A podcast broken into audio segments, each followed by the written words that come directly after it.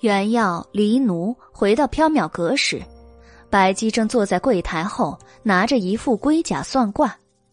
他看见原耀平安回来，笑道：“宣之，我刚才算了一卦，就知道你会平安无事。”原耀还在因为白姬昨晚丢下他先逃了而生气，他不冷不热的道了一句：“多谢白姬记挂”，就去了后院梳洗。唉，宣之生气了。白姬托腮望着原要走进去的背影，叹了一口气。黎奴笑道：“哼，牛鼻子逼书呆子吃丹药，把他吓得要死，他肯定会生一会儿气的。”白姬道：“昨夜如果我不先走，就带不回牡丹衣了。牡丹衣上怨气太重，光藏不会允许我带出大明宫。”这一场因果，不知道会演变出怎样的结局呢？唉，这一场因果都是书呆子招来的，主人其实可以不管，免得到时候触怒了天后，又与光藏那个牛鼻子为敌。白姬沉默了一会儿，道：“无论如何，已经走到这一步了，还是先把牡丹衣交给韩国夫人吧。”原耀因为在生白姬的气，一整天只顾闷头干活，不理白姬。上午，白姬笑道：“宣之，休息一下，来喝禅茶吧。”原耀生气的道：“小生不可。”中午，白姬笑道：“宣之，休息一下，来吃芙蓉饼吧。”原耀生气的道：“小生不饿。”宣之，你在生气吗？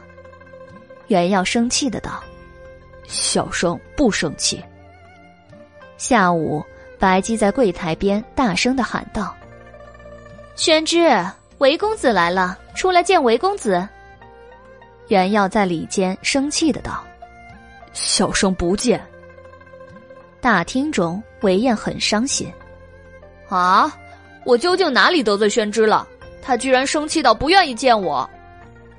白姬安慰魏延：“ 宣之经常生气，习惯了就好了。”袁耀拿着鸡毛掸子飞奔出来，笑着解释道：“ 丹阳，刚才是一个误会，小生随口一答应，没有听清白姬在说什么。”韦燕闻言一展折扇，笑了：“ 哈，原来宣之是在生白姬的气啊！”不是在生我的气，我就说嘛，我最近没有哪里对不起宣之啊。白姬摇扇飘走，闷闷不乐。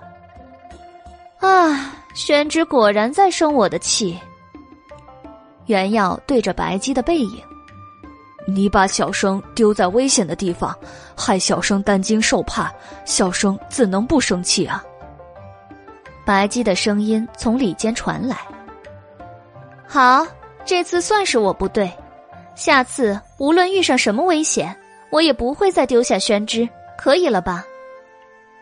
袁耀闻言，心中蓦地一暖，所有的气愤郁结都随着“无论遇上什么危险，我也不会再丢下宣之”这一句承诺而烟消云散。袁耀觉得这样的心情十分奇怪，为了掩饰，他大声的说道。还有下次，下次你也一定会丢下小生先逃跑吧？里间飘来白姬的叹息。唉，人在气头上，什么话也听不进去。等宣之气消了，我再解释好了。韦燕望着原耀，笑道：“哼，宣之生气的样子真好玩。”原耀生气的道：“哪里好玩了？”你来找小生有什么事儿啊？哦，我来找宣之呢，是有一件重要的事情要告诉你。昨天我也是为这件事来的，但是却醉茶了，没有来得及说。什么重要的事情啊？韦燕神秘兮兮的道：“宣之，你还记得前天踏青避雨的时候邀请我们喝茶的韩国夫人吗？记得呀，她怎么了？”韦燕神色古怪。我觉得韩国夫人有点古怪，回家之后就问了一下二娘，东都、西京的国夫人、郡夫人，她无不了若指掌。结果啊，发现了奇怪的事情。这位韩国夫人是天后的姐姐，方惠顺，她嫁给了贺兰安时，生有一子一女。因为是天后的姐姐，韩国夫人能够自由的出入宫闱，她和先帝的关系很亲密。他的女儿贺兰氏也曾侍奉在先帝身边。非常受先帝的宠爱，被封为魏国夫人。啊，韩国夫人的女儿是先帝的妃子。袁耀有些吃惊，他想起了太液池边穿着牡丹衣的女鬼。嗯，其实韩国夫人和魏国夫人都算不上先帝的妃嫔，只能算是情人。而且最重要的是，宣旨。他们都已经死了二十多年了，我们俩一定是见鬼了。袁耀更加吃惊了。啊，韩国夫人和他的女儿都已经死了。是啊，我调查了一下，韩国夫人死于乾封三年，魏国夫人死于乾封元年，我们一定是见鬼了。袁耀心中一寒，问道。韩国夫人和魏国夫人是怎么死的？他想起了太液池边的女鬼向他诉说，他死得很痛苦。袁耀觉得他虽然可怕，但也很可怜。韦燕左右一望，压低了声音道：“韩国夫人是被天后逼迫悬梁自尽的，魏国夫人因为太受先帝宠爱，被天后毒死了。据说。”魏国夫人一向自傲自己的美貌天下无双呢，对天后也不太恭敬。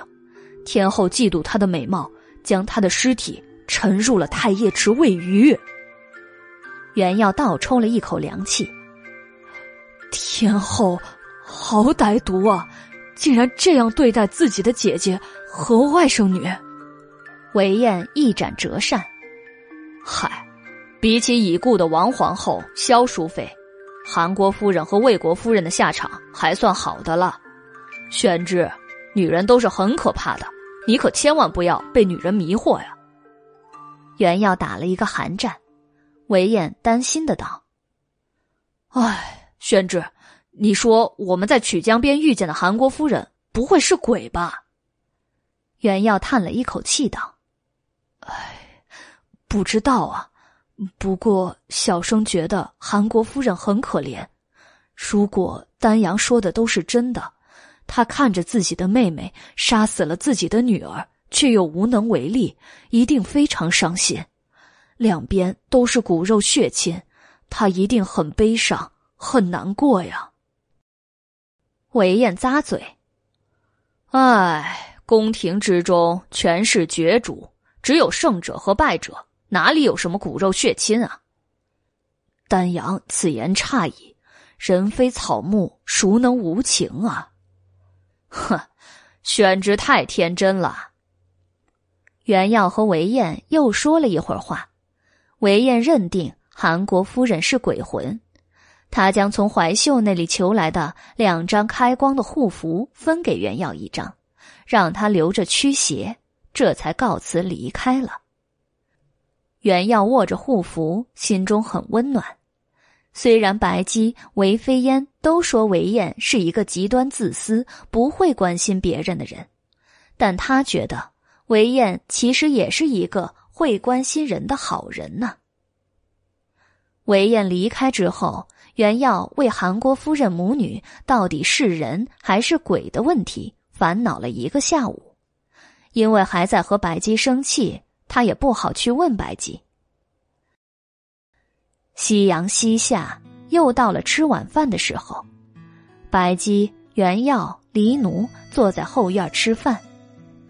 今天的菜式除了永远不变的鱼之外，还多了一大碗蒸的嫩黄的鸡蛋羹，上面点缀着三颗红樱桃。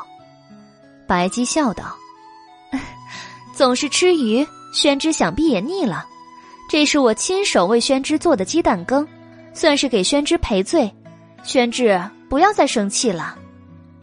袁耀吃惊，龙妖亲手为他做吃的，看来他确实是诚心向他道歉。要不要原谅他呢？这鸡蛋羹看起来很好吃，还是原谅了吧。袁耀心软了，小生哪有那么小气啊？白姬笑了，太好了，宣之终于不生气了。白姬，你下次不许先逃跑了。白姬信誓旦旦：“好，下次啊，我一定让宣之先逃跑。”罢了，如果遇见危险，还是一起逃跑吧。你让小生先跑，小生也跑不远。好，下次我和宣之一起跑。袁耀也笑了。袁耀和白姬冰释前嫌，重归于好。黎奴也很高兴，他不断的催促袁耀：“书呆子，快尝尝鸡蛋羹，快尝尝呀！”袁耀弯了一银勺。放入口中，鸡蛋羹入口即化，香嫩可口。袁耀不由赞道：“真好吃！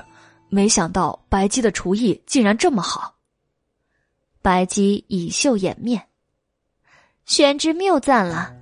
其实我只负责打碎鸡蛋，其他的都是黎奴在做。袁耀不由冷汗：“只是打碎鸡蛋。”你怎么好意思说是亲手做的鸡蛋羹呢？当然，这一句咆哮，小书生不敢说出口，只能随着鸡蛋羹咽下喉咙。黎奴笑眯眯的望着袁耀吃鸡蛋羹，十分的满意。哼，不枉爷的一番心血，书呆子果然很爱吃。鸡蛋羹味道鲜美，不时还能吃到几片。很有嚼劲、具有干香的肉片儿，袁耀用筷子夹了一片肉，观察了一下，笑着问李奴：“李奴老弟，这是什么肉啊？好香啊！”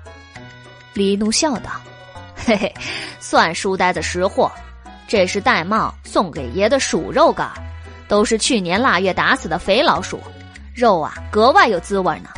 爷一直藏在坛子里，舍不得拿出来吃。”今天主人说要为书呆子做一道好菜，爷才拿出来做配料的。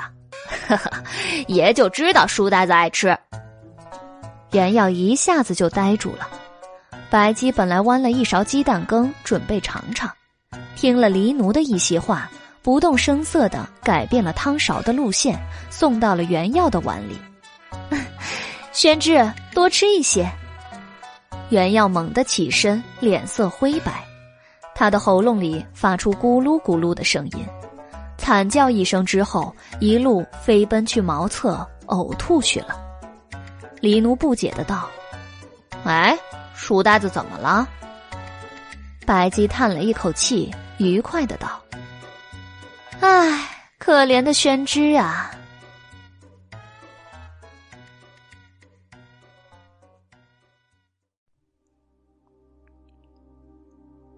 月色朦胧，浮云流动。袁耀躺在寝具上，他刚睡着，就感到有人在戳他的脸。他蓦地睁开了眼睛，一名白衣女子跪坐在袁耀的枕边，用手指戳他的脸。她的皮肤雪白，樱唇如血，半张脸露在月光下，半张脸藏在阴影中，乍一看去十分的骇人。啊，女女鬼！袁耀一惊而起，白姬不高兴了，哪里有女鬼啊？袁耀这才认清原来是白姬，他松了一口气，埋怨道：“哎呦，白姬，你晚上不睡觉，却跑来吓唬小生。宣之，今夜月色很美，一起去夜游吧。”袁耀躺下。用被子蒙住脸，不去。小生要睡觉。宣之必须去。为什么呀？白姬笑容诡异。因为只有宣之才知道去见韩国夫人的路啊。袁耀一掀被子，坐起身来。你要去见韩国夫人？未免夜长梦多，今夜就把牡丹衣给韩国夫人送去。宣之去不去？袁耀对韩国夫人、魏国夫人、牡丹衣疑惑重重，他很想解开心中的疑团，急忙道：“去，小生当然去。”那就走吧。好。白姬、袁耀乘着天马，在长安城中踏月而行。他们由朱雀大街出了明德门，向曲江而去。路上，袁耀问白姬。白姬，韩国夫人是天后死去的姐姐吗？是的。那小生在太液池边遇见的女鬼，是韩国夫人死去的女儿魏国夫人吗？应该是。能够找到牡丹衣，都是宣之的功劳。宣之，你真是一个非常特别的人呢。你其实是想说。小生是一个总会遇见妖鬼的人吧？白姬不由鬼笑。袁耀望了一眼马背上的包袱，包袱中放着那一块女鬼丢下的破旧布帛。袁耀道：“小生还以为牡丹衣会很漂亮，没想到居然这么破旧啊！在太液池底浸泡了二十多年，怎么可能美丽如昔呢？”白姬这句没有主语的话，不知道是在说牡丹衣，还是在说魏国夫人。袁耀想起初见魏国夫人时看见的幻象，她那美丽娇艳的容颜和灿若云霞的牡丹衣相映生辉，是那般颠倒众生，倾国倾城。她生前风华绝世，可惜死后凄凉，如今。牡丹衣已经破旧腐朽，她在太液池底恐怕也只剩一架白骨了吧。美丽的女子在如花的少年中香消玉殒，真是一件让人悲伤叹惋的事情。袁耀有些悲伤，他觉得魏国夫人很可怜。白姬，天后为什么一定要杀死魏国夫人呢？白姬说道：“如果有一块美味的点心摆在眼前，我和宣之都很想吃，但是这块点心只能给一个人吃，宣之会怎么做？”袁耀想了想，说道：“嗯，给白姬吃吧，小生去吃别的点心。天下好吃的点心太多了，何必和白姬抢呢？”白姬笑了。可惜啊，天后不是宣之。袁耀一头雾水。啊，天后和小生有什么关系啊？白姬，你还没有回答小，白姬，你还没有回答小生，天后为什么一定要杀死魏国夫人啊？白姬想了想，又说道：“如果我和宣之被关在一间屋子里，我们两人中。”只有一个人能活着走出去，不是我杀了宣之，就是宣之杀了我。宣之会怎么做？袁耀想了想，那小生自杀好了。白姬不解，为什么？在这种情况下，宣之不是应该努力的自保，尽全力杀了我吗？袁耀苦着脸道：“没用的。”你是妖，小生打不过你啊。那如果是宣之和韦公子呢？那也没有用。丹阳从小习武，小生也打不过他。那如果是宣之和一只蟑螂呢？袁耀生气的道：“谁会那么无聊，把小生和一只蟑螂放在一间屋子里拼生死啊？”唉，当我没说好了。袁耀叹了一口气，说道：“唉，小生好像有些明白了。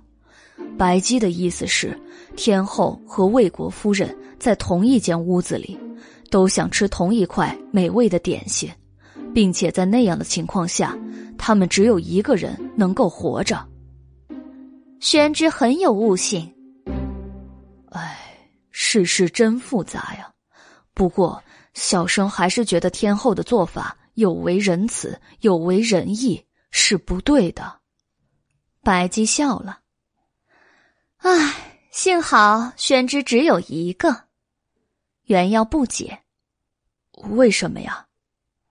如果世人都和宣之一样，那我就收不到因果了。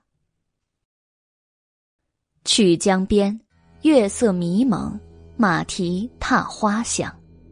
袁耀循着记忆中的路线行去，在经过了一片飘渺的白雾之后，看见了韩国夫人的庄院。迷蒙的夜色中，庄院只剩下黑白二色，如同一幅水墨画。朱门碧瓦都失去了颜色，这是因为月光的缘故吗？袁耀有些奇怪，他抬头望向悬挂在大门上的牌匾。发现之前模糊不清的字迹也能够看清了，上面书写着“贺兰府”。袁耀走上前去敲门，老管家打开了门。袁耀说明了他与白姬来送牡丹衣，老管家进去通报之后，才来领二人进去。夫人在花园中相候。白姬、袁耀走进贺兰府。一路行去，袁耀发现山庄中的碧瓦、朱柱、绿窗、紫门都变成了灰白色，看上去仿如腐朽的坟墓。不过，月光下庭院中的牡丹还是姹紫嫣红，灿若云霞。夜风吹过，花海变换出美丽的颜色，落瓣纷飞。韩国夫人穿着一身素衣，孤零零的站在花海之中。她看见白姬元耀走近了，笑着对身边的一株牡丹说道：“敏儿，快看，白姬为你送牡丹衣来了。”老管家无声的退下了。原耀望了一眼娇艳的牡丹花，又望了一眼韩国夫人，想说什么。但是欲言又止。白姬微笑着望着韩国夫人，韩国夫人笑道：“劳白姬和袁公子深夜前来，十分感激。本该我去缥缈阁拜访，但无奈缘浅，只闻缥缈阁之名，却始终不能找到。”白姬一笑：“缘之一字，从来难解。”走进缥缈阁是缘，走不进缥缈阁，但是愿望能够传入缥缈阁也是缘。夫人要找的牡丹衣，我已经替您拿来了，您看是不是这一件？白姬从袁耀手中拿过包袱，递给韩国夫人。韩国夫人接过包袱，满怀欣喜的打开。但是看见破旧的布帛，她的脸上露出失望之色。不是，这不是我女儿的牡丹衣，这只是一块丑陋的破布，怎么会是牡丹衣呢？白姬的红唇勾起一抹笑容，但眼神中却毫无笑意。他的声音飘渺如风。哦，那您想要的牡丹衣是什么样的呢？韩国夫人抬头望着天边的弦月，回忆道：“啊，那件牡丹衣和我的女儿一样美丽耀眼。牡丹象征富贵和祥瑞，牡丹衣是益州刺史献给皇后的珍品，敏儿非常喜欢。”圣上宠爱敏儿，就将牡丹衣赐给了敏儿。结果皇后发怒了，不久，敏儿离开了大明宫。再后来，我也离开了。韩国夫人说话的时候，原要看见她的口中、鼻中、耳中、身上不断的流溢出细蛇一般的黑烟，黑烟。缓缓的流泻到地上，韩国夫人浑然不觉，但被黑烟触碰到的牡丹花却迅速枯萎凋零，落下黑色的花瓣。没来由的，袁耀觉得心底一寒。白姬的眼眸变成了金色，她的声音飘渺如夜风。夫人，您真的想要回忆中的那件牡丹衣吗？当然，韩国夫人说道。她的话一出口，从她身上散溢出来的黑烟更浓了。现在的牡丹衣，这块破旧的布帛，您不想要吗？韩国夫人皱眉：“我说过了，这块破布不是牡丹衣。”白姬扬唇一笑：“明白了。”他走过去，拿起破旧腐朽的布帛，挥手抖开，平摊在牡丹花上。月光之下，牡丹之上，破旧的布帛灰色暗淡，十分丑陋。白姬道：“夫人，您爱您的女儿吗？”韩国夫人道。我爱我的女儿胜过世上的一切。随着这一句话说出口，韩国夫人七窍中流溢出更浓厚的黑雾，她身边的牡丹花迅速的枯萎腐朽，黑雾如同一条一条的细蛇，飞速的爬向花海之上的布帛，仿佛汲取了某种养分。灰暗的布帛上流溢出七彩光华。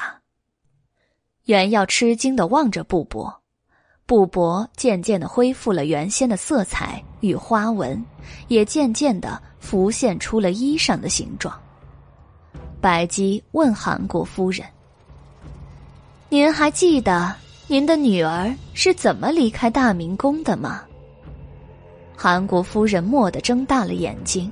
她的神色有些可怕，她喃喃的道：“我，我永远也忘不了。”韩国夫人身边流溢出更浓厚的黑雾，牡丹花大片大片的枯萎凋零，牡丹衣却越来越光滑熠熠，灿若云霞。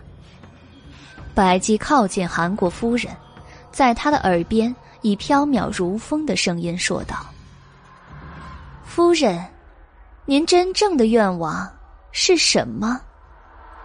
韩国夫人的脸瞬间变得扭曲，她的身上被毒蛇一般的黑雾紧紧缠绕，她恨恨的道：“恨，恨，我好恨呐！”庭院中的牡丹花全部枯萎。凋零如灰，月光下，整座庄院只剩下黑白二色，静死如坟墓。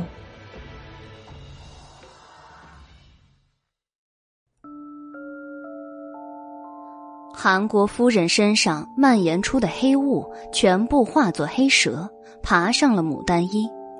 牡丹衣越来越美丽，色如云锦，灿若云霞。透出几缕凄艳蚀骨的炫色。我，我好恨，好恨呐！韩国夫人的身体筛糠般的发抖，他的眼珠上开始弥漫血丝，他的嘴唇鲜红的仿佛正在滴血，脸色却惨白如灰。袁耀看得心惊。他觉得韩国夫人好像立刻就要化作厉鬼向人索命。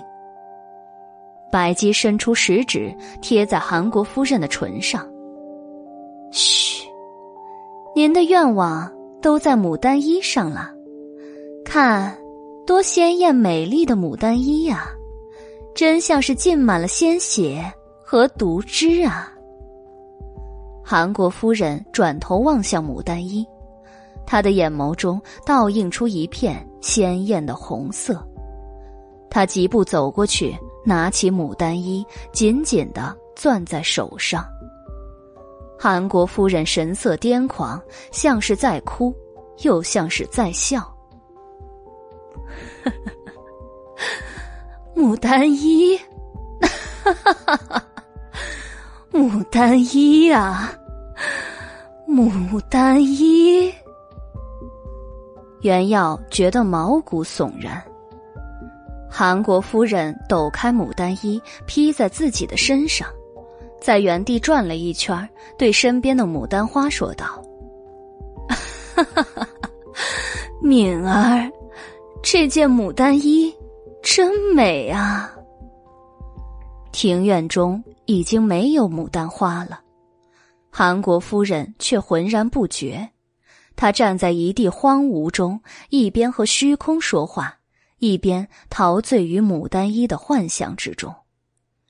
白姬对袁耀道：“宣之，牡丹衣已经送给韩国夫人了，我们走吧。”哦，好。袁耀话音刚落，他身处的庭院突然消失了，韩国夫人也消失了。月光之下。白姬和原耀站在一片荒地上，四周碧草萋萋，白雾迷茫。哎，原耀微微吃惊，问道：“我们这是在哪里啊？韩国夫人和她的庄院呢？”我们在曲江边。韩国夫人和她的庄院，如同三更幽梦，草上霜，消失不见了。小生真是一头雾水啊！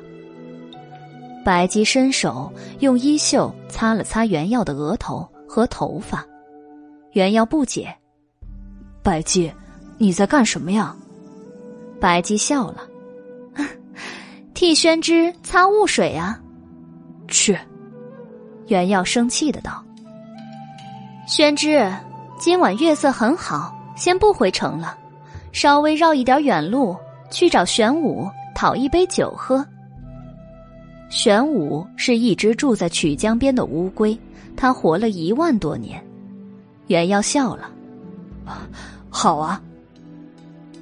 白姬、袁耀步行于荒野中去找玄武喝酒。袁耀还在纠结韩国夫人的事情，他忍不住问白姬：“白姬。”韩国夫人为什么总是对着牡丹花叫女儿啊？魏国夫人的鬼魂不是在太液池吗？白姬说道：“因为她愿意把牡丹花当做女儿啊，不愿意把魏国夫人当做女儿，就像他只愿意要自己回忆里的牡丹衣，而不愿意要真正的牡丹衣一样。那韩国夫人。”为什么不愿意要真正的牡丹衣呀？因为牡丹衣已经太破旧、丑陋了吧？韩国夫人为什么不愿意把魏国夫人当做女儿？因为她不愿意。为什么不愿意啊？袁耀奇怪的道：“从韩国夫人的言行举止来看，她应该很爱她的女儿。”那他为什么反而不愿意把魏国夫人当女儿呢？因为人心很微幽复杂。韩国夫人说他好恨，那他恨的是谁啊？我也很好奇，他恨的人是谁？袁耀担心的道：“丹阳说，韩国夫人、魏国夫人皆是因为天后而死。”韩国夫人恨的不会是天后吧？白姬神秘一笑，也许是，也许不是。如果他跑去大明宫中作祟，惊吓天后，那可就不妙了。有了从太液池中取来的牡丹衣，他确实可以去大明宫了。宣志，也许有好戏看了。白姬愉快的说道：“袁耀道，光藏国师那么厉害，如果韩国夫人在大明宫中作祟，他会把他捉去炼丹的吧？”白姬笑了：“ 最近几个月，光藏会离开大明宫去远游呢。”谁说的？小生不觉得光藏国师有去远游的打算啊。我说的。他会阻碍我得到因果，所以我决定让他去远游。小生可不觉得光藏国师会听你的安排。白姬神秘一笑：“ 他会听的。”说话之间，白姬原药已经走到了曲江边。云水潺潺，碧草萋萋，曲江边笼罩着七彩祥光。七彩祥光之中，有一名十分美丽的女子。女子的身材修长而丰满，她的额头上、脖子上、手腕上都戴着兽骨、象牙、贝壳穿成的饰品。她的长发在草地上逶迤拖曳，如同一匹光滑的黑缎。她的上身围了一张兽皮，她的下半身是一条蛇尾盘在草地上。袁耀先看见蛇尾女人，他轻声对白姬道：“白姬，有人，呃，不，有非人。”白姬拂开碧草，向女子望去。蛇尾女子坐在水边，用泥土捏着小人儿。她已经捏了十几个巴掌大小的泥人了，有男有女，有老有少。她拿起一个泥人放在唇边，吹了一口气，小泥人就动了起来。他们嘻嘻哈哈的笑，在岸边跑来跑去。蛇尾女人似乎不满意，她卷起蛇尾，将泥人们都拍扁了。蛇尾女人不断的捏泥人，不断的吹气，让泥人动起来，然后又用蛇尾拍扁他们。她饶有兴趣的重复着捏泥人、给泥人吹气、拍扁泥人的动作，似乎乐在其中。白姬、原耀站在草丛中，远远的望着蛇尾女人。原耀小声的问：“白姬。”这位飞人是蛇妖吗？白姬摇头。不是。那他是谁啊？算起来，他应该是宣之的母亲。袁耀十分孝顺，顿时生气了，大声的说道：“白姬，不许拿小生的娘亲开玩笑。”白姬正要解释，蛇尾女人已经听见动静，转过了脸。月光之下，她的长发泛着孔雀蓝的光泽。他看见白姬，笑了：“哦，小四人。”白姬走向蛇尾女人，笑道：“女娲娘娘，请把‘小’字去掉。”女娲娘娘，原耀吃了一惊，这个蛇尾女人是女娲。那位上古传说中捏泥土造人、炼石补天的始祖母神，女娲抓了一把土，捏成一条龙的模样。她吹了一口气，小泥龙在空中摆尾，活了过来。她绕着女娲游来游去。女娲点了一下小泥龙的犄角，感叹道：“唉，从前啊，在东海之上，不周山下。”天天看着我捏泥人的小四人，是多么天真可爱的一条小龙啊！天真可爱，原耀冷汗，他偷眼望向白姬，发现白姬的嘴角正在抽搐。白姬笑了，请女娲娘娘不要扭曲记忆，乱发感慨。女娲道：“唉。”小四人越来越不可爱了，哎，小四人怎么也会来到昆仑丘啊？你不是应该在人间道收集因果吗？白姬抚额，这里是中土长安啊，女娲娘娘，您又迷路了。啊，这里不是昆仑丘？女娲睁大了眼睛。他拖着蛇尾游来游去，暴躁的自言自语：“我居然又迷路了，怎么会又迷路了？哎呀，怪不得等了三天三夜还等不到伏羲，原来这里不是昆仑丘啊！哎呀，伏羲那家伙一定先去苍梧渊找火焰鸟了。不行，火焰鸟是我的，不能让他抢先了。小四人再会了。女娲拖着蛇尾，匆匆向东方而去。白姬笑眯眯的挥手：“再会。”袁耀望着女娲走远，感叹道：“唉，想不到智慧如女娲大神也会迷路啊！希望他能够赶上伏羲大神。”白姬说道：“他一定赶不上的。”袁耀不解。为什么呀？白姬掩唇笑了。他向东方而去啊，而通往昆仑丘和苍梧渊的结界都在西方呢。不管过了多少年，女娲娘娘还是分不清东南西北啊。袁耀一惊，随即道：“啊，你明知道女娲娘娘走错了，为什么也不提醒她一声啊？”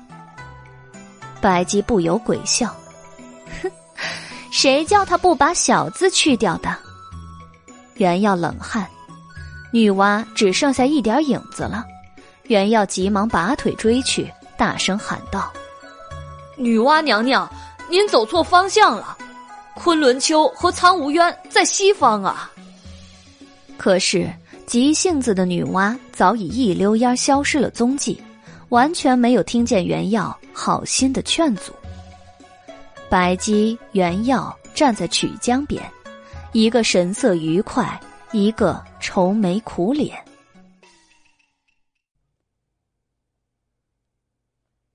女娲走后，曲江边只留下一地散碎的泥土，那是被女娲拍碎的泥人留下的，非常奇异。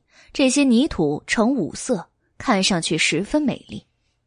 白姬道：“宣之，把衣服脱掉。”袁耀脸一红：“啊，你你要小生脱脱衣服干什么？”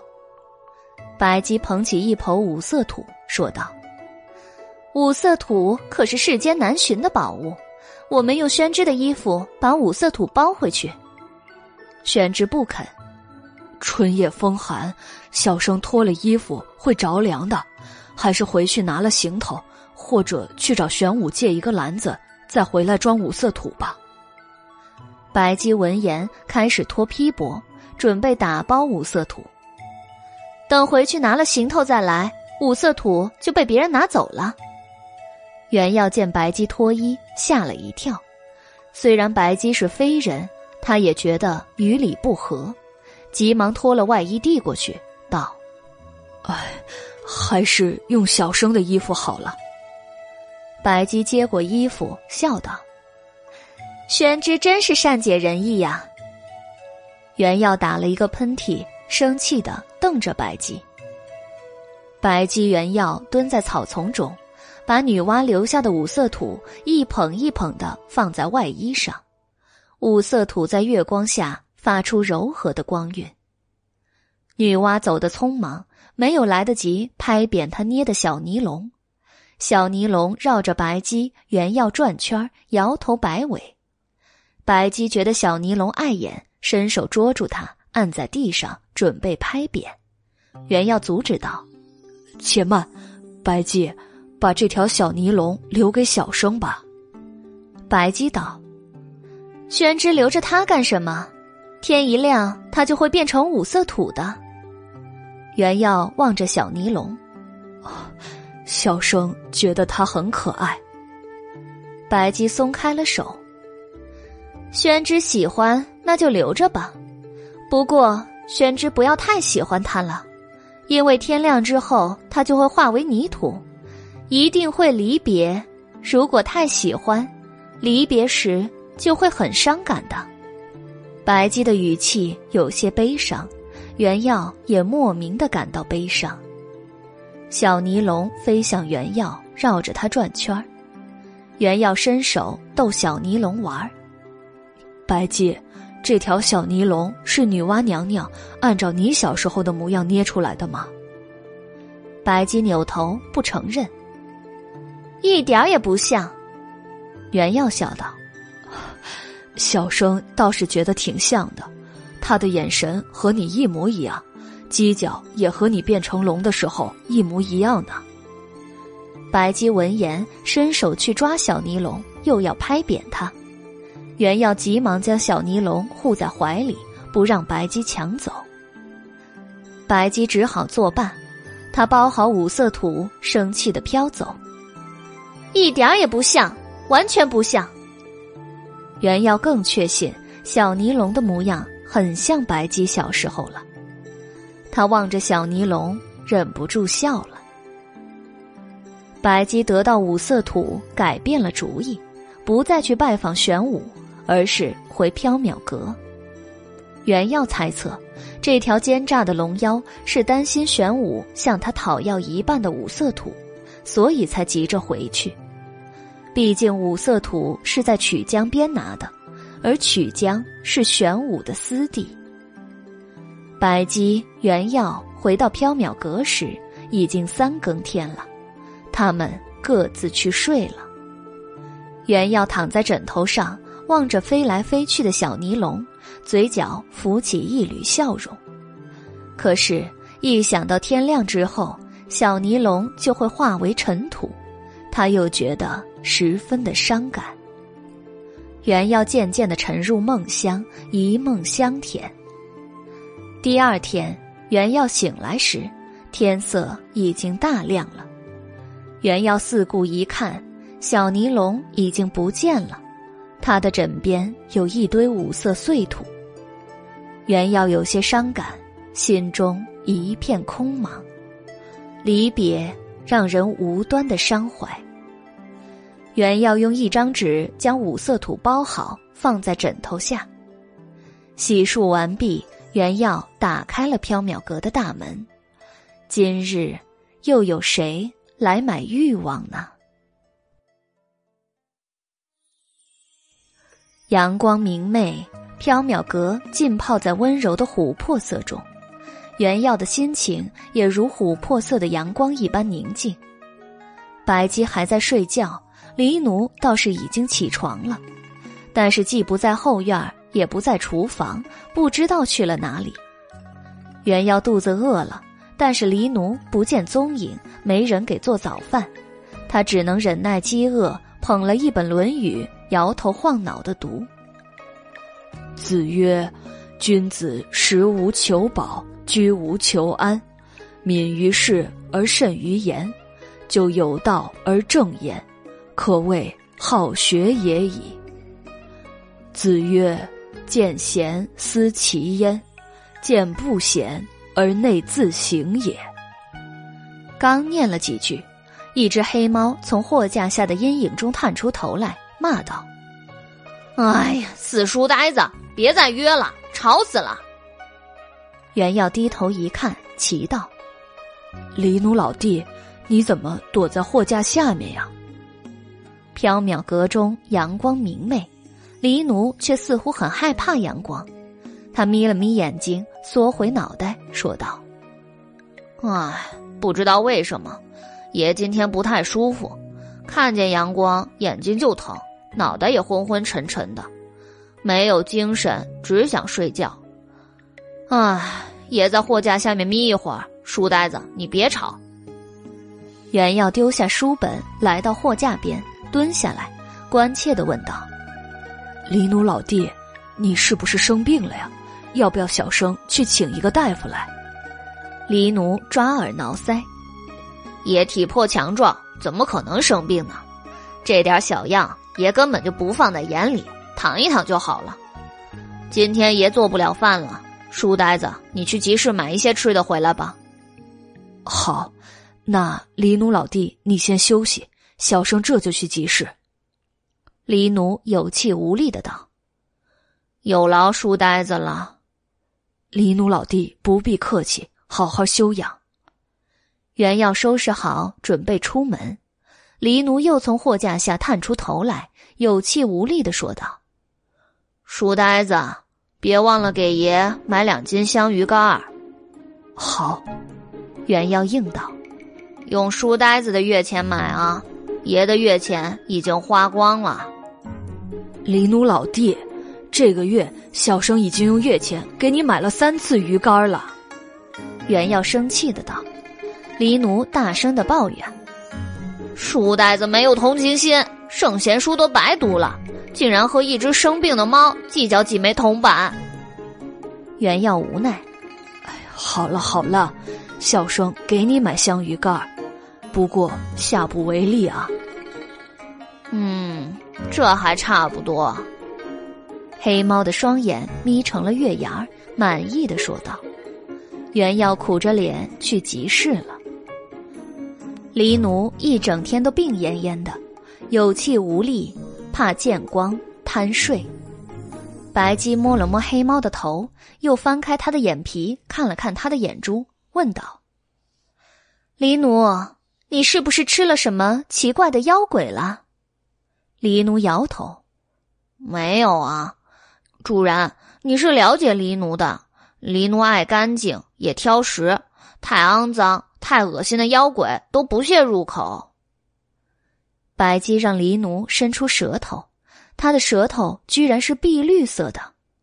白姬道：“黎奴，你这是中毒了。”仿佛被一道惊雷劈中，黎奴哀嚎道：“啊，主人，你一定是弄错了吧？黎奴最近没有吃什么奇怪的妖鬼啊。”原耀一惊。想起了什么？哦，黎奴老弟，中毒的原因会不会是你在大脚罐吃的那一大堆丹药啊？黎奴闻言一下子怔住了。白姬摇扇说道：“光藏炼的丹药比妖鬼还追魂夺命呢。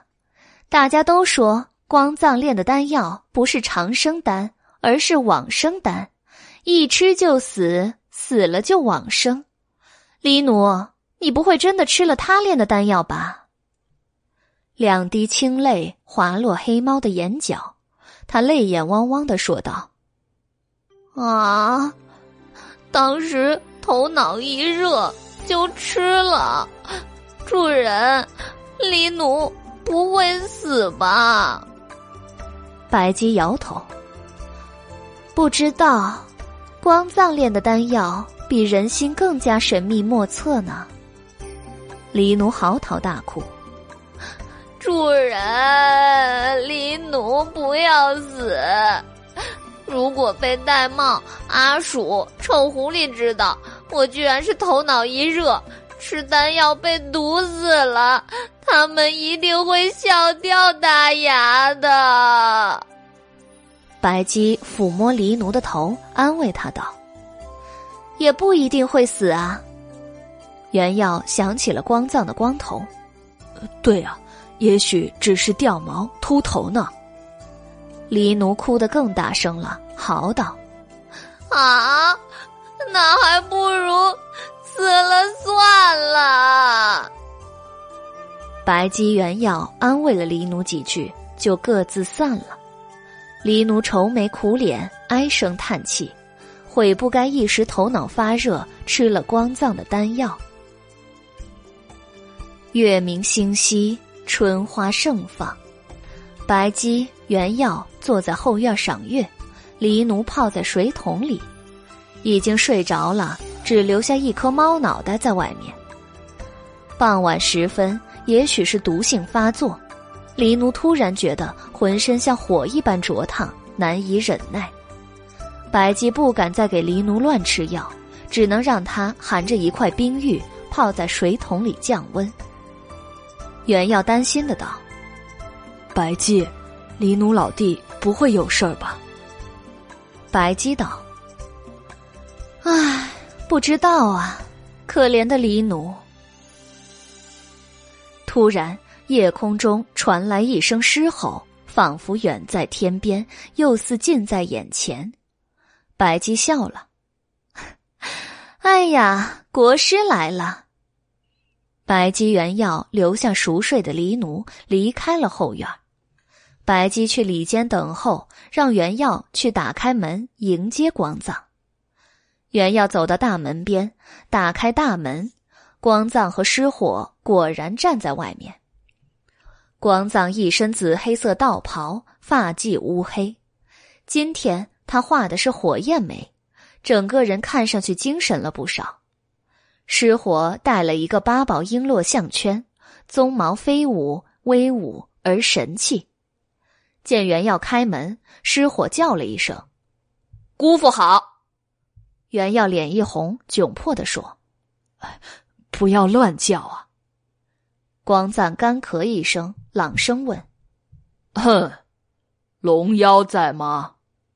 袁耀笑了：“白姬在里间等候国师。”光藏、袁耀、失火来到里间。牡丹屏风后，一盏烛火边，白姬笑眯眯的坐着，他的身边放着三个大木箱子。光藏看见白姬，冷哼一声：“哼，龙妖倒是把缥缈阁藏得隐秘，害本国师找了三年。”白姬笑道：“哪里有藏啊？缥缈阁永远都在这里。”只是国师不肯屈尊降贵前来闲坐罢了。光藏冷哼一声，在白姬对面坐下。哼，今夜本国师来讨还被你骗去的金子。旧事就别提了，该还给国师的，我早就为国师准备好了。白姬伸出手，依次打开三个木箱。箱子里装满了黄金，金光灿烂。白姬笑道：“这些全是国师的了。”白姬还的干脆利落，毫不拖泥带水，这让光藏有些不可置信。他一挑火焰眉，问道：“龙妖没有耍诈？”原耀也不敢置信。他觉得一定有诈，打死他，他都不相信这条奸诈的龙妖会把吞进去的金子再吐出来。白姬叹了一口气，以袖掩面道：“唉，其实，当时以神仙玉女粉蒙骗国师，害得国师秃头掉眉，我也甚感愧悔。这三年来啊，我日夜难以安枕。宣之常说。”不义之财勿取，我也深觉得这句话有理。如今把国师的钱财还给国师，我也能安心了。我本不敢奢求国师原谅，但还是希望国师看在我诚心道歉的份上，原谅我曾经的过失。白姬说的声情并茂，还流下了两滴眼泪。袁耀见了，脑海中浮现出四个字。一定有诈，原耀猜想，聪明如光藏一定不会相信白姬的，但也许是三箱黄金太过耀眼，不仅晃花了光藏的眼睛，还晃花了他的头脑，他居然真的相信了。知错能改，善莫大焉。看在你态度诚恳，又归还了黄金，本国师乃是大度之人。就原谅你了。白姬擦去眼泪，嘴角勾起一抹鬼笑。国师真是一位宽宏大量的人呐。袁耀觉得不对劲，想提醒光藏不要放松警惕，免得又被白姬蒙骗了。袁耀刚要开口，白姬仿佛察觉了。宣之，去替国师沏一壶好茶来。哦，好。袁耀只好去沏茶，心中非常的不安。袁耀沏好茶，端来里间时，发现气氛已经变得十分融洽了。白姬和光藏一扫之前的敌对态度，仿佛多年未见的好友，谈笑风生，十分投机。袁耀心中更加不安了，这条龙妖一定心怀鬼胎。白姬光藏之间的清月岸上，放着一只光莹润泽如梦幻的蜜色雀纹瓶，瓶身上有山水绘图，在云雾中若隐若现。原要定睛望去，发现正是黎奴打碎了，却又用法术粘好的那一个。虽然花瓶现在看起来完好无缺，但其实已经碎了。光藏问白姬道。生发的灵药真的在花瓶上。白姬笑了，千真万确，我绝不会欺骗国师的。花瓶上的山叫做紫虚山，紫虚山深处有一口乌有泉，乌有泉边有一株水月镜花，将水月镜花碾成汁，涂在头上可以生发。光藏喝了一口茶，有些犹豫的道：“一入紫虚山中，恐怕就是几个月。本国师暂时不能离开大明宫。”白姬以团扇掩面。明日我为国师去大明宫向天后呈言，说国师不辞辛劳去异界为天后采摘永葆青春的草药，天后闻言一定会被国师的忠心感动的，不会责怪国师离开。光藏十分心动，但还是有些犹豫和顾虑。白姬金眸灼灼，以虚无缥缈的声音说道。紫虚山的入口一百年一开，国师错过了今夜，就要再等一百年了。光藏挠头，左右为难。书呆子，水又热了，快来替爷换冷水。黎奴在后院喊道。袁耀只好离开里间，去后院替黎奴换水。袁耀来到桃树下。从水桶中捞起黑猫，将水桶里的热水倒掉，又打了一桶冰凉的井水，再将黑猫泡进去。黎奴浸泡在冷水中，舒服的眯上眼睛，挥了挥爪。好了，下去吧，书呆子。袁耀生气的说：“小生不是你的奴仆。”等袁耀再回到里间时，光藏和失火已经不见了。白姬独坐在烛火下，望着蜜色雀纹瓶，嘴角挂着一抹鬼笑。袁耀问道：“白姬，光藏国师和失火呢？他们已经回去了吗？”白姬伸手指着花瓶上两个芝麻大小的黑点儿，笑道：“国师和小吼在这儿呢。”袁耀凑近一看。那两个在山水中的小黑点儿，依稀能够看出一个人和一只兽的轮廓。袁耀吃惊的道：“他们怎么会在花瓶上啊？”国师想长出头发和眉毛，我就告诉他，这只花瓶上有一座紫虚山，紫虚山深处有一口乌有泉，乌有泉边有一株水月镜花。将水月镜花碾成汁，涂在头上可以生发。国师就带着失火去花瓶上了。袁耀盯着花瓶，张大了嘴巴。白姬起身，关上了三口装着黄金的木箱子，神色愉快。哼，作为去往花瓶上的报酬，金子还是我的。袁耀盯着花瓶上的两个小黑点儿，发现它们竟然真的在极其缓慢的移动。白姬，花瓶上真的有紫虚山乌有泉和能够生发的水月镜花。白姬抚摸着木箱子，漫不经心的道：“子虚乌有的事情，谁知道呢？”袁耀叹了一口气：“唉。”你果然又欺骗了国师啊！白姬不由鬼笑。袁耀望着花瓶，担忧的问：“国师和失火在花瓶上不会有事儿吧？”白姬用手指摩挲着花瓶上的纹路，漫不经心的道：“另一个世界的事情，谁知道呢？”袁耀有些生气：“白姬。”如果光藏国师和失火因为你的欺骗而遇见危险，有个三长两短的话，你就不会觉得良心难安、夜难安枕吗？白姬笑了，我没有心，怎么会良心难安呢？光藏国师不计前嫌，相信了你，原谅了你，你欺骗他是不对的，更何况还有失火，他可是你的侄子呀。光藏相信我，只是因为他被三箱黄金晃花了眼睛，心中生出了贪恋，一时丧失了理智和和判断力呀。那失火呢？他没有贪恋，你怎么忍心坑他呀？白姬以袖掩面，流下了两滴眼泪。宣之，从另一个角度来看，我这是为了小吼好，在磨砺试炼他呀。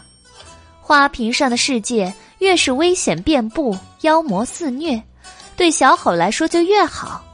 他可以在和妖魔的战斗中提升自己。早日成为一只顶天立地、天下无敌的酸泥呀！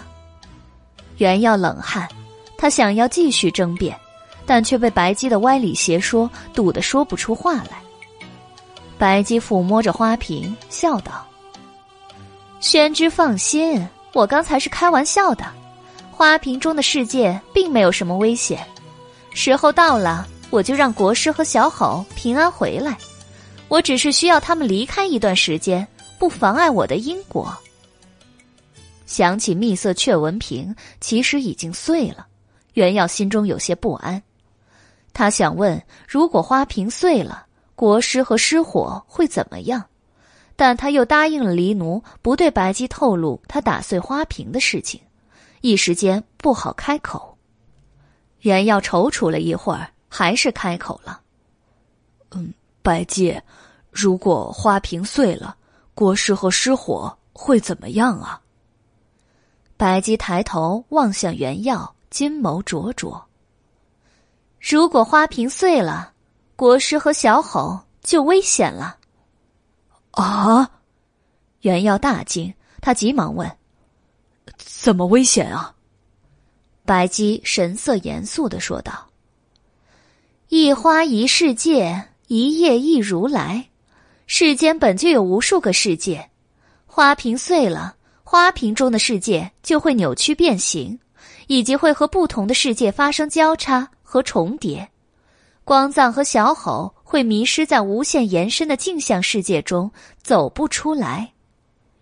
袁耀的脑袋嗡的一下懵了，小声，小声听不懂，你能说的浅显一些吗？简单来说，花瓶如果碎了，光藏和小吼就永远回不来了。随着白姬话音落下，蜜色雀纹瓶哗啦一声碎作了几块。黎奴的幻术到极限了，花瓶恢复了破碎的模样。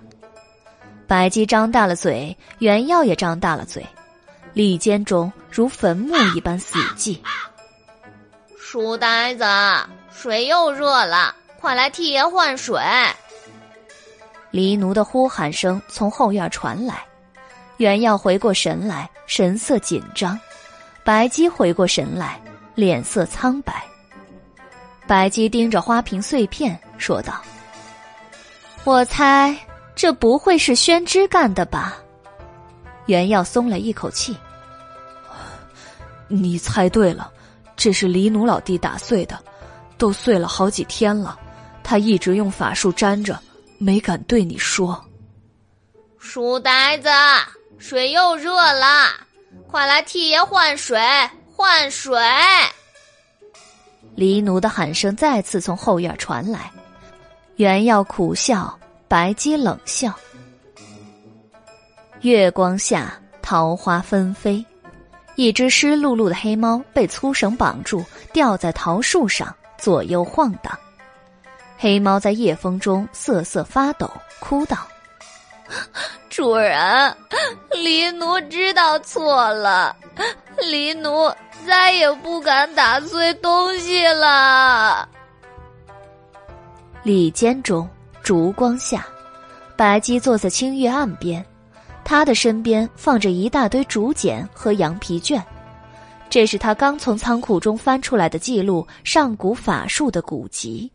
他想从中找出粘合花瓶，让光藏和失火从另一个世界回来的办法。白姬在灯火下一卷一卷的翻看，神色严肃。原要不认识竹简和羊皮卷上奇异的文字和图案，帮不上什么忙。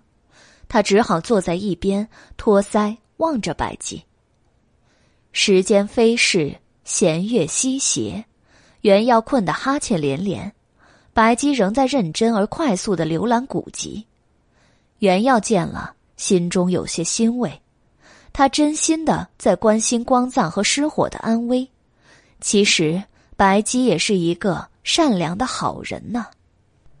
白姬瞥见袁耀在打哈欠，说道：“宣之困了的话，就先去睡吧。”袁耀擦了擦眼睛，坐直了身体。小生不困。白姬继续埋头看书。袁耀随手拿了一卷羊皮来看，上面的西域文字他完全看不懂，但他觉得这样陪伴白姬是一件愉快的事情。主人，黎奴知道错了，黎奴再也不敢打碎东西了。后院中隐隐传来黎奴的哀求，袁耀心软了，向白姬求情道：“哎，白姬，黎奴老弟也知道错了，他又还在生病呢，这也都吊了两个时辰了，还是把他放下来吧。”白姬说道：“钓到天亮，无规矩不成方圆，无严惩不足以长记性。我罚黎奴，不只是因为他打碎花瓶，更因为他不诚实，打碎了花瓶却不告诉我。因为他的隐瞒，光藏和小吼如今生死未卜，无法回来。唉，如果光藏回不来了，我无法向天后交代。”小吼如果回不来了，囚牛、牙子、毕岸这三个急性子的家伙会来拆了缥缈阁的。宣之，一想到这些，我就苦恼。你不打欺骗光藏国师和失火去花瓶上的鬼主意，哪有这些苦恼啊？黎奴老弟固然不对，但害得光藏国师和失火回不来的罪魁祸首还是你自己啊！袁耀在心中腹诽，但他在嘴里只敢这么说。哎呀，事已至此，惩罚黎奴老弟也没有用，苦恼也无益，不如放了黎奴老弟，静下心来，大家一起想办法。主人，黎奴知错了，放了黎奴吧。黎奴还在后院。苦苦的哀求。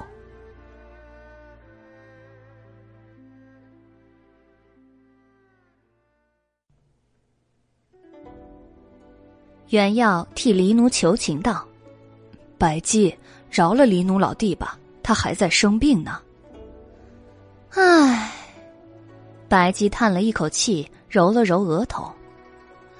吵死了！宣之去放了他吧。好。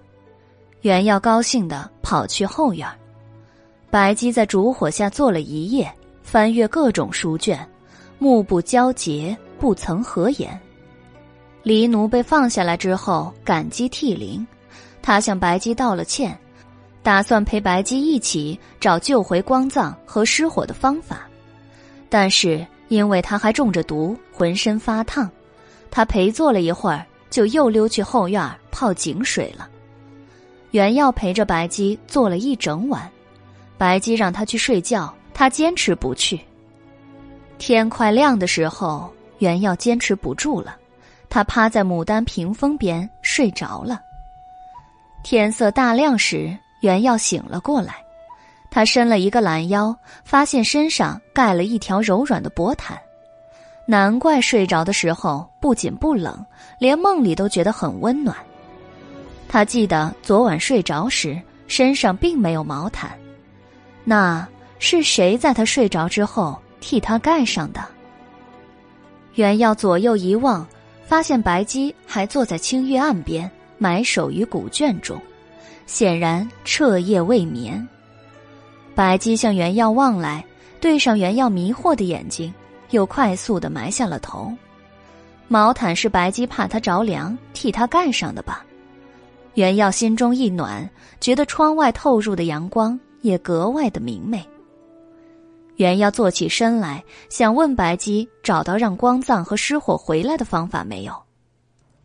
白姬，你谁知原耀刚开口，白姬却大声的说道：“我没有替宣之盖毛毯，毯子是风吹过去的。”一阵晨风吹过，里间中陷入了沉默。过了一会儿，原耀才开口道：“哦，小生没有问毛毯的事情啊。”白姬也不由沉默。原耀冷汗道：“，嗯，不过还是谢谢你替小生盖上毛毯。”白姬大声的道：“我说了，毛毯是风吹过去的，是风吹过去的。”原耀擦汗：“那谢谢风。”白姬埋头继续看古卷。原耀开心的笑了。虽然白姬奸诈贪财，有时候行迹诡异，但他果然也是一个温柔的、会关心别人的好人呢。白姬彻夜未眠，挂了两个黑眼圈他翻遍了古籍，也没有找到让光藏和失火回来的方法。一气之下，扔了古卷，在里间走过来走过去，走过去走过来。原要来到后院梳洗。发现黎奴正坐在井边哭，他劝道：“黎奴老弟，你不必再为打碎花瓶的事情伤心了，白姬已经原谅你了呀。”黎奴回过头来，泪如雨下：“爷，爷不是为了花瓶的事情伤心，书呆子，爷掉了一地的猫毛。”原要定睛望向草地上，草丛中确实有很多黑色的猫毛。原耀再仔细打量黎奴，发现他身上的猫毛似乎稀疏了一些。原耀冷汗，不知道该说什么。黎奴害怕的问道：“书呆子，爷会不会变得全身光溜溜的，和牛鼻子的头一样啊？”呃，这事儿。原耀支吾道：“一想起黎奴的猫毛掉光之后的样子，原耀就忍不住想哈哈大笑，但他又不敢笑。一来他惧怕黎奴发猫威，二来讽笑他人也不厚道，只好拼命的憋着，脸色通红。黎奴望着原耀，奇道：‘哎，书呆子，你的脸怎么和虾一样红啊？’终于。”原耀还是忍不住捧腹大笑，嘿，原来你在嘲笑爷！黎奴忘了伤心，一跃而起，挠了小书生两爪子，气呼呼的去厨房了。原耀捧着火辣辣的脸，泪流满面。黎奴今天虽然掉了不少毛，但精神却好了许多，浑身也不发烫了。他在厨房生了火。熬了一锅鱼肉粥作为早饭，因为他正在掉毛，鱼肉粥里飘了一层的毛毛。白姬见了，借故在早饭前出门去了。我得去一趟大明宫，就不吃早饭了。白姬溜了，原药跑不掉，只好捧着一碗粥喝。原药勉强喝了三口，推说已经饱了，准备放碗。黎奴不干。逼迫原耀喝完了一整碗的粥，原耀很痛苦，但也没有办法，只能哭丧着脸喝完一碗猫毛粥。上午清闲无事，原耀坐在柜台后读《论语》，黎奴在后院唉声叹气，为自己掉了许多猫毛而悲伤。中午时分，白姬回来了，他戴了一张笑脸弥勒佛的面具。看上去很滑稽。宣之，我回来了。白姬飘到原耀对面说道：“原耀抬头笑了，这弥勒面具很好玩啊。这是我从西市的杂货摊上买的。哎，你怎么会买笑脸弥勒佛的面具啊？”原耀有些好奇，以白姬的喜好，他只会买狰狞的恶鬼面具。或者凶恶的昆仑奴面具。啊，我会愁眉苦脸一段时间，但我又不想让宣之看见我愁眉苦脸的样子啊。弥勒佛的笑脸之下白姬道：“原耀不由冷汗。啊，你不会一直打算戴着这个面具吧？”宣之答对了，弥勒佛笑道。原耀嘴角抽搐。过了半晌，袁耀又问：“白姬，你去大明宫干什么去了？”弥勒佛说：“去告诉天后，说光藏去异界的山中采仙草了。不过这件事情隐瞒不了多久，天后很精明，如果光藏已经不在人世了，他很快就会知道。现在我只能祈祷。”让神明保佑光藏和小吼平安无事了。袁耀叹了一口气，光藏和失火阴差阳错的陷入囹圄，生死不知，也无法回来，这真是叫人忧心呐。白姬，这一次你要的因果是什么呀？弥勒佛笑了，因果种在韩国夫人的心中，我怎么知道它是什么呀？只能等待果成熟，才知道它是什么了。那你有办法让国师和失火回来吗？没有，所以我要愁眉苦脸一段时间。原耀冷汗，黎奴听见白姬回来了，一溜烟跑了过来，哭道：“主人，黎奴掉了好多的猫毛，这可怎么办啊？”白姬蹲下来摸了摸黑猫的头，说道：“没关系啊，反正快夏天了，没有毛更凉快呀。”黎奴想了想，哭得更厉害了。啊，虽然夏天是凉快了，但是冬天会更冷啊。弥勒佛笑道：“这也是没有办法的事情啊。”黎奴含泪跑了。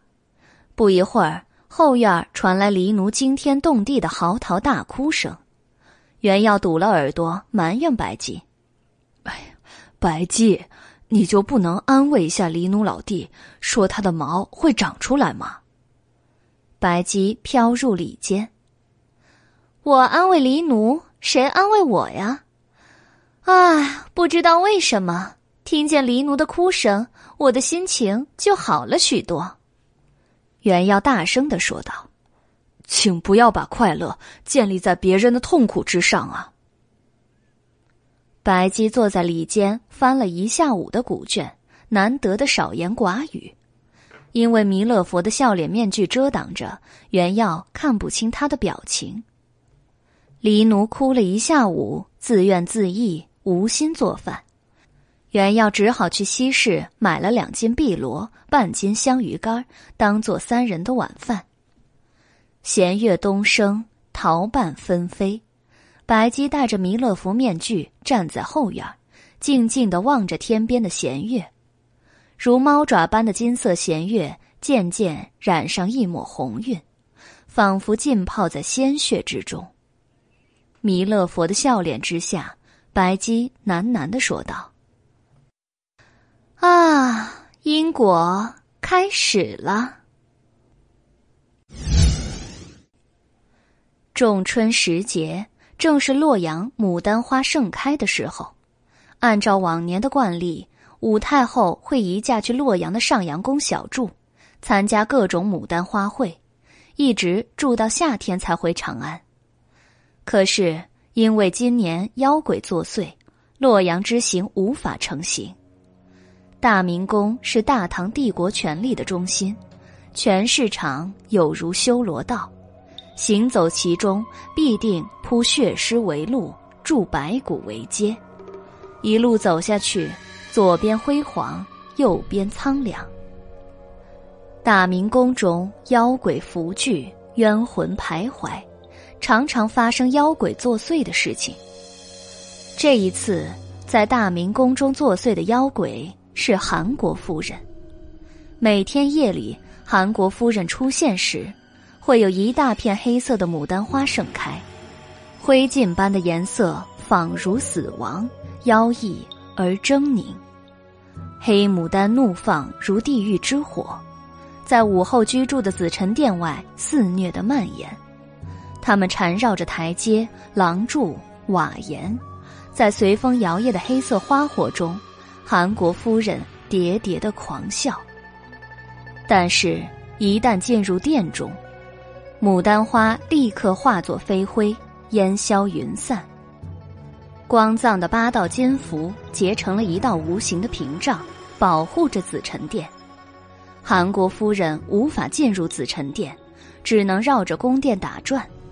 她悠悠的说道：“妹妹，你出来呀，姐姐很想见你呢。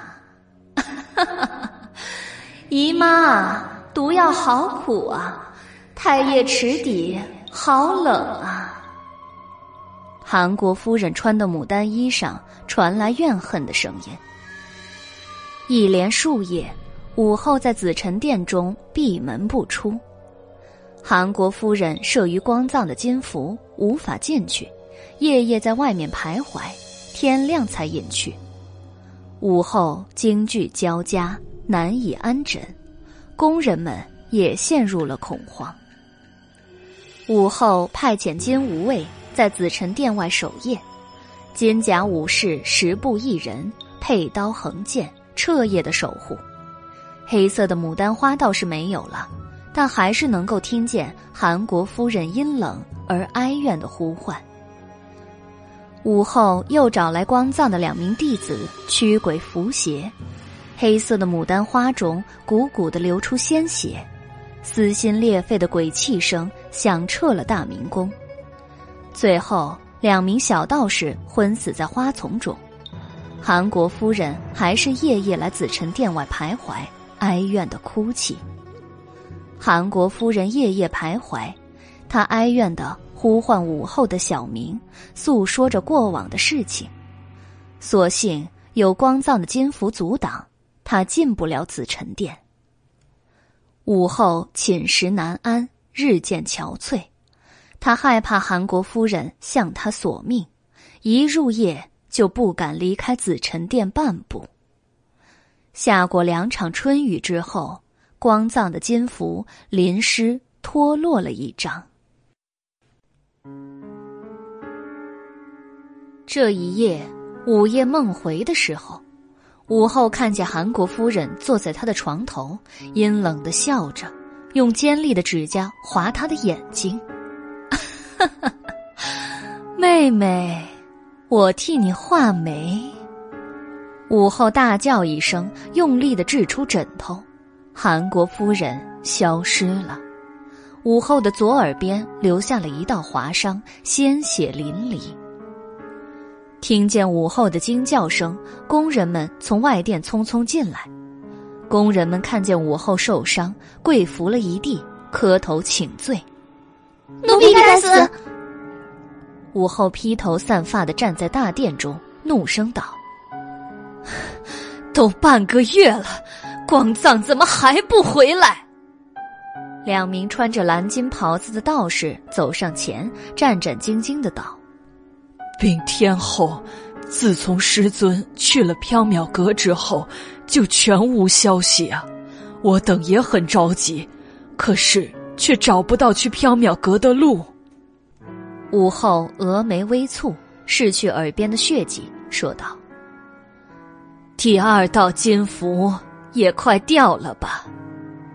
两名道士扶手，因为下雨的缘故，快掉了。很好，武后冷冷的道：“金符掉了，你们的脑袋也一起掉。如果想活得长一些，就好好的保护好金符。”两名道士冷汗如雨，俯首道：“是。”武后屏退了一众工人，让他们去外殿守候，只留下了一名眉飞入鬓的男装女官。武后坐在铜镜前，女官走上前，跪在地上，用一方白绢擦去武后耳边的血痕。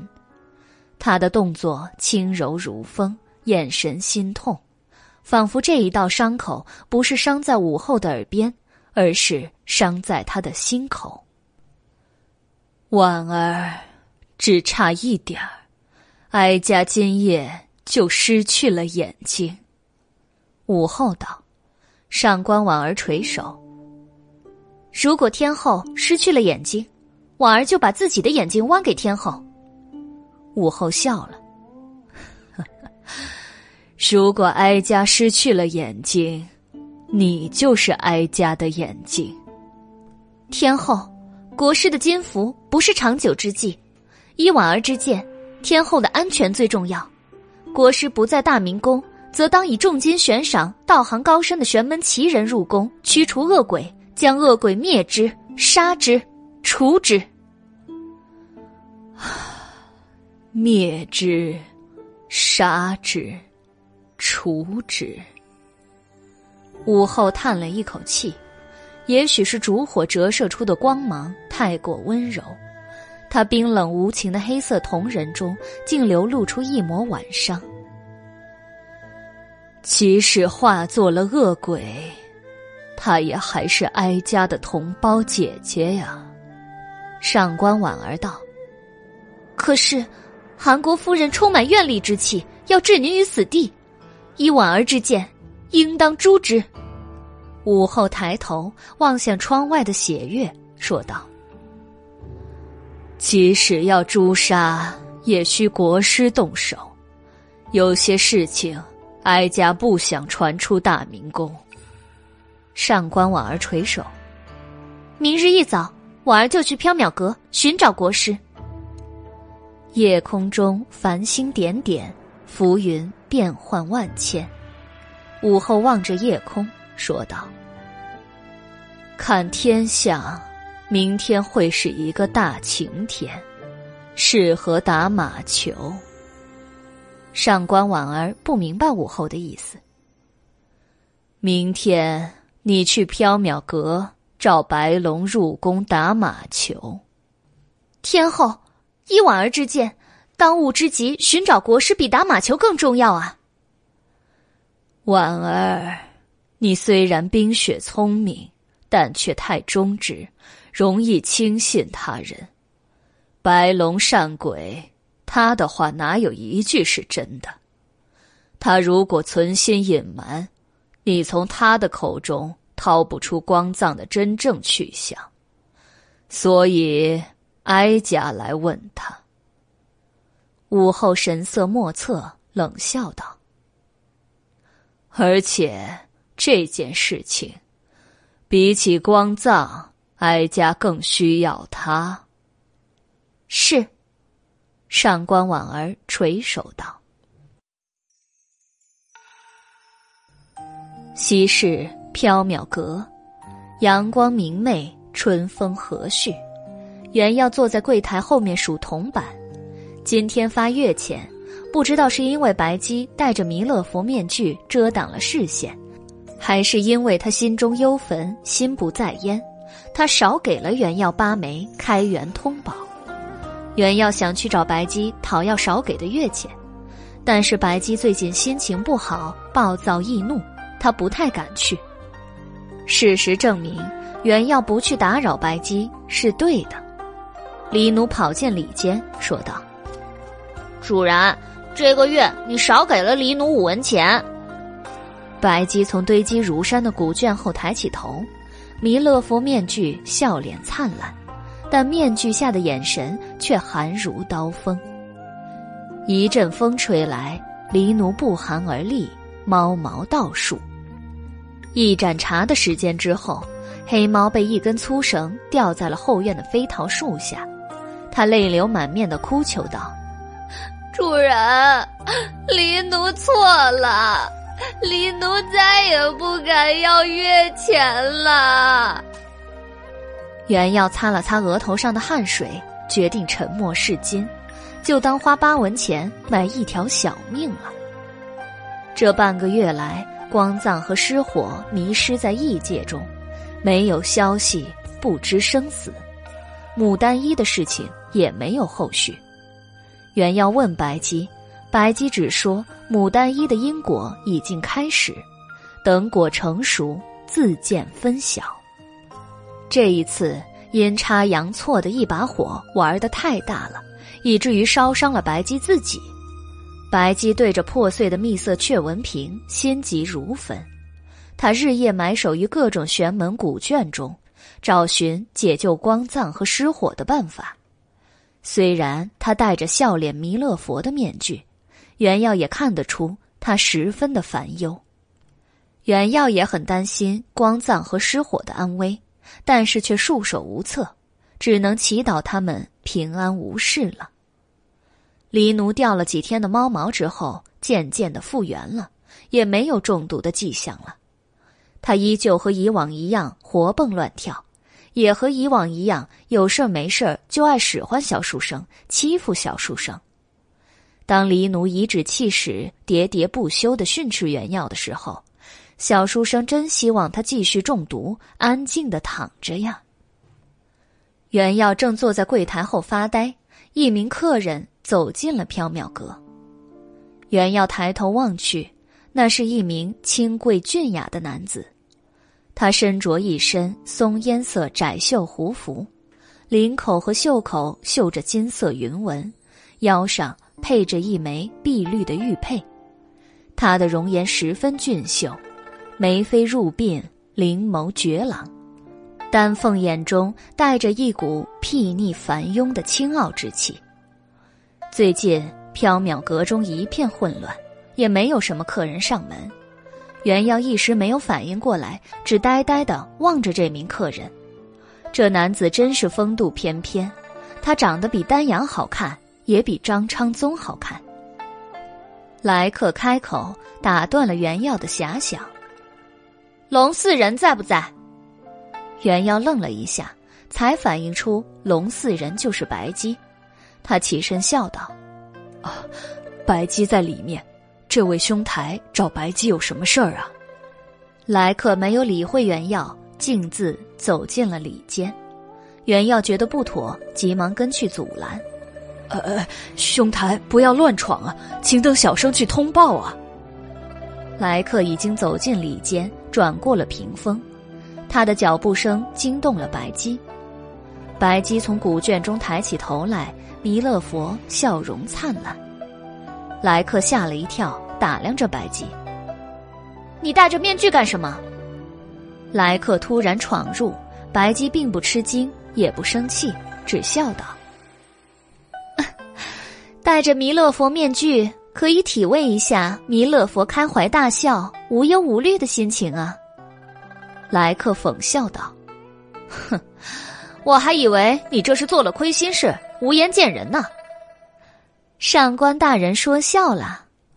白姬摘了弥勒佛面具，笑眯眯的说道：“原耀已经很久没有看见白姬的脸了，本来十分的担心他，但看见他面具下的容颜，并没有憔悴，也不见愁闷，仍旧是容光焕发，笑容狡诈，也就放下了心。”上官婉儿在白姬对面坐下，开门见山的问道。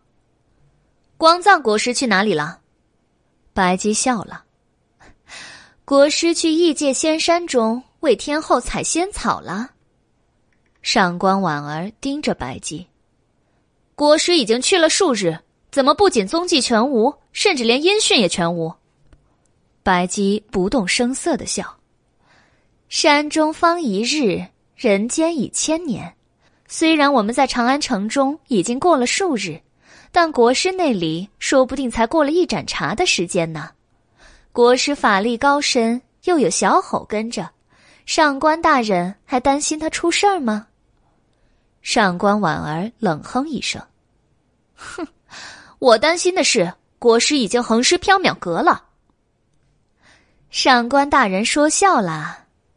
白姬笑着，为了掩饰他的心虚，他对袁耀道：“宣之。”去沏一壶茶来，上官大人不仅是贵客，更是娇客，沏最好的蒙顶茶。娇客，这上官大人看上去明明是男子，白姬怎么称他为娇客呢？袁耀感到奇怪，还是应道：“好的。”上官婉儿阻止：“茶就免了，我不是来喝茶的。龙四人，天后请你入宫。”白姬抬眸，哦，入宫干什么？打马球。白姬笑了，上官婉儿不由挑眉：“你笑什么？”白姬的红唇勾起一抹鬼笑。我还以为天后请我入宫赏牡丹花呢。上官婉儿神色一凛：“你知道宫中发生的事情？”白姬笑了：“长安城中很少有我不知道的事情。”上官婉儿起身道。那好，马车在巷口，现在就走吧。白姬起身，好，不过我要带宣之一起去。上官婉儿不由皱眉：“宣之是谁？”白姬指着袁耀道：“就是他。”上官婉儿扫了袁耀一眼，转身走了。天后没说不许你带人，随你高兴。白姬对袁耀笑道：“宣之，今天天气不错，一起去皇宫打马球吧。”袁耀苦着脸道：“啊，这小生不会打马球，还是不去了吧。”白姬笑了：“不会打马球，去皇宫里长一长见识也好啊。宣之难道不想一睹天后的风采吗？”袁耀突然变得有些扭捏，他吞吞吐吐的说道：“嗯，其实，比起天后，小生倒是更想见一见上官昭容。听说上官昭容侍奉在天后身边，不离左右。小生，啊，小生去皇宫，能够见到他吗？”白姬恍然大悟，抚掌道：“啊。”原来宣之喜欢上官昭容啊！袁耀脸红了，不要胡说！上官昭容待朝廷品评天下诗文，小生曾经读过他的诗作，精彩绝艳，叹为天人，一直非常仰慕他的才华。除此之外，再无其他。天下文人士子，谁不仰慕上官昭容的才华呀？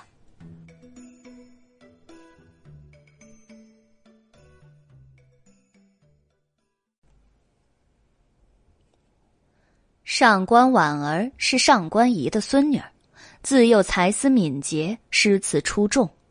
在权势斗争中，上官仪被武后诛杀，上官婉儿与母亲郑氏因为舅舅太常少卿郑修远的保全而得以幸免，发配在掖庭中。上官婉儿十四岁的时候，因为文采出众而被武后重用，为武后掌管诏命，参与政事。渐渐的成为武后的得力助手。中宗即位，上官婉儿被册封为昭容，代朝廷平品天下诗文，称量天下文士。武则天称帝后，上官婉儿继续被武则天重用，掌管宫中制诰，掌管朝廷诗文，后人称他为巾帼首相。白姬眼珠一转，笑道。在宣之的想象中，上官昭容应该是怎样的一个人呢？袁耀想了想，笑道：“啊，在小生的想象里，上官昭容应该是一位温柔淑雅、出口成诗、脸上带着春风般和煦微笑的女子。”只听“砰”的一声，上官婉儿一脚踹开里间的门，脸罩寒霜的走了进来。袁耀吓了一跳。上官婉儿不耐烦的道：“马车已经准备好了，你们还在磨蹭什么？”白姬笑了：“ 就来，劳上官大人走几步，去后院把吊在桃树上的黑猫放下来，让他看店。”上官婉儿冷哼一声，疾步去了。白姬拍了拍袁耀的肩膀，道：“现实和想象总是有差距的。”一切当视作浮云。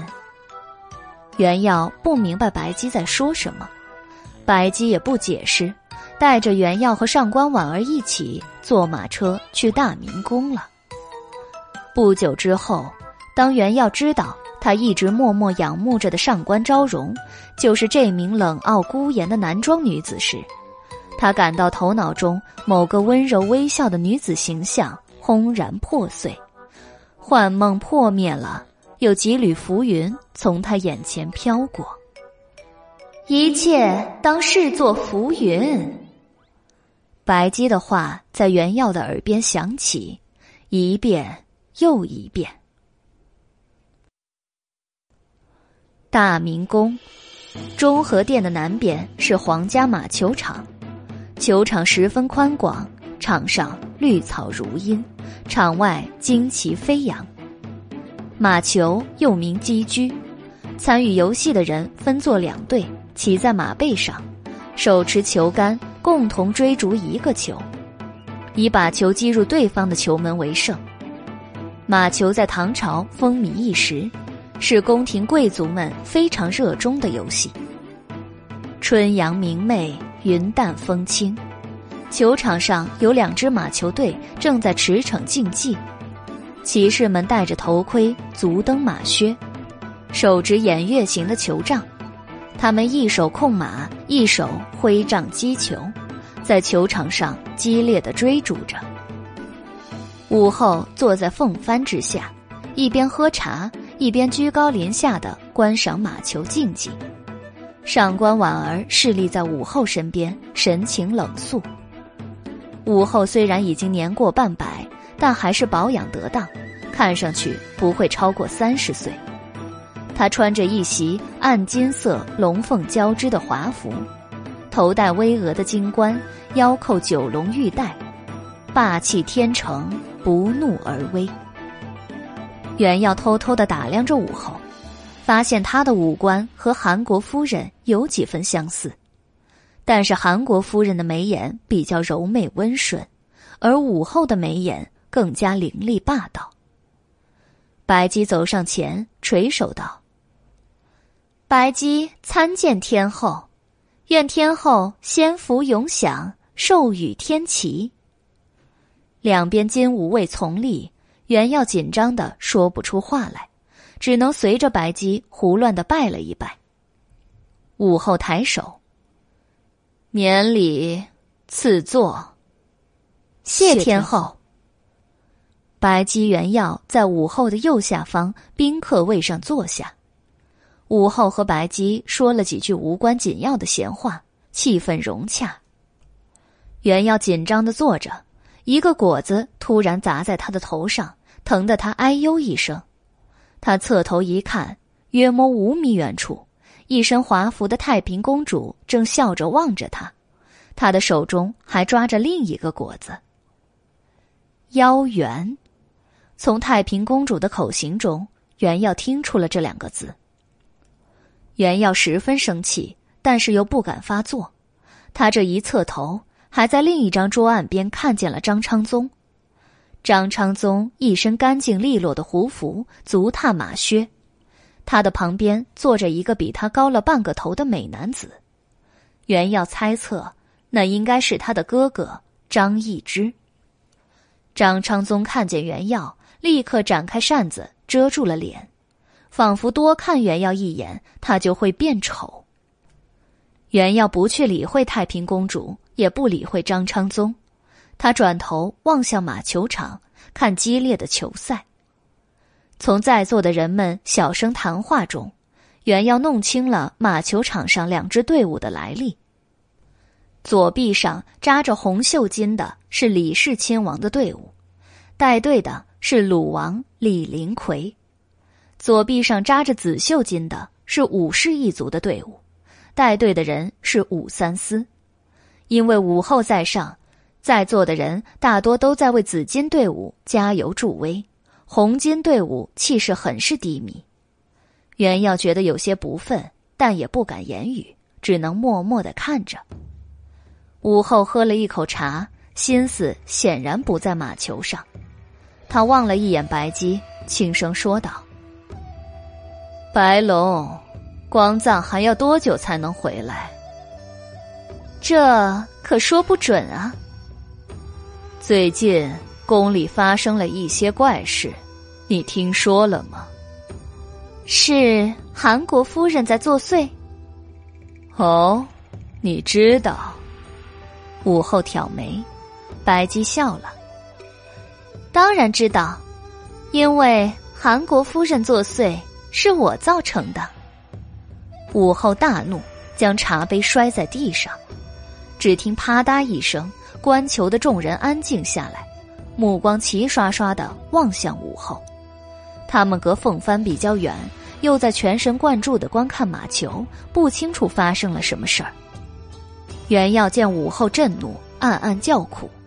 他在心中埋怨白姬说话大胆，即使韩国夫人作祟真的是因为白姬的缘故，他也不该当着武后的面说出来呀。他又担心白姬突然顿了，留下他一个人给武后泄愤，于是急忙拉住了白姬的衣袖。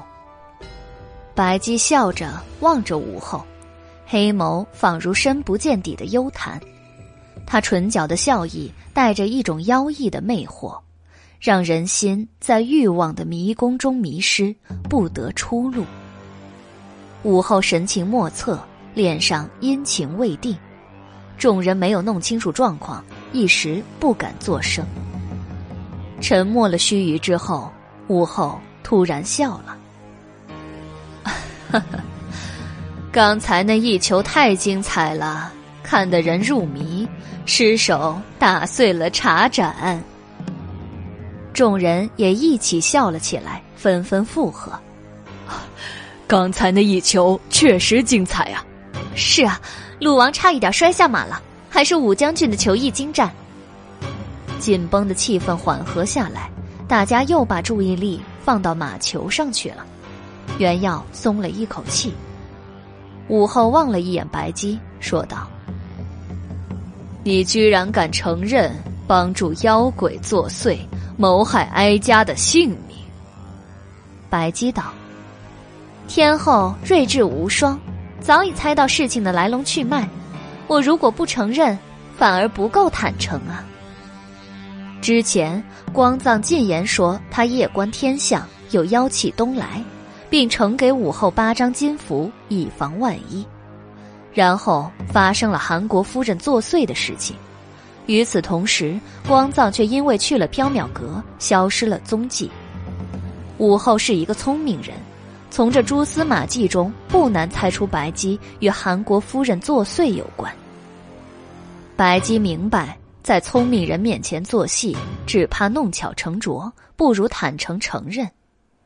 武后道：“你应该知道，与哀家作对者，不管是人。”还是非人，不管是天龙还是地龙，哀家都会将他送入地狱，万劫不复。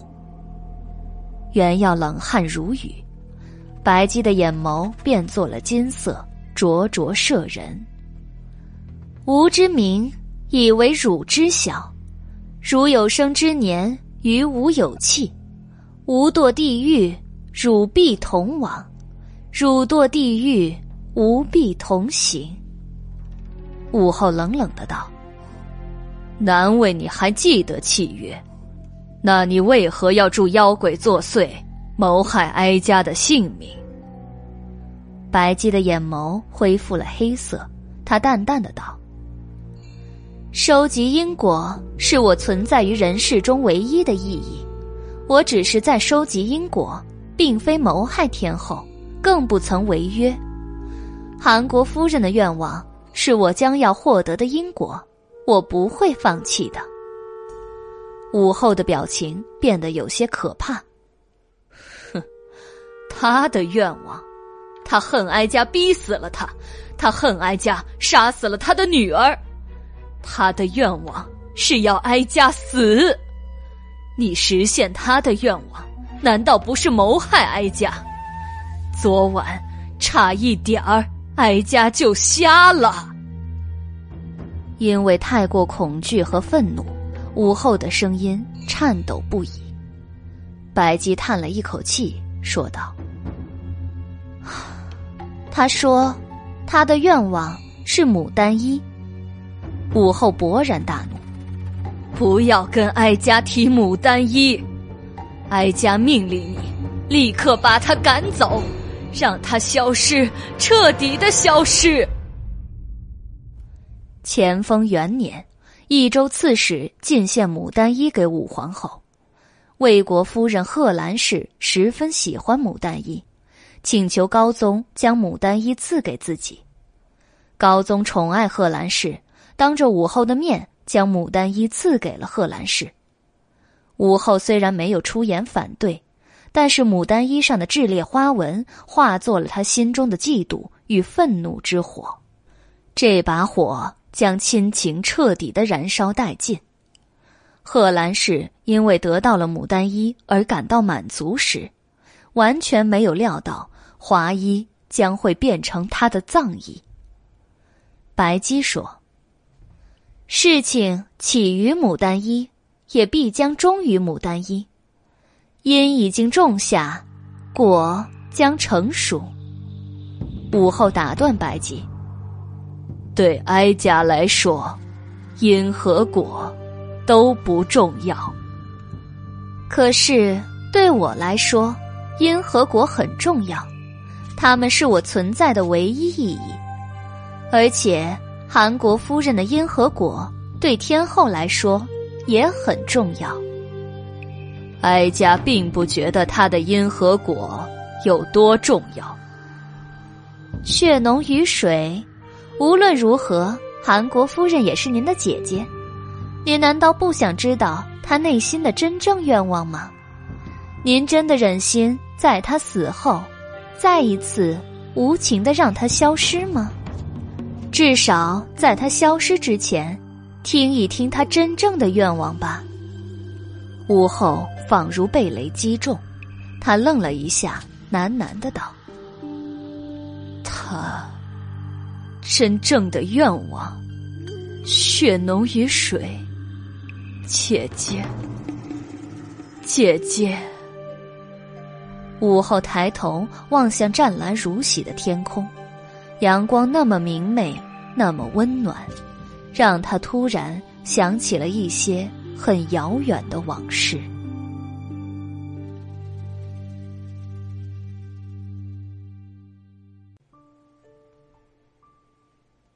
午后的童年岁月在利州度过。小时候，因为母亲的性格比较严厉，也不能经常照顾他，他最喜欢的人是姐姐，和他最亲密的人也是姐姐。春天，他和姐姐一起在庄院中奔跑，比谁的纸鸢放得更高。夏夜，他们一起躺在回廊下数星星。诉说美好的心愿。秋天，他们一起在树下等凉风，听蝉鸣；冬天，他们一起看雪落，一起在新年到来时穿上新衣，放炮竹。他的点心弄掉了，脏了，伤心哭泣的时候，姐姐会把自己的点心让给他吃；他生病了，姐姐会为他担心。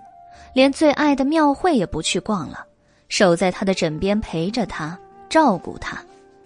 那个时候，他们无忧无虑，天真而快乐。那时候的幸福琐碎而温暖，像一件妥帖而慰藉的旧衣。无论怎样，她是他的姐姐，一起度过了美好的童年时光的姐姐。午后沉默了一会儿。垂下了眼帘。他想要什么？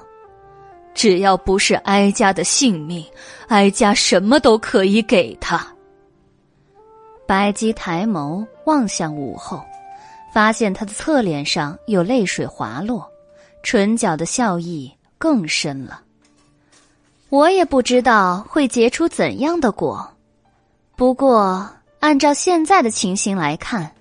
要得到韩国夫人的果，您可能必须死。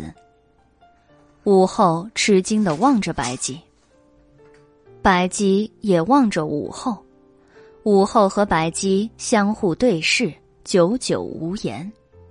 袁耀和上官婉儿有些紧张，他们看不出武后和白姬的眼神交汇到底在传达着什么讯息。最后，武后开口了。好吧，看在她是哀家姐姐的份上，哀家就死一次。上官婉儿大吃一惊，原耀一头雾水。白姬笑了：“ 我是商人，不会没有报酬的帮人做事。死一次五千两黄金。”原耀冷汗，午后却道：“可以。”但是，如果事情没有圆满解决，你，我就去死十次，绝无戏言。好，需要几天的时间？光藏的金符已经掉了一张了，已经挡不住妖邪了。不出意外的话，您明晚就可以死了。白姬笑道。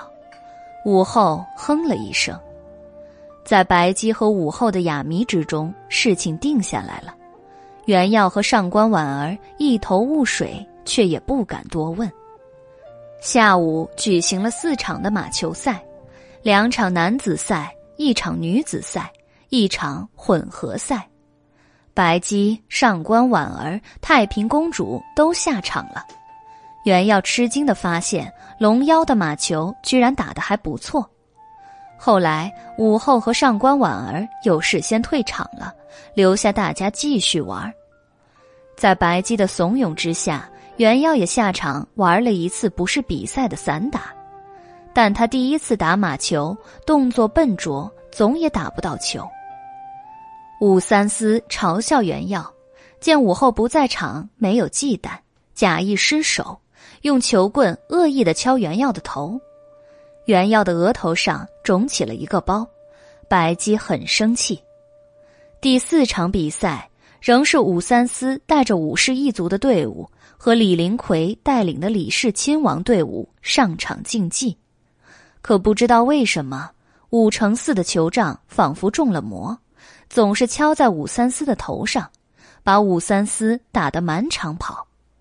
众人忍俊不禁，太平公主捧腹大笑。武三思气得脸色发绿，武承嗣不明所以，只能苦着脸向堂弟道歉。因为武承嗣是堂兄，武三思也不好多说什么。袁耀冷汗，他猜测一定是白姬干的。他偷眼向白姬望去，发现白姬笑得很欢快。像是一个恶作剧得逞的小孩子，袁耀也笑了。有时候他觉得这条龙妖真的很像小孩子。傍晚，白姬、袁耀离开大明宫，出宫的时候路过太液池，袁耀仿佛听见水风中有女子在低声哭泣，如丝如缕，不绝于耳。白姬，好像有谁在哭呢？那是风声。可是，原要侧耳倾听，觉得不像是风声。快走吧，宣志。白姬头也不回的走了。一阵凉风吹来，原要打了一个寒战。他见白姬已经走远，不敢多做停留，急步跟上。原要走得太匆忙，路边的一丛灌木探出的枝桠勾住了他的衣袖，他用力一扯，掉落了一个东西。白绢包裹的小尼龙粉碎之后化作的五色土掉在了地上，原要没有察觉，径自去了。夕阳西下，太液湖中缓缓伸出一只骷髅手，悄无声息的。将白绢包裹的五色土拿走了。白姬、原药回到缥缈阁，黎奴已经做好了晚饭。吃过晚饭之后，白姬让黎奴在回廊中点上三盏灯，又让原药去打一桶井水来。白姬拿出一坛五色土，笑道：“宣之、黎奴，我们来捏泥人玩。”原耀和黎奴高兴的答应了，白姬、原耀、黎奴兴高采烈的用井水或五色土捏东西玩。白姬用五色土捏了一个女人，她捏得很仔细，女人的五官、体型、衣饰栩栩如真，袁耀一眼就认出那是武后。白姬捏武后的模样干什么？袁耀十分的疑惑，但是白姬神色凝重，他也不敢开口询问。袁耀照着黎奴的模样捏了一只猫，不过捏的不太好。两只猫耳朵一大一小，还不对称。黎奴惦记着白姬少给的五文钱，他捏了五枚开元通宝，虽然是泥的，但他也还是很开心。黎奴望了一眼原耀捏的东西，问道：“哎，书呆子，你捏的是什么呀？”原耀望着泥像上一大一小还不对称的猫耳朵，怕被黎奴嘲笑，遮掩的说道。哦，呃，兔子。黎奴不相信，胡说！你当爷没见过兔子啊？这明明是一只长得很丑的猫嘛！袁耀不敢说是照着黎奴的模样捏的，他哈哈一笑，啊，嗯，这是小生照着玉面狸的样子捏的。啊，书呆子的手艺还不错嘛。不过阿鼠比这只丑猫要稍微好看一点儿。白姬笑着提醒道：“黎奴，宣之捏的可是闭眼的黑猫哦。”袁耀脸色一变，黎奴如梦初醒，生气的骂道：“书呆子手艺真差，爷哪有那么丑啊？”袁耀不敢反驳，白姬眼唇鬼笑。月上中天的时候，白姬完成了午后的泥像。泥像长约一尺，仿如真人的缩小版，惟妙惟肖。白姬放下泥像，伸了一个懒腰。啊，终于捏好了。袁耀问道：“白姬，你捏天后的泥像干什么呀？”白姬笑了：“ 为了让天后死一次。”原耀一惊，刚要细问。但是白姬已经拿着泥像，打着哈欠走了。我先去睡了，黎奴，你收拾一下，五色土必须放在坛子里，贴上封条，以免失了灵气。是主人。袁耀问道：“白姬，光藏国师和失火怎么样了？他们能回来吗？”白姬停住脚步，回头说道。我也不知道他们能不能回来，只能希望他们吉人天相。事有轻重缓急，如今还是先把牡丹衣的事情解决了。好。白姬打了一个哈欠，飘走了。原要担心光藏和失火，临睡前他在蜜色雀纹瓶的碎片前合掌祈祷：光藏国师，失火。希望你们平安无事，早日回来呀。袁耀脱下外衣，准备睡觉的时候，才赫然发现放在衣袖中的白绢包裹的五色土不见了。哎，五色土去哪里了？袁耀挑燃灯盏，在缥缈阁中四处寻找了一番，没有找到。他闷闷不乐的躺下，辗转反侧。难以成眠。不过，随着时间的流逝，大约两更天时，他还是睡了过去。恍惚中，原耀行走在一片白雾里，好像是要去找五色土。不知道走了多久，等周围的白雾散尽，他发现自己置身在大明宫中太液池畔，一名身姿婀娜的女子坐在湖边的石头上。仰头望月，原要定睛望去，发现是上次要拖他去湖底的魏国夫人。今夜魏国夫人没有穿牡丹衣，只穿了一袭薄薄的单衣，她的脸色十分苍白，衬托的一点樱唇艳红似血。原要拔腿想逃，但是魏国夫人已经侧过了头，定定的望着他。见魏国夫人盯着他，袁耀只好作了一揖：“小生见过魏国夫人。魏国夫人望着袁耀，红唇微起。妾身知道，公子一定会来。袁耀吃惊，他为什么知道他会来？难道他在等他？他还想把他拖下水底吗？魏国夫人似乎看穿了袁耀的心思。公子不必惊慌，妾身不会再伤害你了。说话之间，他拿出一个东西。公子是来找他的，对吗？袁耀借着月光一看，正是他弄丢的五色土。原来是夫人拾到了，请夫人将此物还给小生。他对公子来说很重要吗？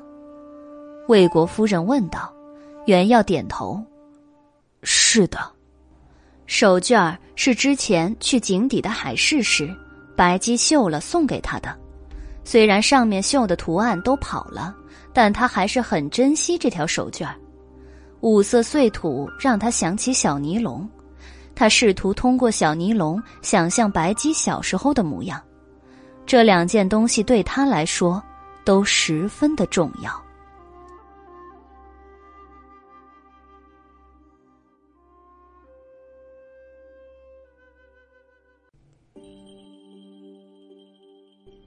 魏国夫人却突然发怒了，他恨然道：“丢了重要的东西，你也知道来寻找，可是你却夺走了妾身最重要的东西。”袁耀一头雾水，啊，小生从未夺走夫人您重要的东西啊！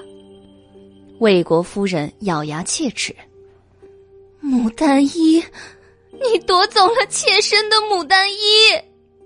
啊，这……袁耀一时语塞。虽然牡丹衣是魏国夫人自己丢下。但袁耀和白姬不经过他的允许就捡走了，这确实也算是夺走。袁耀理亏，只好解释道：“呃，其实事情是这样的，您的母亲韩国夫人外托白姬，说她希望得到牡丹衣，白姬和小生就来到太液池。”魏国夫人的脸色瞬间变了。袁耀知道韩国夫人在大明宫作祟，而魏国夫人也在大明宫，难道他们没有相见吗？难道您没有见过韩国夫人吗？您的牡丹衣在她的身边呀。妾身见过她，也见过牡丹衣，不过，他见不到妾身。袁耀挠了挠头，问出了一个。困扰他已久的问题。嗯，小生有一个疑问：韩国夫人的女儿不是您吗？她为什么把一株牡丹花当成女儿呢？魏国夫人悠悠的盯着袁耀。你想知道答案吗？袁耀点头。那，妾身带你去看看吧。魏国夫人站起身来。向南飘去，袁耀疾步跟上。一路行去，袁耀在白雾中看见了许多亦真亦幻的鬼影。被砍掉双腿、浑身棍棒痕迹的宫女在地上如如爬动；披头散发、脸色惨白的年轻女子抱着婴儿尸体踽踽独行，婴尸的脐带还与母体连接着。七窍流血的宦官沉默的疾步飞走，仿佛还在急着替主子去办事儿。袁耀汗毛倒竖，与一群宫中冤鬼擦肩而过。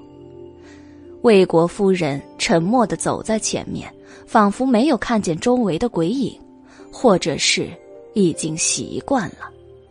他自己本来就是其中之一。袁耀胸口发闷。觉得十分的难受。魏国夫人的目的地是紫宸殿。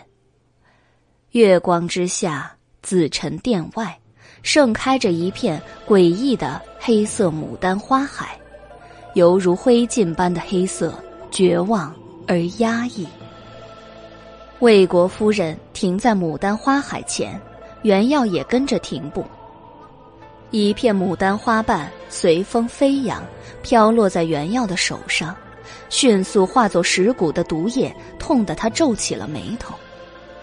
不远处，韩国夫人站在牡丹花中，她披着华艳的牡丹衣，手中拿着一朵黑色的牡丹。她用温柔的声音对手中的黑牡丹说道：“敏儿，今晚就杀死他吗？”黑牡丹中传来魏国夫人的声音：“母亲，杀死他吧！我好恨，好恨呐！我好痛苦。可是，走不进紫宸殿啊！好恨，好恨！一定要杀了他！”袁耀大吃一惊。他转头望向身边的魏国夫人，魏国夫人安静的站着，并没有说话。那么，韩国夫人在和谁说话呢？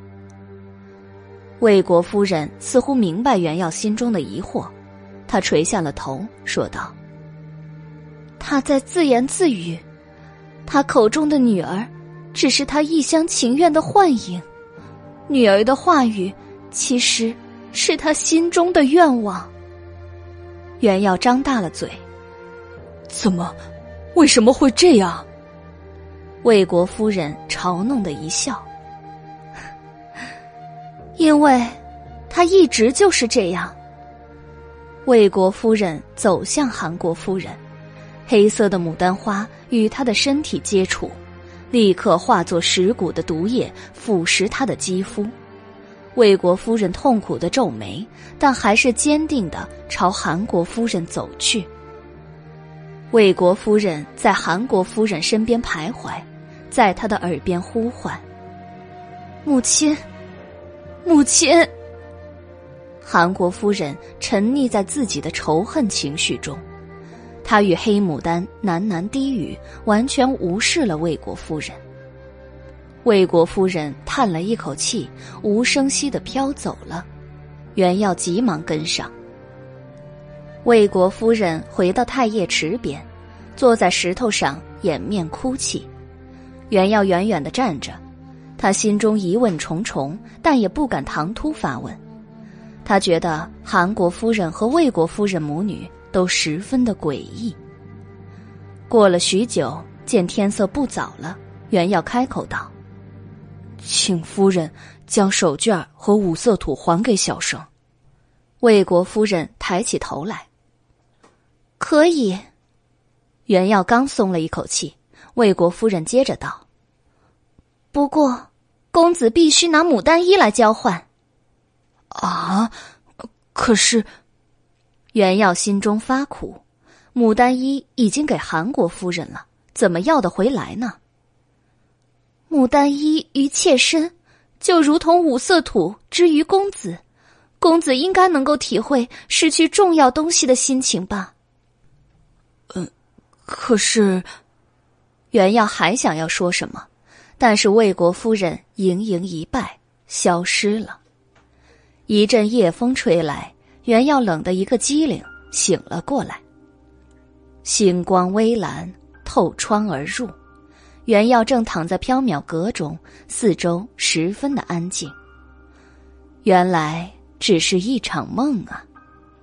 袁耀擦去额上的冷汗，他翻身坐起，想喝一杯茶。星光之下，他看见摆在地上的鞋子湿漉漉的，鞋底还沾着泥土。临睡之前，鞋底都还十分的干净，怎么现在沾了这么多湿泥呢？难道刚才的一切不是梦？他确实去了大明宫，见到了韩国夫人和魏国夫人。袁耀一头雾水，他想了想，决定明天早上去问问白姬，这到底是怎么一回事他喝了一杯凉茶压惊之后，又躺下睡了，一夜无梦。第二天早上。袁耀把夜游大明宫、遇见韩国夫人、魏国夫人的事情告诉了白姬。白姬叹了一口气，说道：“啊，宣之，你还真是容易失魂落魄呀。不过幸好你回来了，魂魄夜游，天明未归的话，我就得替你招魂了。”袁耀道：“魂魄夜游，这么说，小生昨晚不是做梦？不是。”袁耀若有所思。白姬望着袁耀，黝黑的眼眸中映出小书生沉思的侧脸，他笑了：“ 我知道玄之在想什么。”袁耀回过神来：“什么？”宣之在想美丽的魏国夫人。白姬故意把“美丽的”三个字加重了读音，袁耀居然没有脸红，也没有反驳。小生在想，魏国夫人生前究竟是怎样的一个人呢？还有韩国夫人，她生前又是怎样的一个人？他们生前过得幸福还是不幸？小生很想知道逝去的真实，尽管真实的结局注定残酷和悲伤。白姬想了想，道：“那我们一起去看一看真实吧。”袁耀一愣：“怎么看呢？”宣之在韩国夫人庄院中打碎的荷叶杯还在吗？袁耀想了想：“还在，小生放在柜台底下，去拿来。”好的。袁耀去柜台边翻出了荷叶杯的碎片，拿到了里间，放在白姬面前的青玉案上。白姬伸出手，拿起一块杯子碎片。口中喃喃念了一句什么，荷叶杯的碎片上闪过一道碧色光芒。白姬将碧光闪烁的碎片放下，示意原耀。宣之，手伸过来，他会告诉你真实的。原耀伸出手，用食指按住了碎片。他的手指触碰到碎片的瞬间，眼前幻象丛生，原耀吓了一跳。急忙缩回了手，白姬云淡风轻的说道：“不要害怕，这些幻象只是这一只荷叶杯经历的真实。”袁耀又伸出手，用手指触碰荷叶杯的碎片，他的眼前出现了一幕令人诧异的景象：一间宽敞的宫室中，魏国夫人坐在铜镜前，她年轻而貌美。浑身散发着耀眼的魅力，他伸出纤纤玉手，拿起罗子带，开始描眉。不一会儿，韩国夫人走了进来，他走到魏国夫人身边坐下，取了木案上的荷叶杯，倒了一杯茶，喝了下去。好渴呀！魏国夫人问道：“母亲从哪里来？”韩国夫人道。从皇后那里，姨妈说什么了？哈，对我将你接入皇宫陪伴圣上的事情，她还是十分的不满。不过圣上喜欢你，他也就不再说什么了，只是让我叮嘱你啊，尽心服侍圣上，让他高兴。魏国夫人也笑了，艳如春花。韩国夫人靠近魏国夫人。捧起他的脸，笑道：“敏儿，我早就说过，你这如同牡丹花一般耀眼的美丽，不该淹没于市井，应该绽放在大明宫中，让帝国最尊贵的男子欣赏。”母亲，魏国夫人垂下了头。荷叶杯的碎片失去了光芒，眼前的幻象。骤然消失了。白姬和袁耀对坐在清月岸边，面面相觑。啊，这一块没了。白姬摊手，他又拿起另一块荷叶杯的碎片，喃喃念了一句咒语。荷叶杯的碎片随着咒语散发出绿色荧光。白姬将碎片放在清月案上，原耀伸出食指。触碰碎片，白姬和原耀透过荷叶杯的记忆，追溯已经逝去的真实。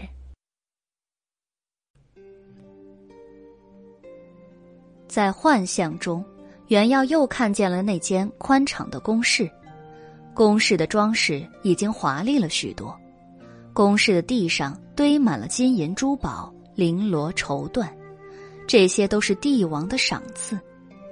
魏国夫人盛装野容，坐在窗边喝茶，她捧着荷叶杯，望着天空发呆。韩国夫人站在满地的珍宝中，哈哈大笑。呵 呵敏儿，你如此年轻，如此美丽，你还应该拥有更多的金银珠宝、绫罗绸缎呢，他们会让你散发出更耀眼的光芒。魏国夫人回过头来，疲惫的说道：“母亲，再向圣上提出任性的要求，恐怕会让他生厌的。”韩国夫人完全没有听见魏国夫人的话，她贪婪的说道：“敏儿，你是皇宫中最美丽的牡丹花，你不仅应该拥有财富，还应该拥有与你的宠眷相称的名号和权力呀。”魏国夫人峨眉挑起，名号和权力。韩国夫人笑了。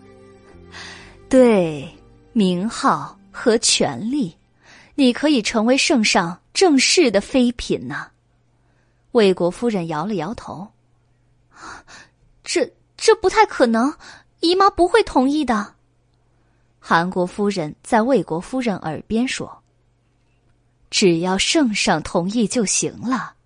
皇后已经老了，她如同暮春的花，几近凋残，不再美丽。”不再有魅力了，他日夜忙于处理政事，半个月都难与圣上见一次面。他早已失去了圣上的宠眷。你年轻而且貌美，将来还有很长的路要走，甚至有可能走到他的位置。魏国夫人还是摇头。圣上。圣上是一个非常温柔仁慈的好人，非常的疼爱敏儿，但是这件事儿恐怕不行。韩国夫人道：“哎，不试试怎么知道不行呢？”荷叶杯的碎片失去了光泽，幻象又消失了。原耀道：“哎，为什么又没有了？”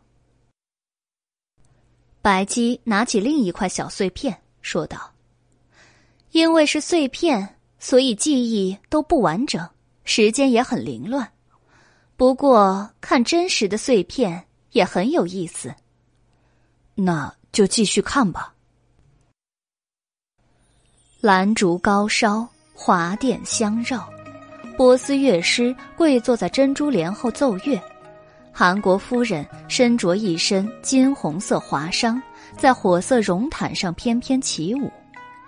唐高宗李治坐在罗汉床上，愉快的欣赏着歌舞。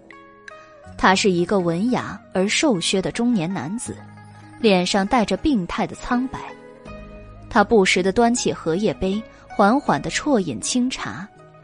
因为眼疾发作，太医叮嘱不可以饮酒，他只能喝清茶。李治本来身体就虚弱，这两年越发病得厉害。他将一切政事都交给武皇后打理，自己寄情乐舞，悠闲养病。魏国夫人舞姿婀娜，身姿曼妙，十分的迷人。李治陶醉的欣赏着她美丽的舞姿，嘴角泛起宠溺的微笑。不知道为什么。魏国夫人跳了一半，就停下不跳了。悠扬的乐声仍在继续。李治奇怪的道：“美人儿，怎么不跳了？”魏国夫人闷闷不乐的走到李治身边：“妾身没有好看的舞衣，所以很伤心，不想跳了。”李治笑了：“你想要怎样的舞衣啊？”明天朕就让秀女给你做。妾身想要益州刺史进献的牡丹衣。李治脸色微变，笑道：“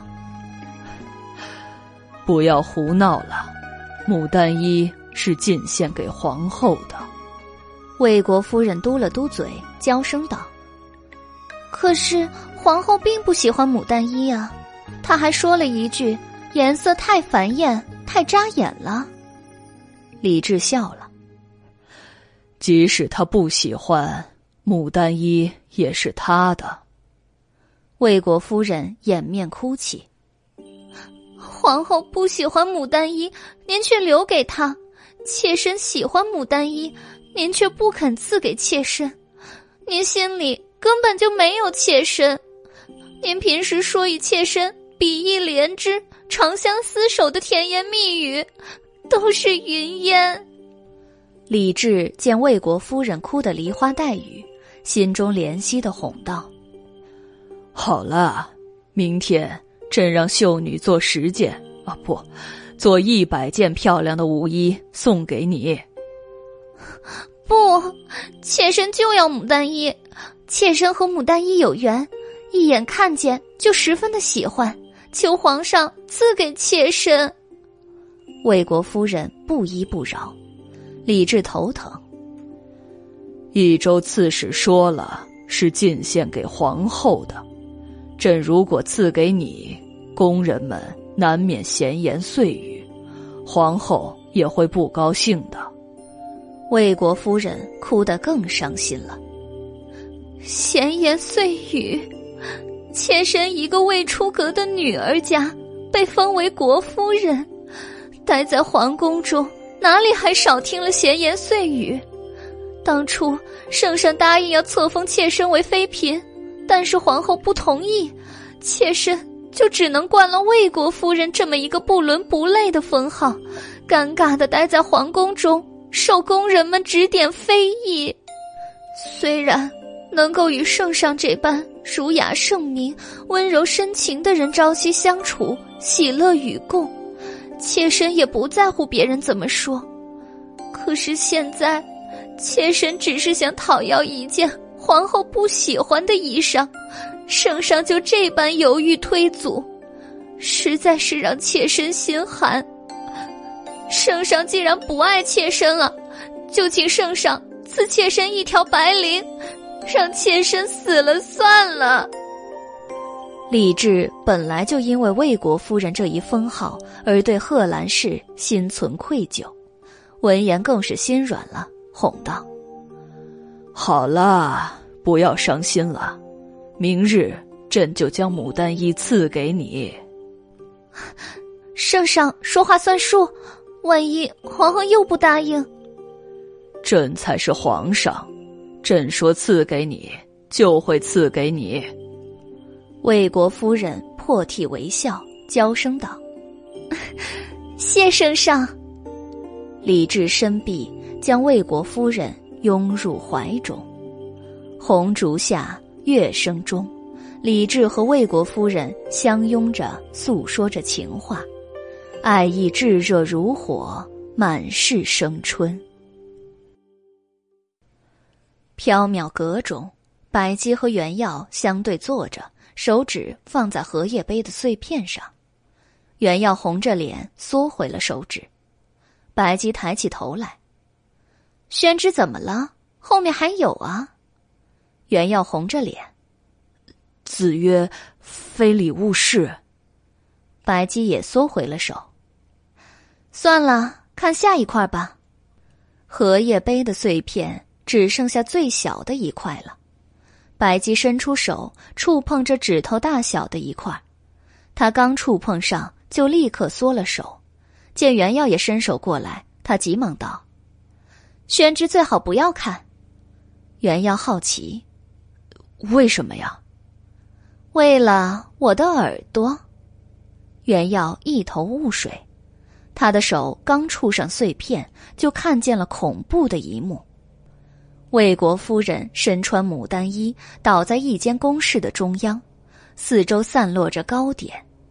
她已经七窍流血的死去，五官扭曲而狰狞。袁耀吓得大叫起来，白姬明智早已经捂住了耳朵。白姬，这这啊！袁耀结结巴巴的问道：“这是魏国夫人的死状，荷叶碑最后的回忆。是谁？谁杀死了魏国夫人啊？难道是？”白姬打断袁耀：“谁杀死了魏国夫人并不重要，至少如今魏国夫人自己已经没有对这件事儿耿耿于怀了。”袁耀愣了一会儿，才道。也是，魏国夫人的心愿是找回牡丹衣。白姬，你能把牡丹衣从韩国夫人那里讨要回来，还给她吗？她实在是太可怜了。白姬摇头，不行，那样做会破坏我的因果。袁耀有些生气，你真是铁石心肠，完全没有人善之心呐。对我来说，人善完全不重要，重要的是因果。没有人善之心，收集再多的因果，你也成不了佛。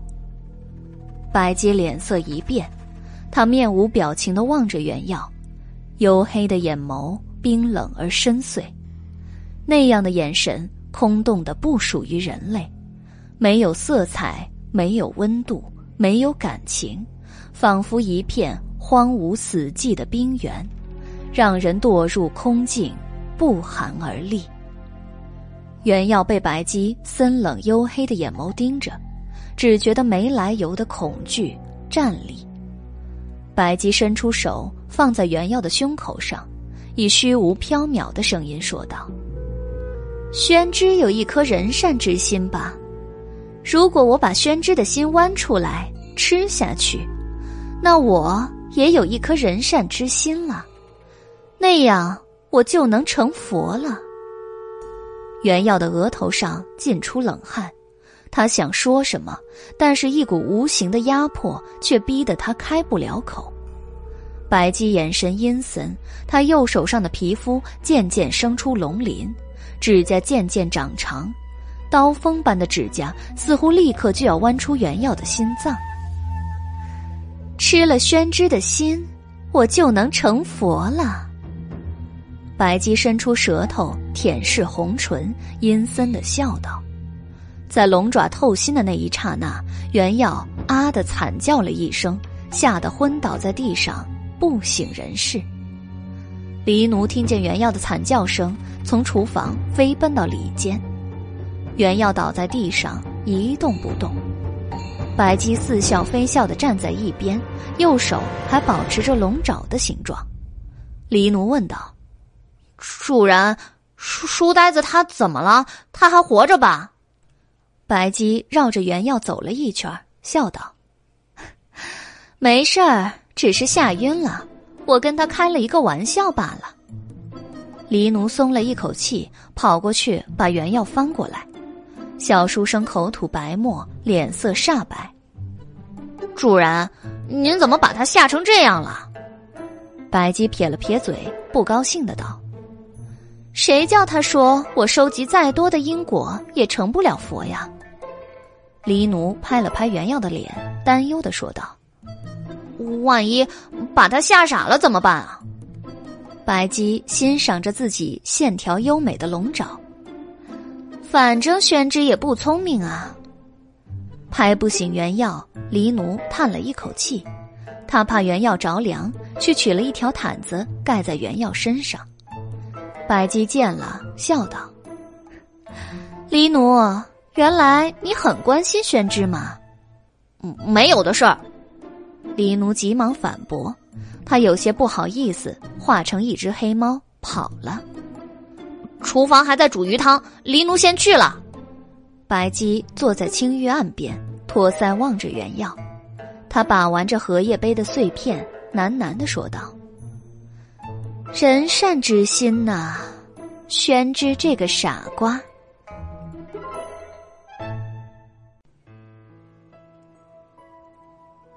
原耀醒来时，已经是吃晚饭的时候了。他一看见白姬，就吓得抱头鼠窜。白姬离奴逮住小书生，白姬向袁耀解释只是开玩笑，小书生十分的生气。白姬诚恳的向袁耀道歉，并保证以后再也不吓唬他了，袁耀才不生气了。白姬，以后请不要随意吓唬小生。好，以后宣之再说我成不了佛，我就直接吃了宣之。白姬笑道。袁耀十分的生气。你又在吓唬小生，白姬不由鬼笑。月出血红，白姬穿着一袭俊骨闲花纹样的白色男装，静静的站在廊檐下。他梳袍广袖，风姿如仙。袁耀站在白姬身边，捧着一个木匣，木匣中放着五色土捏成的武后泥像。白姬打算今晚去大明宫中收韩国夫人的果，原要随他前往。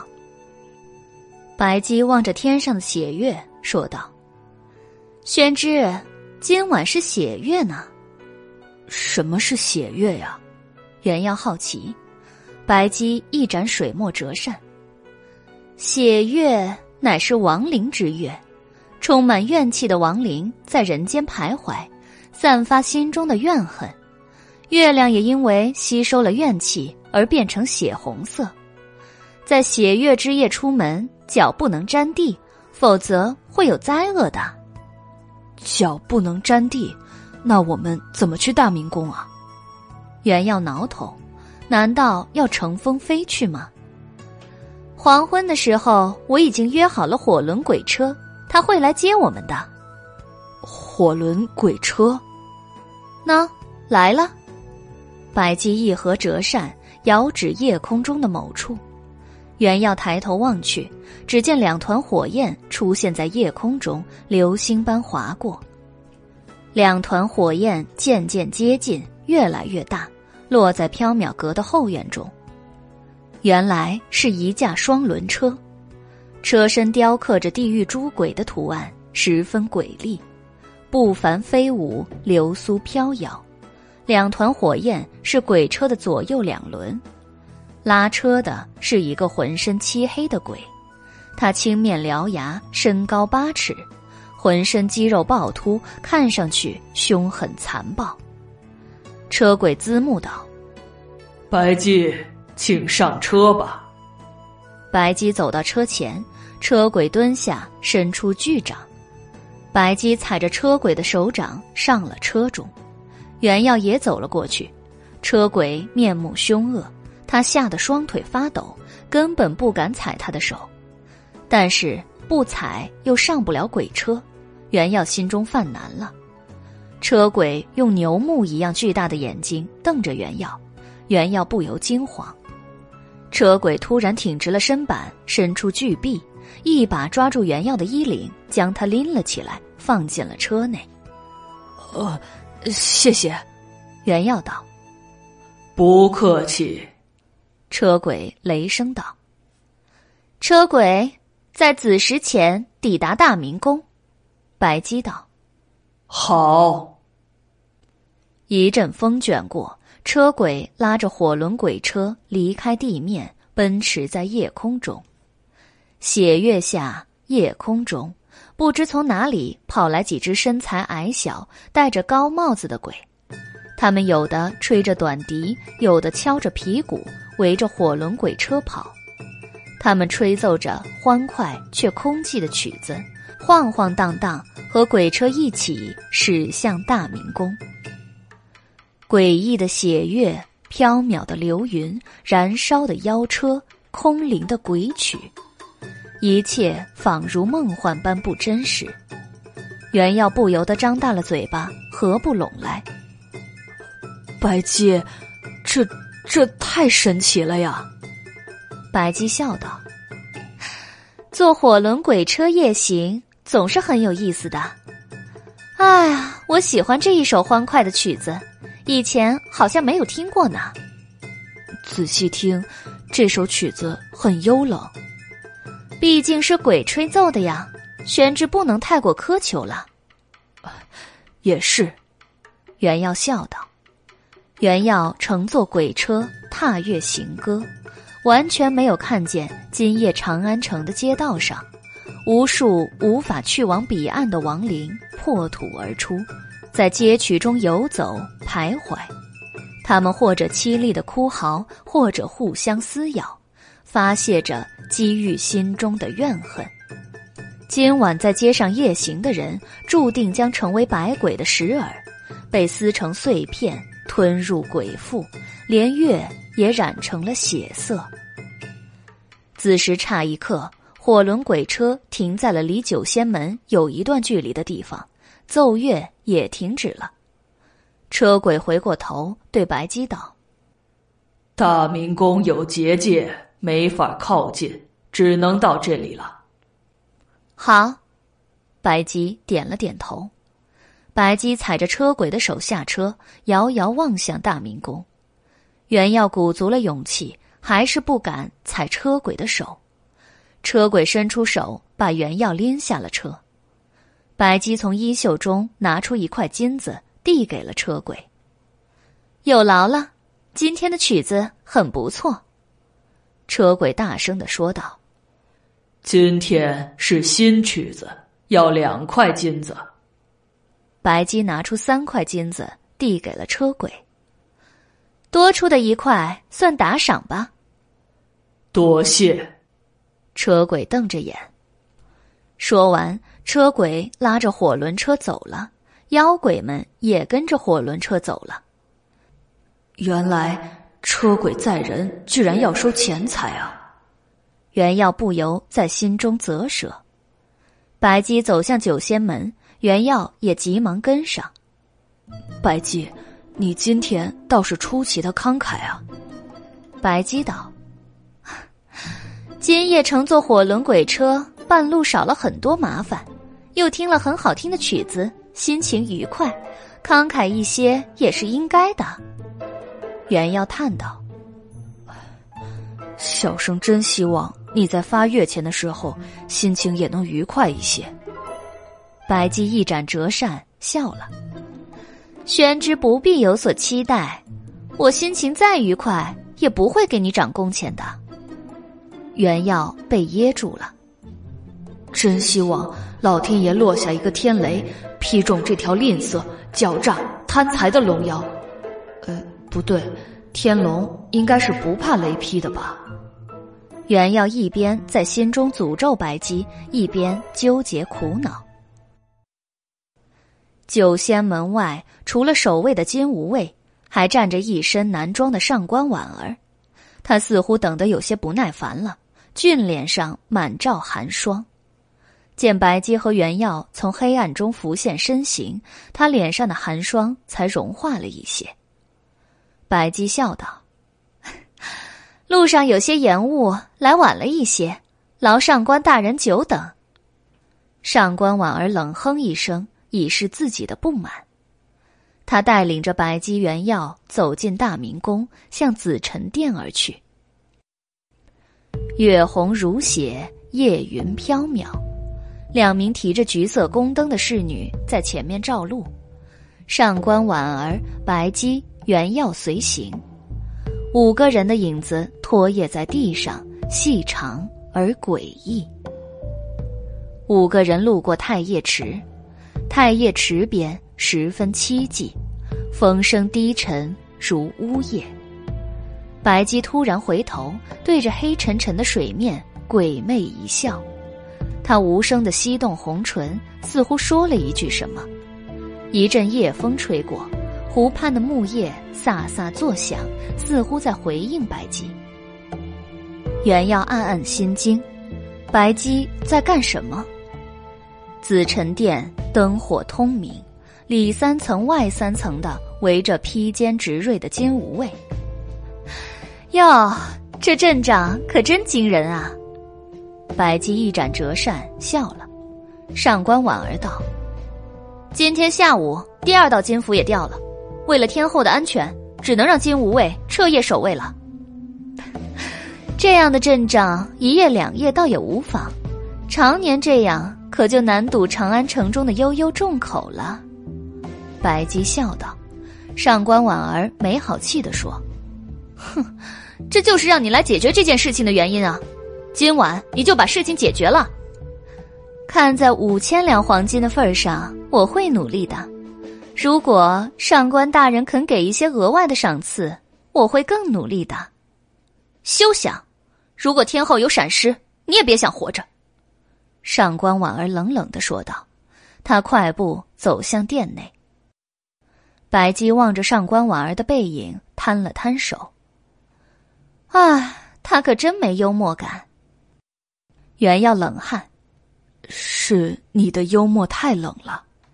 哼，宣之也没有幽默感。白姬不高兴的飘进了殿内，袁耀不由叹气：“唉，好冷啊。”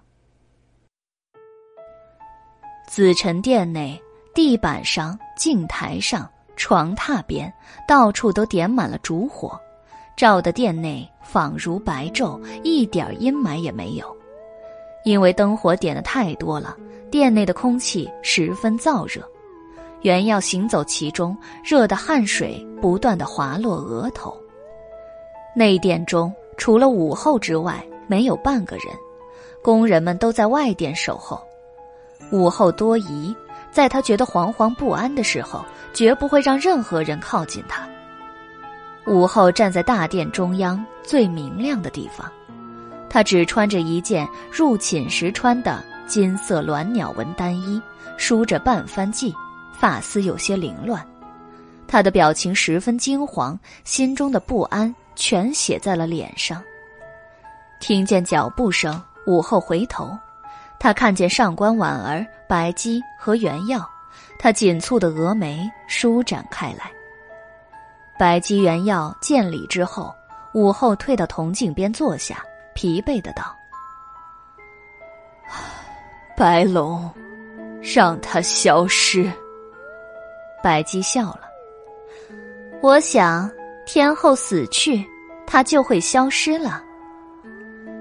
一切随你。”我累了，武后道：“那么撤走所有的金无畏，撕掉光藏国师的金符，弄灭不必要的灯火，遣走多余的工人，不行，这么做太危险了。”上官婉儿反驳。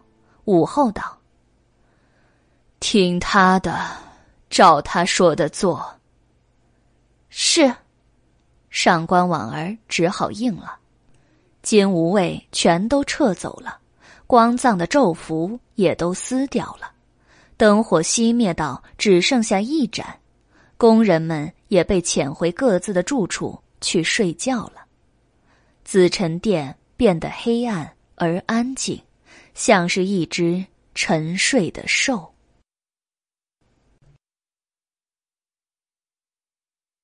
白姬拿出午后的泥像。他向武后讨了一根头发，绑在泥像的脖子上，又让武后对着泥像的嘴吹了一口气。武后皱着眉头照做了。白姬对武后笑道：“好了，现在泥像就是天后了，您和上官大人可以离开紫宸殿了，剩下的事情交给我和宣之就行了。”武后闻言，眼神中流露出一丝哀伤。他不打算离开，说道：“哀家希望能够看着你解决这件事儿。”袁耀猜想，武后大概还想见一见韩国夫人吧，毕竟她们是姐妹呀。白姬道：“您留下，也许会有危险。”武后不动声色。事成之后，赏赐。再加一千两黄金，天后，请务必留下，我一定确保您的安全。胆敢伤害天后者，我一定一口将他吞下。”白姬大声的说道。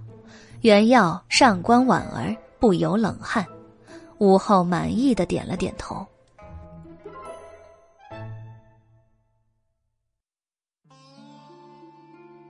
白姬将武后的泥像放在床榻上。盖上了薄被，一个晃眼间，袁耀好像看见武后正在入睡，白姬伸手拿起桌上的朱砂笔，龙飞凤舞的在六曲娇绡屏风的左右两边分别写下一串咒语。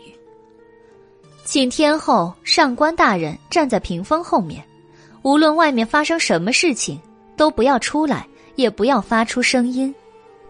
武后和上官婉儿走向屏风后面，静静的站着。白姬将三只烛台上的烛火吹熄了一盏，殿内变得昏蒙而寂静。白姬倏地化作一条手臂粗细的白龙，悠悠地飘向房梁。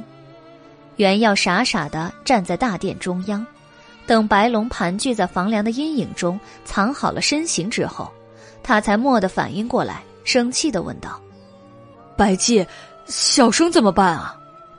白龙探出头来，哎呀，一时没注意，漏了宣之了。啊，宣之也去屏风后面吧。大胆！一介平民，又是男子，怎么可以与天后同立于屏风之后呢？上官婉儿道：“原耀也很窘迫，觉得不妥。”武后却道：“无妨，白龙特意带来的人，必有过人之处。”也许是一位道法高深之人。袁耀更囧了。白龙顺着武后的话胡诌道：“天后慧眼啊！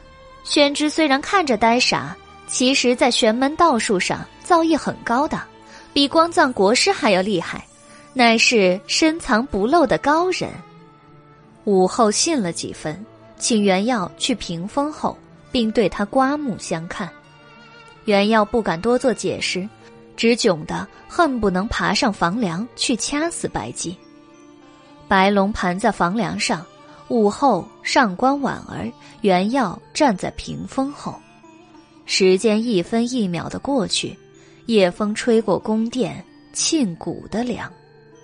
袁耀站在武后身边，紧张的要命，连呼吸也不敢太大声。他偶尔一抬头，还会对上上官婉儿充满戒备和敌意的眼神。袁耀心中忐忑，度秒如年。午后怔怔的望着屏风的画面，陷入了他自己的思绪中，既没有察觉袁耀的忐忑，也没有在意上官婉儿的警戒。午后，袁耀、上官婉儿各怀心思的站着。烛台的灯火一闪一闪，明明灭灭。不知道过了多久，一阵寒凉入骨的夜风吹入，卷来了黑色的牡丹花瓣。袁耀眼见着黑色的花瓣从屏风底部的缝隙中飘入，落在他的脚边，不由心中发悚。娇绡屏风很薄，透过屏风，隐隐可以看见大殿中的情景。一团黑影走进了大殿，一边走一边凄厉的说道：“妹妹，你在哪里啊？我好恨，我好恨呐！”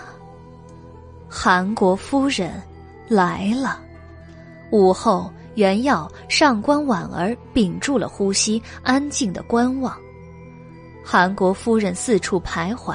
寻找武后，一个晃眼间，她看见武后闭目躺在床榻上。她走向床榻，心中涌起强烈的恨意，双目渐渐变得赤红如血。我好恨，好恨呐！武后睁开眼睛，恐惧的挣扎。韩国夫人愤怒更甚。他张开口，咬向武后的脖子，撕裂了血肉，鲜血从武后的脖子上汩汩流出，染红了床榻。韩国夫人化身为厉鬼，一口一口的撕扯武后的肉，怨怒的说道：“好恨，我好恨呐！”武后奄奄一息的躺在床上抽搐。韩国夫人满脸鲜血，狰狞的望着武后，似哭似笑。终于，杀死他了呀！韩国夫人发髻上的黑牡丹中传出了魏国夫人的声音：“ 杀死他了，杀死他了，杀死他了。可是，还是好恨呐。”韩国夫人的眼眶中涌出了血泪，血泪，血泪滑落脸庞。他不由喃喃的道：“为什么还是好恨，好恨呢？我恨的到底是谁呢？是谁呢？”黑牡丹没有回答韩国夫人的疑惑，它的颜色更深了，更加诡异了。韩国夫人将武后的头从脖子上扯下。鲜血四溅，娇绡屏风离床榻不远，上面也溅了一滩刺目的猩红。原耀、武后、上官婉儿吓得牙齿打颤，脸色煞白。原耀心念电转，满头冷汗。韩国夫人的恨意也太深了吧？他杀死的虽然是泥人，但这情形也还是吓死人了。如果泥人是武后，那后果真是不堪设想。韩国夫人已经杀死武后，达成了愿望，为什么她还没有离开的意思呢？白姬到底在干什么？怎么还不现身？韩国夫人抱着武后的头颅，与他瞳孔涣散的眼神对视，迷惑的说道：“我恨的。”到底是谁呢？是谁？他站起来，抱着武后的头颅走来走去，神色疯狂，梦一般的说：“我好恨，我好恨。”他猛一抬头，看见了铜镜里自己的容颜，一刹那间，他幡然醒悟。他指着铜镜里的自己说道。啊！我恨的人是他，是他。韩国夫人把武后的头颅抛开，奔向了铜镜，头颅凌空划过一个弧度，正好砸在屏风后面袁耀的肩膀上。袁耀下意识的伸出手，正好接住了。他把头颅抱在胸口，呆呆的站着。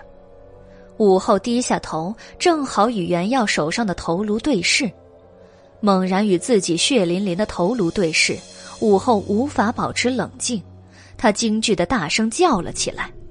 袁耀这才反应过来自己抱着一个什么东西，他低头一看，吓得扔掉了头颅。虽然袁耀抱的是泥人的头颅，但是白姬的幻术太过逼真，这头颅的大小、触感。都如同真人一样。袁耀扔掉头颅之后，手上还沾着鲜血，他吓得跳了起来。仓皇之间，他在屏风上擦血迹，因为动作太过猛烈，他推倒了屏风。砰的一声，屏风倒地，发出巨大的响声。铜镜前的韩国夫人猛然回头，看见了武后、袁耀和上官婉儿。屏风倒塌的瞬间，一切的幻术都消失了。床榻上，武后的尸体恢复了泥人的本来面目，地上掉落的头颅也变成了泥人。床榻上、屏风上，袁耀手上的血迹都化作了泥灰。袁耀松了一口气的同时，又吓得肝胆俱裂。韩国夫人双目通红，表情狰狞的过来了。恨，好恨，被骗了，杀死，都杀死。武后和上官婉儿脸色煞白，袁耀也心中恐惧，他急忙往武后身后躲。武后见袁耀躲闪，道：“你是高人，怎么反而往哀家身后躲呢？”袁耀心中发苦，又窘迫，又害怕。啊，小小生，上官婉儿反应过来，不由分说的抓住袁耀，一把将他推向了韩国夫人。既然是高人，就去捉鬼降妖啊！眼看着袁耀就要与韩国夫人撞在一起了，千钧一发之际，韩国夫人侧身避开了袁耀，她的目标是武后。韩国夫人扑向武后，神色愤怒，恶狠狠的说道：“杀了你，我好恨！”情急之下，上官婉儿拿起桌上的绿如意，向韩国夫人掷去。韩国夫人身形一闪，避开了。地上的牡丹花瓣瞬间汇聚在一起，化作一条黑色的锁链，沿着上官婉儿的双脚爬上，缠住了她，让她动弹不得。上官婉儿用力挣扎，锁链越勒越紧，她痛苦的皱起了眉头。武后见韩国夫人袭来，吓得仓皇而退。来人，快来人呐！然而卫兵和工人都奉命离开了，没有人听见他的呼唤。白姬也不知道去哪里了，房梁上毫无动静。武后急忙逃到床榻边，她从软垫下拿出一柄镶着宝石的胡刀。武后抽出胡刀，刀锋森寒如水。武后用胡刀指着韩国夫人，强压下心中的恐惧，说道：“你，你究竟要什么？”韩国夫人不畏惧刀，她向武后靠近，刀锋穿过她的身体，仿如刺中了虚空。她已非人，怎么会畏惧刀枪呢？武后一惊，松开了手，胡刀掉在了地上。韩国夫人的眼眸赤红如血，充满了怨恨。她狞笑道：“哈 哈妹妹，你真是一个蛇蝎心肠的女人呢，逼死了我们母女，我好恨呐！我要杀死你！”武后眼神一暗：“哀家给过你们机会。”让你带着女儿离开皇宫，回去封地，去过平静的生活。可是你还是固执的留下了，我没有办法，也没有选择。韩国夫人愤怒的道：“我为什么要带敏儿离开？好不容易她才得到圣上的宠爱，好不容易。”我们才能住在华美的皇宫中，享受世人羡慕的尊荣。我们为什么要离开繁华富饶的长安，回去穷乡僻壤的封地过清苦的日子呢？你嫉妒敏儿，你嫉妒她年轻美丽，你嫉妒圣上宠爱她，你害怕她会取代你成为皇后。武后道。他取代哀家，那是不可能的事情。哈哈，你死了，就有可能了。韩国夫人扑向了武后，掐住她的脖子，她疯狂的说道：“我恨你，我恨你！”武后无法呼吸，她拼命的挣扎。但是却没有韩国夫人力气大，她的脸渐渐的涨得通红。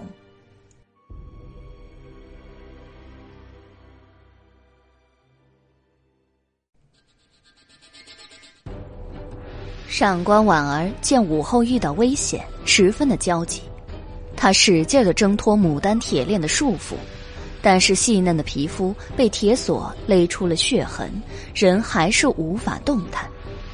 上官婉儿抬头望向房梁，吼道：“白龙，你还藏在上面干什么？还不下来救救天后！”房梁上面毫无动静，白姬好像不在。白姬，大概是跑了吧？瘫坐在一边的袁耀小声的嘀咕，他就知道这条龙妖靠不住。眼见武后的脸色渐渐泛青，就要被韩国夫人饿死，上官婉儿浑身瘫痪，心急如焚。袁耀暗暗自责，都是他不好。如果之前他不和韦燕去踏青，也就不会误入韩国夫人的鬼宅，更不会牵扯上牡丹衣、魏国夫人，闹成今日这般局面。眼见午后就要被饿死，袁耀深吸了一口气，壮着胆子冲向韩国夫人，伸手拉住了她，要和她讲道理。夫人，住手啊！请听小生一言。韩国夫人挥袖拂去，袁耀被一股巨大的力量冲击，弹飞了开去，撞在了铜镜台上，镜台上的胭脂盒、首饰盒洒了一地。袁耀疼得眼泪涌出，但还是又爬起来，扑向了韩国夫人。夫人，请住手啊！杀了天后，也不能让您和魏国夫人复活，更不可能让时光倒流，回到从前啊！消弭仇恨的方法不是杀戮和报复，而是放下和宽恕。您您回头看一眼，您最爱的女儿魏国夫人，她就在您的身边，一直在您的身边呢。韩国夫人闻言，神色微变。手蓦地松开了，午后喘过了气，连连咳嗽。韩国夫人回头四望，没有看见魏国夫人，她大怒，瞪向袁耀：“你骗我！敏儿在哪里？”袁耀刚才只是随口一说，目的是让韩国夫人松开扼住武后的手。见韩国夫人真的要找魏国夫人，他陪笑道。啊，魏国夫人可能在太液池边，小生这就去叫她来。原要拔腿想逃，但是转瞬之间，韩国夫人已经伸手扣住他的肩膀，他愤怒的想将小书生撕成碎片。韩国夫人的指甲嵌进了肉中，小书生又疼又害怕，嚎道：“救命，白姬！”救命啊！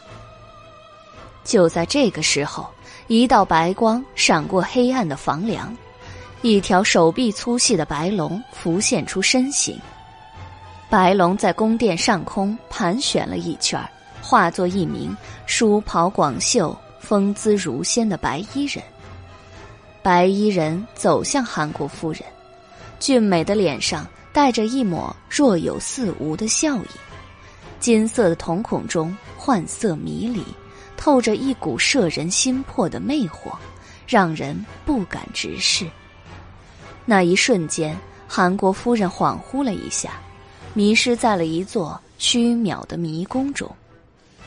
韩国夫人松开了原药，她望着白衣人，喃喃的说道：“缥缈阁，白。”白姬伸出食指。按在韩国夫人的唇上，制止她叫自己的名字。韩国夫人眼神迷离，她望着白姬。愿望，我的愿望，请实现我的愿望。白姬笑了。您的愿望是什么？牡丹衣，我想要得到牡丹衣。牡丹衣已经穿在您的身上了。韩国夫人低头一看，她看见了自己身上灿烂如云霞的华衣，才想起她已经得到了牡丹衣。她想了想，伸手指向武后：“杀死他，是我的愿望。”白姬抬起手，地上的胡刀飞起，凌空划过一个弧度。胡刀割断了武后的脖子，鲜血四溅。武后惊恐的望向白姬，怒道：“你，你！”武后话未说完，就已经倒在了血泊中，不再动弹。上官婉儿和袁耀错愕的望着眼前发生的一切，呆若木鸡。他死了。白姬对韩国夫人说道：“韩国夫人睁大了眼睛，接下来，她突然哈哈大笑起来，她笑得眼泪都出来了。她对白姬道：“接下来，我要拥有和我女儿一样的清纯和美貌。”白姬笑了，金眸灼灼。世界上不可能有两个魏国夫人，那就杀掉我的女儿。韩国夫人疯狂的道。白姬笑了，可以。韩国夫人的容颜渐渐变得年轻美丽，她变成了魏国夫人的模样，姿容绝色，青春逼人，与牡丹衣相映成辉，散发着耀眼的光芒。韩国夫人望着铜镜中自己的容颜，满意的笑了。您还有什么愿望？白姬在韩国夫人的耳边说道，声音飘渺如梦：“ 皇后，我要成为皇后。”韩国夫人狞笑道：“可以。”白姬笑容诡异，她伸出手抚过韩国夫人的眉心。韩国夫人眼前一阵恍惚，陷入了一座与现实互为镜像的迷宫之中。在镜的另一面，在另一个大明宫中，她拥有青春和美丽。她在宫闱斗争中取代了魏国夫人，得到了帝王的无上宠爱。在权势倾轧中，她杀死了自己的妹妹，杀死了阻止她的一切人。成为了皇后。短短的一须臾，她真切的经历了半生的光阴，生老病死，喜怒哀惧。在镜像的世界中，她成为了大唐帝国最尊贵的女人。她得到了她想要的一切，她实现了她在这个世界中无法实现的欲望。然而，他突然发现。他还是不能满足，他想要更多，就像饕餮无法厌足的吞噬一切一样，他也无法厌足的涌起了更多的欲望，永无满足之日。韩国夫人掉入了迷宫之中，陷入了魔障里，她痛苦的抓住头发，仰天哭笑。欲望，好多欲望，无尽的欲望。您。还有什么愿望？白姬的声音飘渺如风，白姬的话语仿佛一条条毒蛇钻入了韩国夫人的耳朵里，让她痛苦到不断的抓扯自己的头发。母亲，一个哀切的声音从天边传来，打破了迷宫的困局，拨开了重重迷雾。韩国夫人蓦然抬头，看见了眼前的现实：大殿冷寂，灯火幽微，夜风掀帘，屏风倒塌。韩国夫人四下望去，仿佛黄粱一梦醒来。他仍然身在紫宸殿中，时间是与白姬眼神对视的那一刹那。午后还好好的跌坐在地上，大口大口的喘气。上官婉儿被牡丹幻化的铁链束缚着，正在使劲的挣扎。袁耀瘫坐在倒塌的屏风边，惊恐的望着韩国夫人。白姬静静的站在韩国夫人面前，金色的眼眸幻色迷离。韩国夫人蓦然醒悟，在她与白姬对视的那一刹那，她就已经堕入了一个虚幻的迷宫之中。刚才。他经历的一切都是幻境，真实的幻境。武后没有死，她没有拥有魏国夫人的青春与美丽，她也没有成为大唐的皇后，但是他已经体会到了欲望达成之后的心情。一个欲望实现之后，还会有更多的欲望浮现，永无止境的欲望，永无止境的贪婪。他不但无法克制自己的欲望，反而不惜伤害别人，也要让欲望无限制的蔓延，直至吞噬一切。如果不是那一声呼唤，他根本无法从迷宫中回来，只会永远困陷在幻境的迷宫中，不得出路。白姬望着韩国夫人，似笑非笑，她的表情仿如菩萨一般慈悲，又如同魔鬼一样邪恶。韩国夫人又是一阵的恍惚。然而，母亲母亲的呼唤再一次将韩国夫人唤醒。韩国夫人循着声音望去，却什么也看不见。谁？是谁在叫我？好像是敏儿的声音。韩国夫人迷茫的道：“母亲，母亲，我在这儿呢。”魏国夫人殷切的呼唤声盘旋在韩国夫人耳际，她就在他的身边，但是他却看不见他。白姬念了一句佛经：“人我是虚迷，邪心是业火，烦恼是刀山，毒欲是荆棘，虚妄是鬼神，贪嗔是地狱。”韩国夫人瑟瑟发抖，她感到全身上下火烧一般灼痛，五脏六腑仿佛被地狱业火煎烤，整个人仿佛从刀山上滚落，又跌入荆棘中，痛不欲生，苦不堪言。午后，原耀、上官婉儿望着韩国夫人，脸色因为恐惧而变得煞白。母亲，母亲。魏国夫人悲伤的呼唤道：“韩国夫人睁开眼，这一次她看见了魏国夫人。魏国夫人只穿着一袭单衣，身形灵娉，她的脸色十分苍白，一点朱唇红得渗人。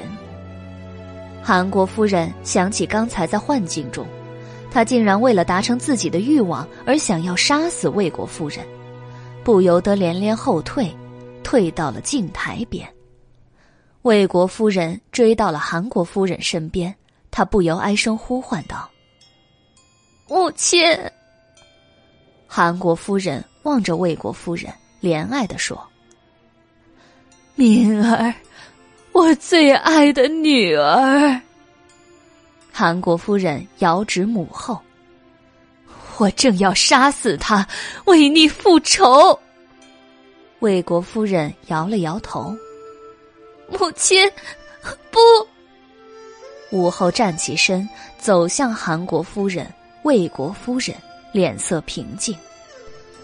袁耀吃了一惊，他担心武后遭遇危险，想要阻止他过去，但是武后已经过去了。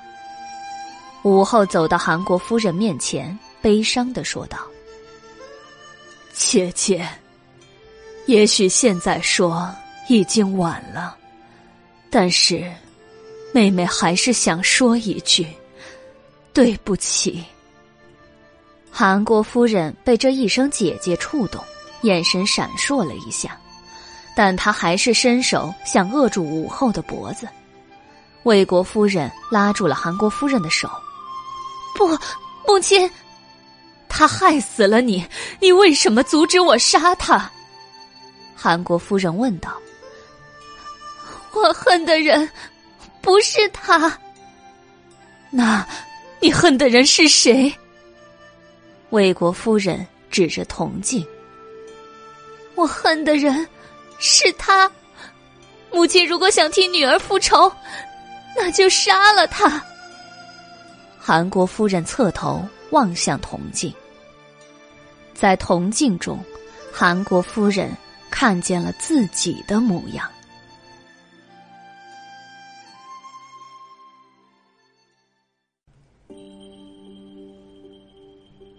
镜子中的他，浑身被火烧得焦黑，五脏六腑裸露在体外，双眼赤红如血，面容因为怨恨而变得扭曲丑陋，没有止境的贪念和极度的自私，让一个人。变成了恶鬼。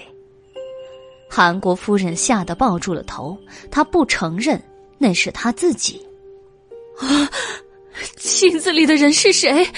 是恶鬼吗？好丑陋的恶鬼！没错，那就是恶鬼，是害死您和我的恶鬼。我恨他，您也应该恨他。韩国夫人心中闪过了一幕幕的往事，一直有一个恶鬼盘踞在他的心中，在他面临选择时，恶鬼在他的耳边蛊惑他，让他一步一步的走向末路。恶鬼诱惑她离开丈夫，来到长安；恶鬼诱惑她入宫；恶鬼诱惑她为了财富与权势。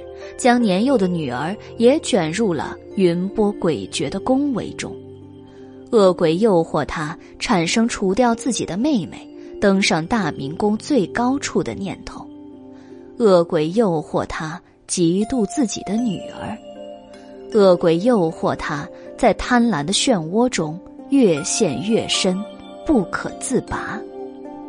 甚至在妹妹给了他一条生路时。他却还执迷不悟的沉沦下去，拿自己和女儿的性命去做危险的赌博，一子行错，满盘落索。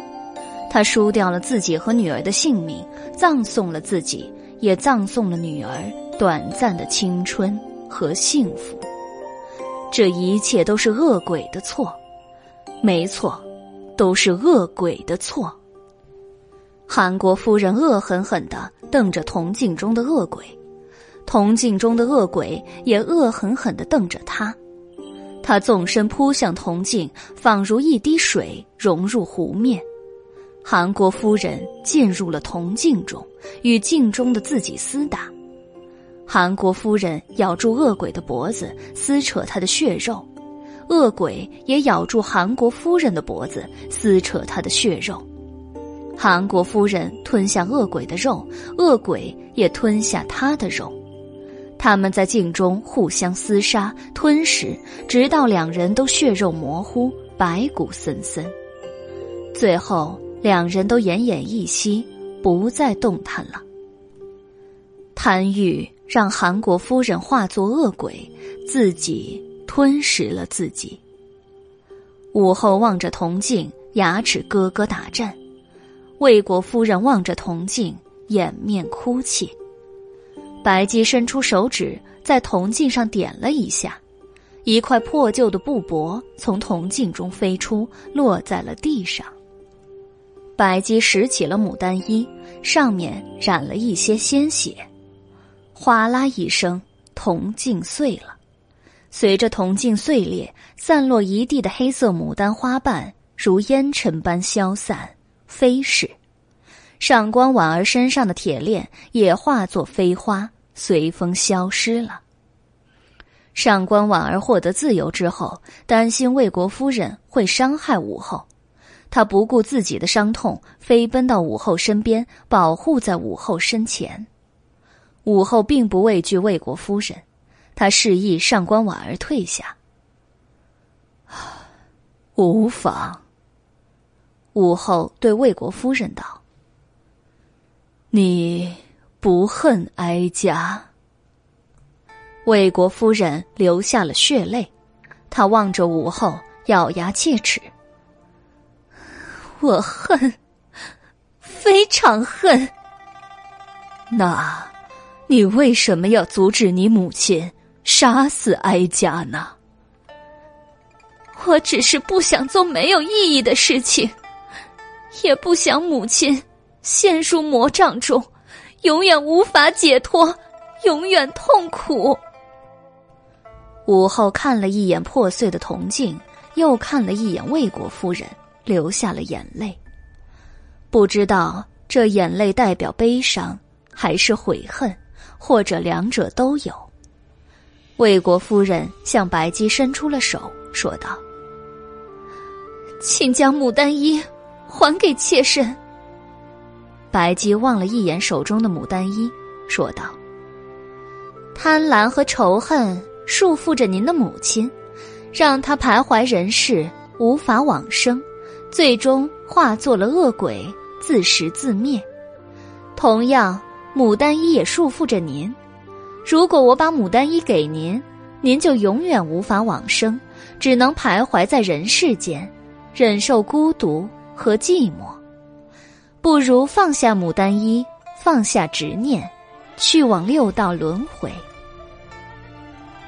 魏国夫人摇了摇头，妾身哪里都不去，妾身就要穿着牡丹衣，守在太液池边，等待一个人，一个妾身最爱的人。哦，您要等谁？白姬有些好奇。魏国夫人望了武后一眼，没有说这个人是谁。那时，妾身与他约好，得到牡丹衣之后，就穿上牡丹衣，为他跳一曲拓之舞。谁知，妾身在寒凉殿等待他时，却误食了有毒的糕点，与他错过了。妾身很爱他。他是那么好的一个人，虽然妾身已经死了，但妾身还是想穿着牡丹衣，一直等下去，等到他来，为他跳一曲拓之舞。武后明白魏国夫人说的是谁，但她没有生气，反而发出了一声微不可闻的叹息。白姬将牡丹衣递给魏国夫人。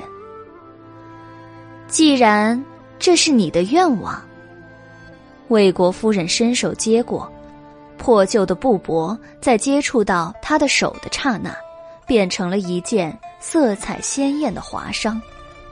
魏国夫人抖开灿烂如云霞的牡丹衣，扬起如风帆，一个优美的转身之后，穿在了身上。牡丹衣与魏国夫人相映成辉，美丽的让人惊叹。魏国夫人对白姬盈盈一拜，转身离开了紫宸殿。武后望着魏国夫人离开的背影，表情复杂。真是一个傻孩子呀！血月西沉，已经是下半夜了。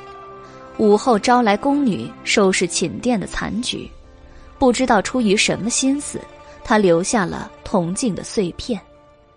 因为天色太晚了，今夜又不宜夜行，白姬和袁耀留宿在大明宫中，打算明日再回缥缈阁。之前袁耀挺身保护武后，武后十分的感激他。问清了袁耀的名字，武后赞道。这名字很好，日明为耀，气宇轩昂。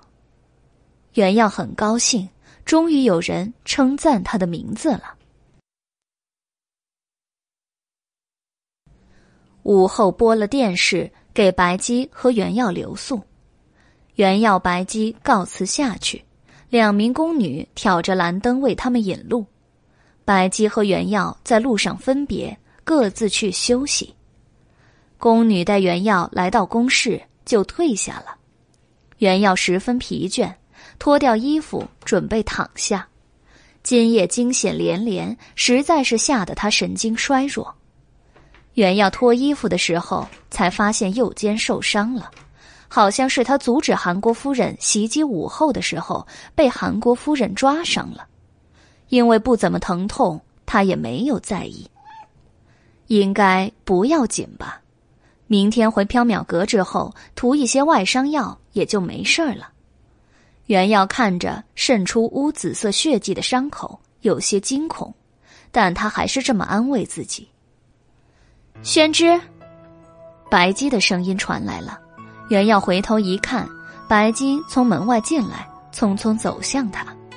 袁耀笑道：“你怎么来了呀？”白姬没有说话，他的神色有些紧张。他把原耀拉到灯火下，扒开他的衣服，借着灯光望向他肩膀上的伤痕。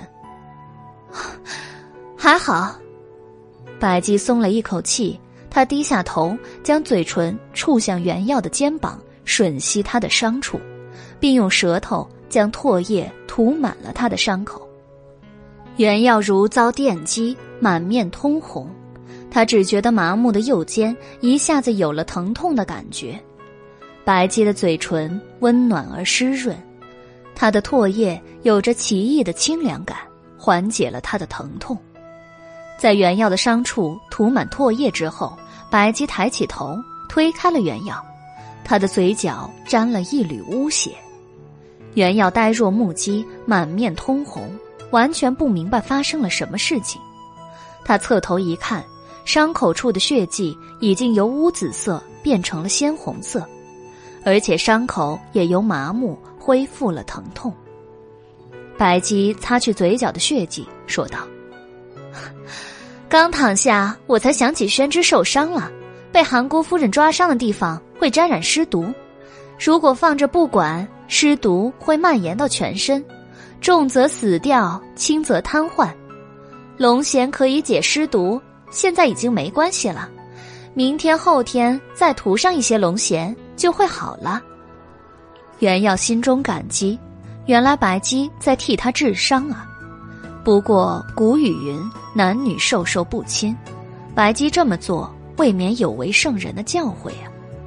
但是他特意匆匆赶来为他治伤，又让他很感动。白姬虽然奸诈、爱捉弄人，但其实也是一个心地善良、会关心别人的好人。袁耀不由道：“哦，嗯，谢谢。”白姬拍了拍他的左肩，笑了：“ 宣之不必客气，龙涎的钱嘛，我会从你的工钱里扣的。”袁耀嘴角抽搐，拉长了苦瓜脸：“呃，这……”小生受伤是为了保护天后，也是为了收你的因果呀。啊，那就只收一半的钱吧。白姬打了一个哈欠，原耀生气的道：“你你还是让小生去死好了。”宣之不可轻言生死，你还要继续干活还债啊！哎呦，太晚了，我先去睡了。白姬挥了挥手离开了。袁耀生了一会儿气，也躺下睡了。在梦里，袁耀来到了太液池边，魏国夫人穿着牡丹衣坐在水畔望月，她守着一份执念，等待着一个永远也不可能到来的人。魏国夫人看见了袁耀，笑了：“ 袁公子，你怎么又来了？”哎，小生也不知道。袁耀挠头，他也很迷惑，自己怎么又到了太液池边？魏国夫人拿出包着五色土的白绢，递给了袁耀。这个还给你。袁耀走过去接过，多谢夫人。妾身真羡慕袁公子，可以待在喜欢的人身边，每天都能看着他。袁耀不明白魏国夫人的话，他在说什么？袁耀问道：“夫人要一直在此等候先帝吗？”李治已经死了，魂魄也许早已转世，魏国夫人根本等不到他想等待的人。魏国夫人点了点头，说道：“妾身会一直等下去，一直等到牡丹衣腐烂成灰烬。”妾身的思念再无依凭时，或许就会去往生了。袁耀有些同情魏国夫人，但又不知道该说什么，只好道：“大明宫的夜色很美，夫人等待的时光也不会太无聊的。如果妾身闷了，就去缥缈阁唤袁公子来聊天啊。”魏国夫人笑了，袁耀不由冷汗。他有些害怕被鬼缠上，但是又很同情魏国夫人，不忍心拒绝他，只好说道：“哦，嗯，如果小生能来，一定来陪夫人闲坐。”魏国夫人不由叹道：“袁公子真善良啊。”如果注定等不到，却还一直等候下去，不悔吗？如果注定会分离，却还心生爱恋，不悔吗？袁耀不明白他的话，魏国夫人也不解释，更不点透袁耀的迷惑。他和袁耀聊起了自己的一生，袁耀听得唏嘘不已。魏国夫人希望袁耀在他每年的忌日为他烧一首诗，袁耀答应了。东方泛起鱼肚白的时候，魏国夫人和袁耀告别，走入了湖底。第一声鸡鸣响起时，袁耀也失去了知觉。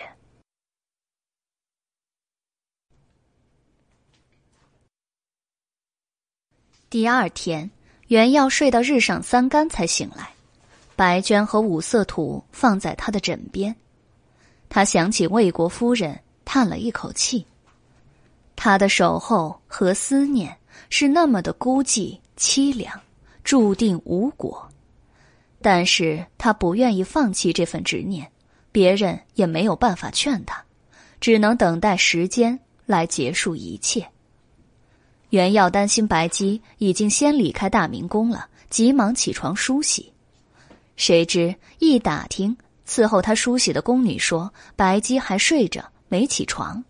袁耀这才松了一口气，同时感叹这条龙妖太能睡了。中午时分，午后在偏殿中赐宴，白姬、原耀正装参加了。午后按照约定赏赐了白姬，又问原耀：“你要什么？你舍身救了哀家，只要你提出，无论封官赐爵、美人珍宝，哀家都满足你。”白姬在原耀耳边笑着轻声道。宣之原本就是为了功名来到长安的吧？可以趁机谋一个官职，顺便再讨一个漂亮的官家小姐做妻子哦。去，袁耀白了白姬一眼，他想了想，说道：“嗯，多谢天后圣恩，小生什么都不要。”白姬不由撇嘴：“ 宣之真笨。”武后赞道。果然是高人呐，无欲则刚。上官婉儿不由嘀咕：“ 什么高人？明明是一个懦弱书生。”袁耀不由苦笑。宴罢，白姬、袁耀带着赏赐离开了大明宫，乘马车回缥缈阁。马车中，白姬望着几箱金子，眉开眼笑：“哎呀！”既获因果，又得黄金，真是美啊！今天的阳光都格外灿烂呐。袁耀伸手掀开车帘，望了一眼外面。白姬，今天是阴天，没有阳光啊。只要心中有阳光，阴天也是晴朗的呀。啊，对了，宣之为什么不要天后的赏赐？封官进爵，光耀门楣。不是每一个读书人的梦想吗？你只要说一句话，就可以实现梦想了呀。袁耀道：“小生去做官，缥缈阁就会缺人手了，黎奴老弟也一定会不高兴的。小生还是留在缥缈阁干活好了。”袁耀舍不得白姬，舍不得黎奴，舍不得在缥缈阁中邂逅的人与非人。比起做官，他更愿意留在缥缈阁，继续与白姬夜游和黎奴吵闹，继续邂逅各种各样的人和非人，经历各种各样的欲望，收获各种各样的因果。也许将来的某一天，他会突然看不见缥缈阁，看不见白姬、黎奴，但那时他还有回忆。他可以珍惜的守候着这些美丽或不美丽的回忆，度过他在人世的岁月。白姬认真的说道：“其实，宣之如果离开了缥缈阁，我也会感到很寂寞的。那是因为，你没有可以捉弄和使唤的人了吧？”白姬挂上一抹鬼笑。呃，对了，白姬，牡丹衣的事儿算是解决了，但光藏国师和失火怎么办啊？他们还在花瓶里呢。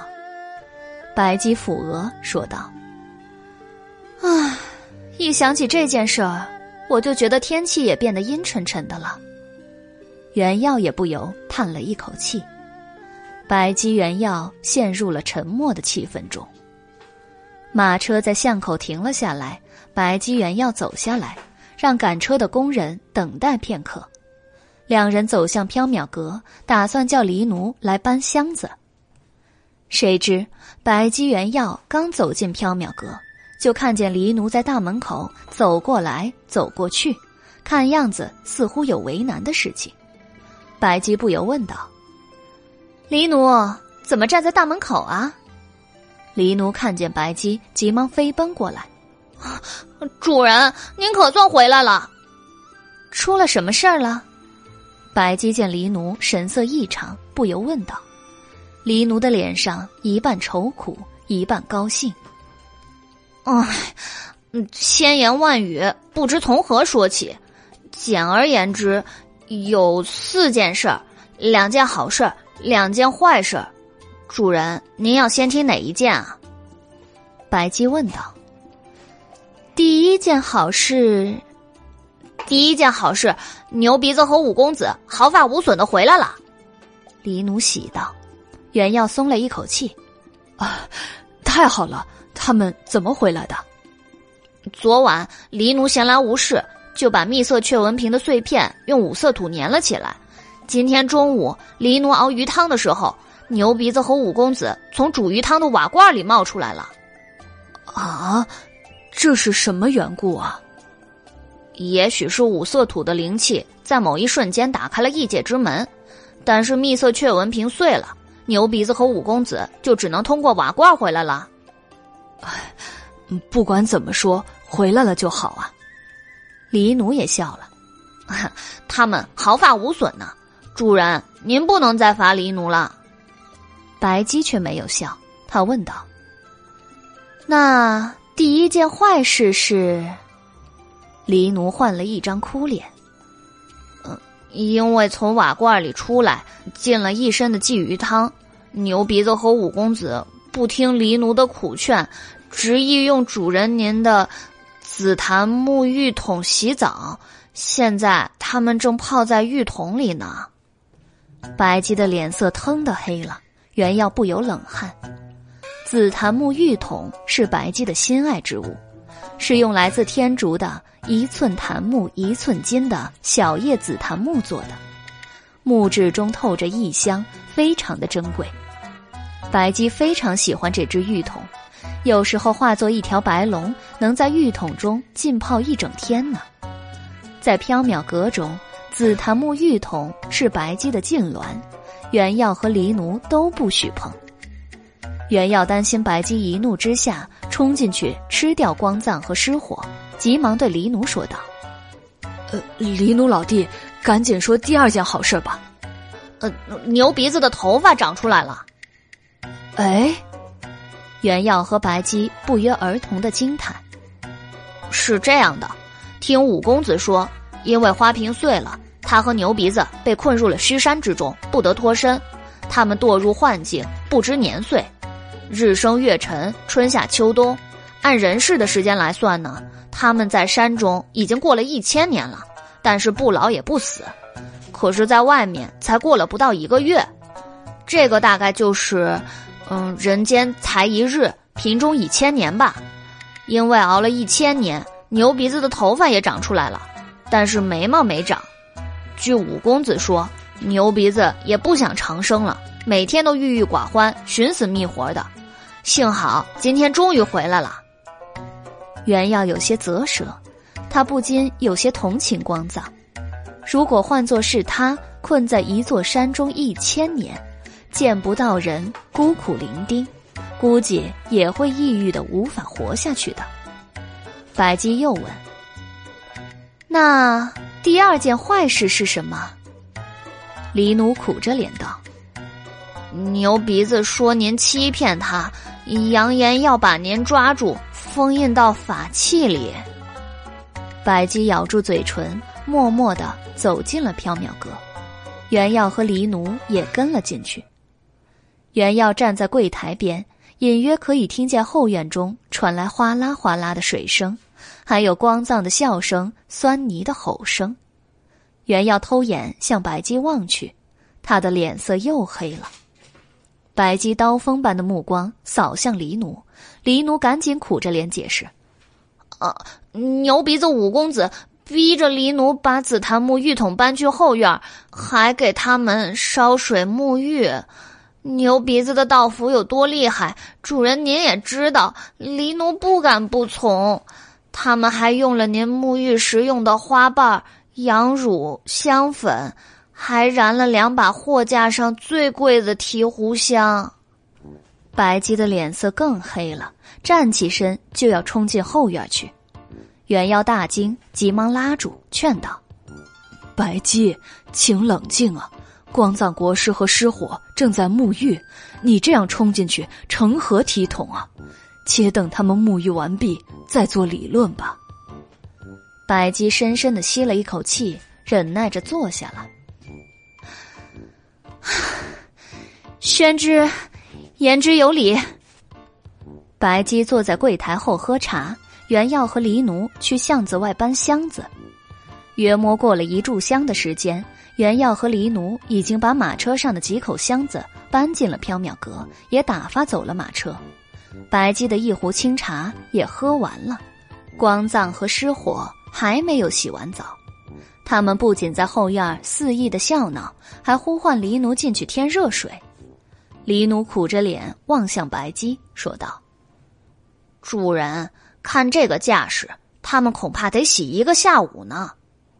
白姬的脸色又黑了，袁耀只好笑道：“啊，呃，小生和黎奴老弟一起进去添水吧，顺便告诉他们你回来了，催促他们快一些洗完。”白姬拉住袁耀，叮嘱道：“哎，宣志，记得查看浴桶有没有损坏啊。”袁耀冷汗，原来他只惦记着浴桶啊。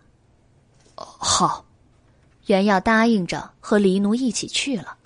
白姬坐在柜台后，默默的沉思。不一会儿，一只半湿的黑猫飞奔了出来。主人，主人不好了！书呆子还没说话，就被牛鼻子和五公子拉进了浴桶里，他们要他一起洗澡呢。白姬蓦地站起身，冲向后院，但是走到半路，他想起了什么，又站住了。算了，还是耐心等待。毕竟之前理亏在先，现在就忍让一下，退一步海阔天空。如果真的激怒了光藏，以后也会有麻烦的。黑猫一边舔湿了的爪子，一边问道：“主人，您打算怎么打发牛鼻子呀？牛鼻子这一次是真的发怒了，恐怕不好打发呢。”白姬缓缓的道。再把它弄进另一个花瓶里关着。黑猫吓了一跳，是不可能的，所以还是道歉吧，然后再赔偿他一些黄金。如果牛鼻子不要黄金，执意要把您封印进法器里呢？白姬举袖抹泪，那我就只能与黎奴生死相隔了。我走了以后，你要好好的照顾自己，不要再贪吃香鱼干，吃坏肚子了。黑猫闻言也流泪了，他义愤填膺的说道：“主人放心，如果牛鼻子捉走了主人，即使对付不了他，黎奴也一定天天去大脚罐叫唤，扰得他寝食难安。”白姬拍了拍黑猫的头，说道。黎奴忠心耿耿，我很感动。黎奴抹泪，主人。一人一猫相对流泪，仿佛分别在即。后院中不时传来哗啦的水声、光藏酸泥的嬉闹声，还有原药的挣扎声。突然，哗啦、砰咚一声闷响之后，光藏、失火、原药都大声的嚎道。哎，坏了，坏了，坏了！百姬一愣：“发生什么事儿了？”黎奴道：“黎奴去看看。”黑猫飞奔去后院窥探，不一会儿，它回来了，欲言又止。主主人，嗯，这这个玉玉桶倒了，摔成了两半儿。白姬的脸色唰的黑了，他怒不可遏的化作一条白龙，旋风般卷向了后院。黑猫想要阻拦，但是已经来不及了。黑猫抖了一下毛上的水，坐在地上叹气道：“啊，主人真的发怒了。牛鼻子和五公子这次要倒霉了。”不一会儿，后院爆发了一阵噼里啪啦，和“白姬，救命！龙耀，你来的正好，本国师……姑姑，我错了。”的混乱声音，但是。一声震耳发聩的龙啸和两声惊叫之后，世界清静了。黑猫起身走向了后院。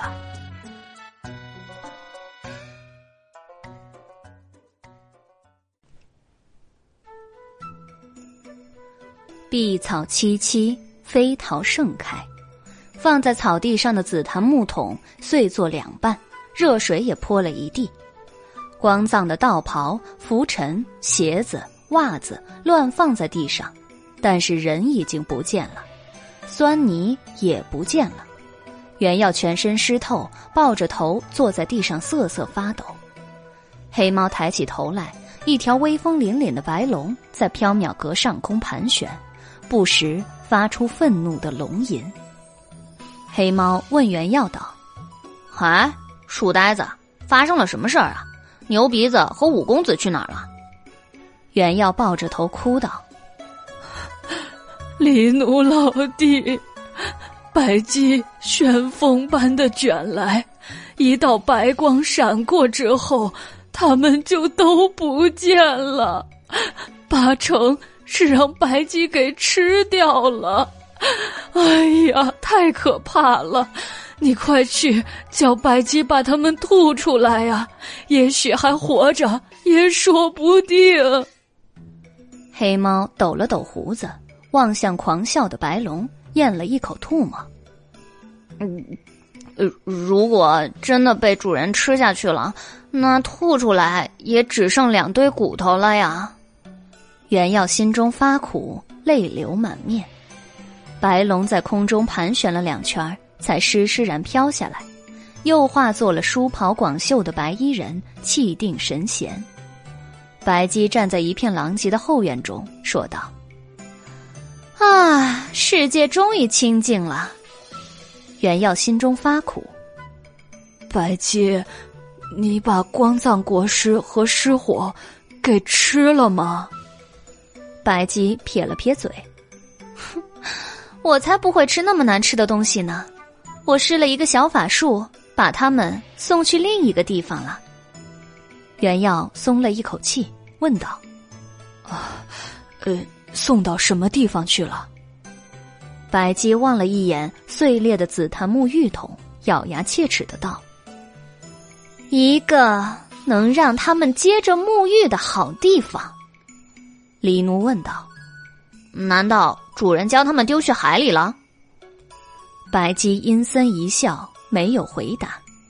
黎奴、原耀虽然好奇，但也不敢细问。白姬说道：“黎奴，你把后院收拾干净。宣之，去拿一些朱砂到我房里来，我必须要重新做一个结界，让光藏找不到缥缈阁。”黎奴应道：“是主人。”原耀打了一个喷嚏：“ 啊，这……”好，黎奴又问：“主人，这个坏了紫檀木浴桶怎么办啊？”劈了当柴烧吧。白姬头也不回的走了。黎奴收拾完后院，袁耀去换了一身干净的衣服。换衣服的时候，袁耀看见右肩上的伤口有些乌黑，他心中害怕，想去找白姬讨一些龙涎抹上。但是想起昨晚白姬替他涂抹龙涎时的情形，又觉得男女有别，与理不合。袁耀光着肩膀在大厅中徘徊，不知道该不该去找白姬抹龙涎。黑猫恰好经过，他看见袁耀肩上的伤口，吓了一跳。哎呦，书呆子，你让厉鬼给抓了！哎呦，坏了呀，这伤口上又湿毒。袁耀刚要开口，小黑猫不由分说的窜上了书生的肩膀，露出獠牙，一口咬下去，鲜血四溅。啊，痛死了！袁耀流着泪惨叫。黑猫低头一看，笑了：“哈，还好，血是红的，能感到疼痛也是好事儿。我爹说了，被厉鬼抓伤会沾上尸毒，一定要先咬出红色的血，然后再抹上猫涎。”黑猫说着，呸呸吐了两口唾沫在猫爪上，啪啪几爪子抹在原耀的伤口上。原耀疼得流泪，他觉得右肩都快被黎奴给咬断了，于是想叫黎奴住手。黎奴老弟，请住！嗨，举手之劳，不用感谢爷。黑猫打断原耀的话，笑着跳下地干活去了。原药呆呆的站在大厅之中，迎风流泪。时光如梭。转眼又过了十天，白姬做了新的结界，以防光藏和失火闯来巡视。袁耀丝毫没有感觉到缥缈阁和以往有什么不同。他想，大概这结界只对光藏和失火有用吧。袁耀很想知道，之前白姬把光藏和失火弄到哪里去继续沐浴了，但是他一问起，白姬只是嘻嘻的笑。黎奴把光藏留下的道袍、靴子、玉冠、拂尘拿去当了三吊钱，分给袁耀一吊。袁耀觉得拿了有违君子之风，但是不拿又怕黎奴生气，就把这一吊钱偷偷的施舍给路上遇见的乞丐了。白姬心情十分不好，因为为了牡丹衣，他先后损失了一套千峰翠色瓷杯。一只蜜色雀纹瓶，一个紫檀沐浴桶，还有半盒提壶香。袁耀安慰白姬说：“午后赐了六千两黄金，怎么也够买茶具、花瓶、浴桶和提壶香了。”白姬还是闷闷不乐，每天穿着男装去献福寺听意境禅师讲经解闷儿。袁耀按照约定，每逢单日陪他去听。不过也是在打瞌睡，经文完全没有听进去。这一天，袁耀想起正是魏国夫人的忌日，于是就坐在清月岸边，铺开了一张纸，研了一些墨，打算写一首祭诗烧给他。正是仲春，阳光明媚，屏风上的牡丹花繁艳而美丽。袁耀想起魏国夫人的一生，心有所感，提笔而就。袁耀写完最后一个字的时候，韦燕走了进来。韦燕笑了：“哟，原来宣之在里面呀！我还以为今天缥缈阁没人了呢。”袁耀道：“啊，怎么会没人呢？白姬在楼上睡觉，李奴老弟去集市买鱼去了。”韦燕在袁耀对面坐下。抢过了袁耀刚写的诗，笑道：“嘿，宣之在写诗啊！来，我瞧瞧。”袁耀脸色一变，想抢回来，但是没有韦燕动作灵活。韦燕念道：“龙阁凤殿玉琳琅，火莲妖娆修罗场，绿鬓冷沾三月露，红腰相近九宫霜，夜夜痴吟牡丹词。”岁岁看花泪千行，独立西风又一年，多情总被无情伤。韦燕脸色微变，哗啦一声撕了这张纸，揉成了一团。袁耀一惊，韦燕不由肃容道：“宣志，龙阁凤殿修罗场这类的恭维之词，岂能乱写啊？也就是我看见了，万一被别有用心之徒看见，告你一状，你就有入狱之灾了。以后啊，万万不可再写了。袁耀心中发苦，这是写给魏国夫人的记事。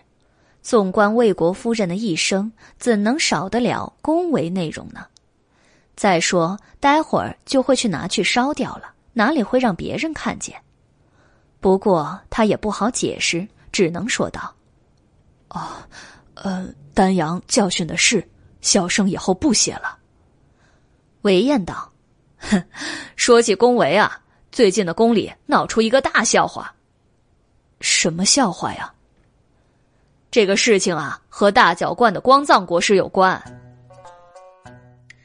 原来十天前的下午，武后处理完一些正事之后，准备去仙居殿沐浴。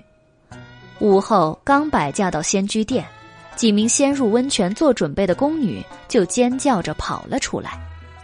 宫女跪在武后面前哭诉道：“禀天后，一名披头散发、全身赤裸的男子。”和一只金色的尸兽从天而降，正泡在温泉里呢。武后震怒，让金无畏去捉男子和尸兽。金无畏得令，蜂拥入仙居殿。但是金无畏尚未进去，一只喷火的尸兽疯狂地冲出重重包围，驮着用手遮着脸的男子，一溜烟儿冲去大脚罐了。那个男子吼道：“笨蛋，不要直接回大脚罐啊！”会被人发现身份的，先出宫绕一圈，再偷偷的回呀。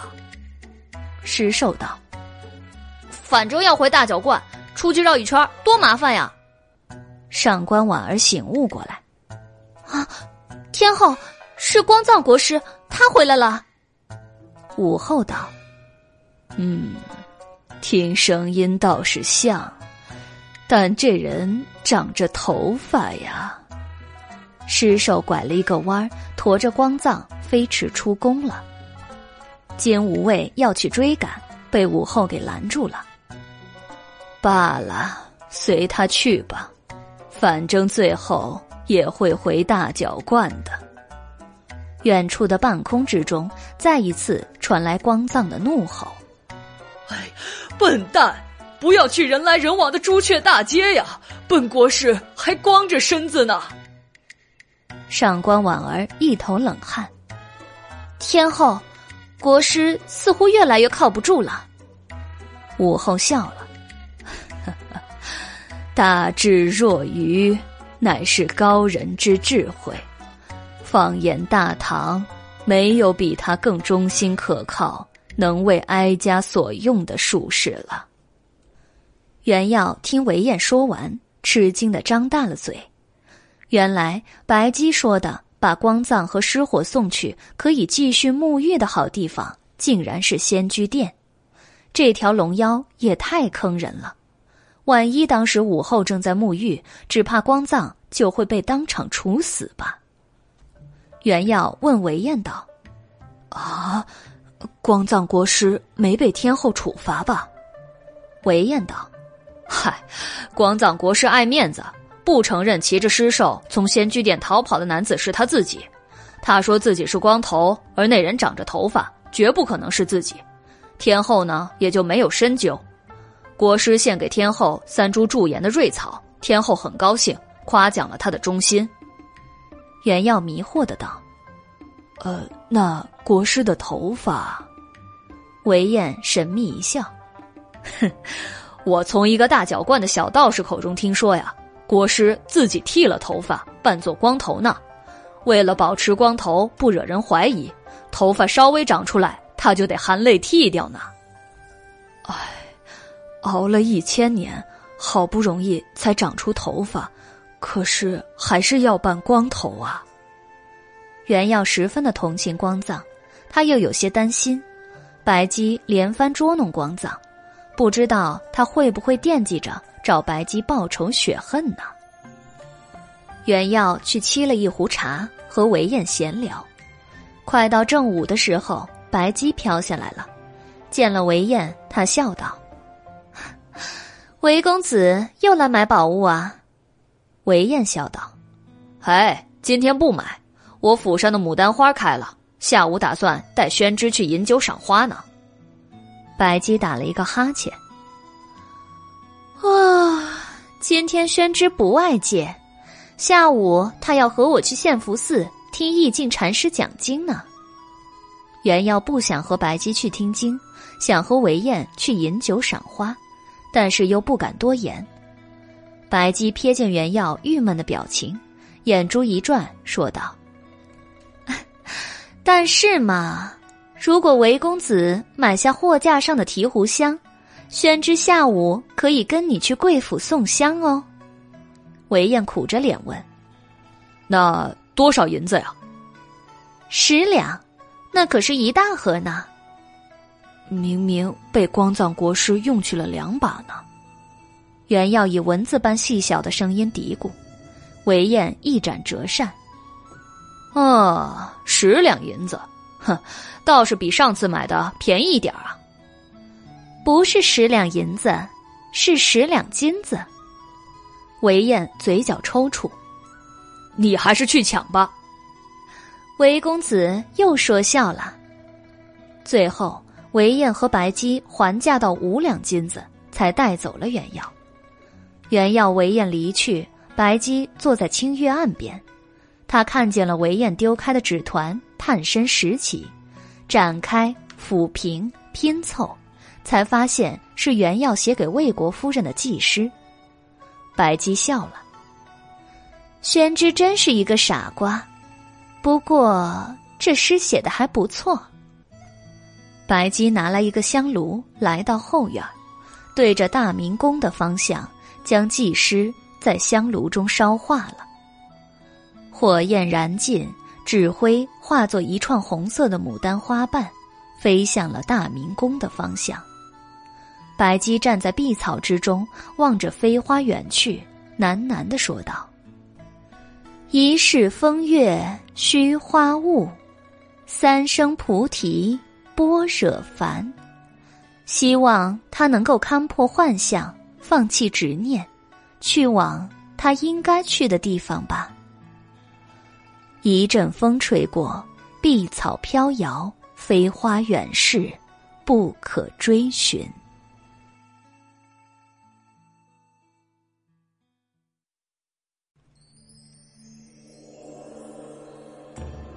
长安秋风起，满城落叶稀。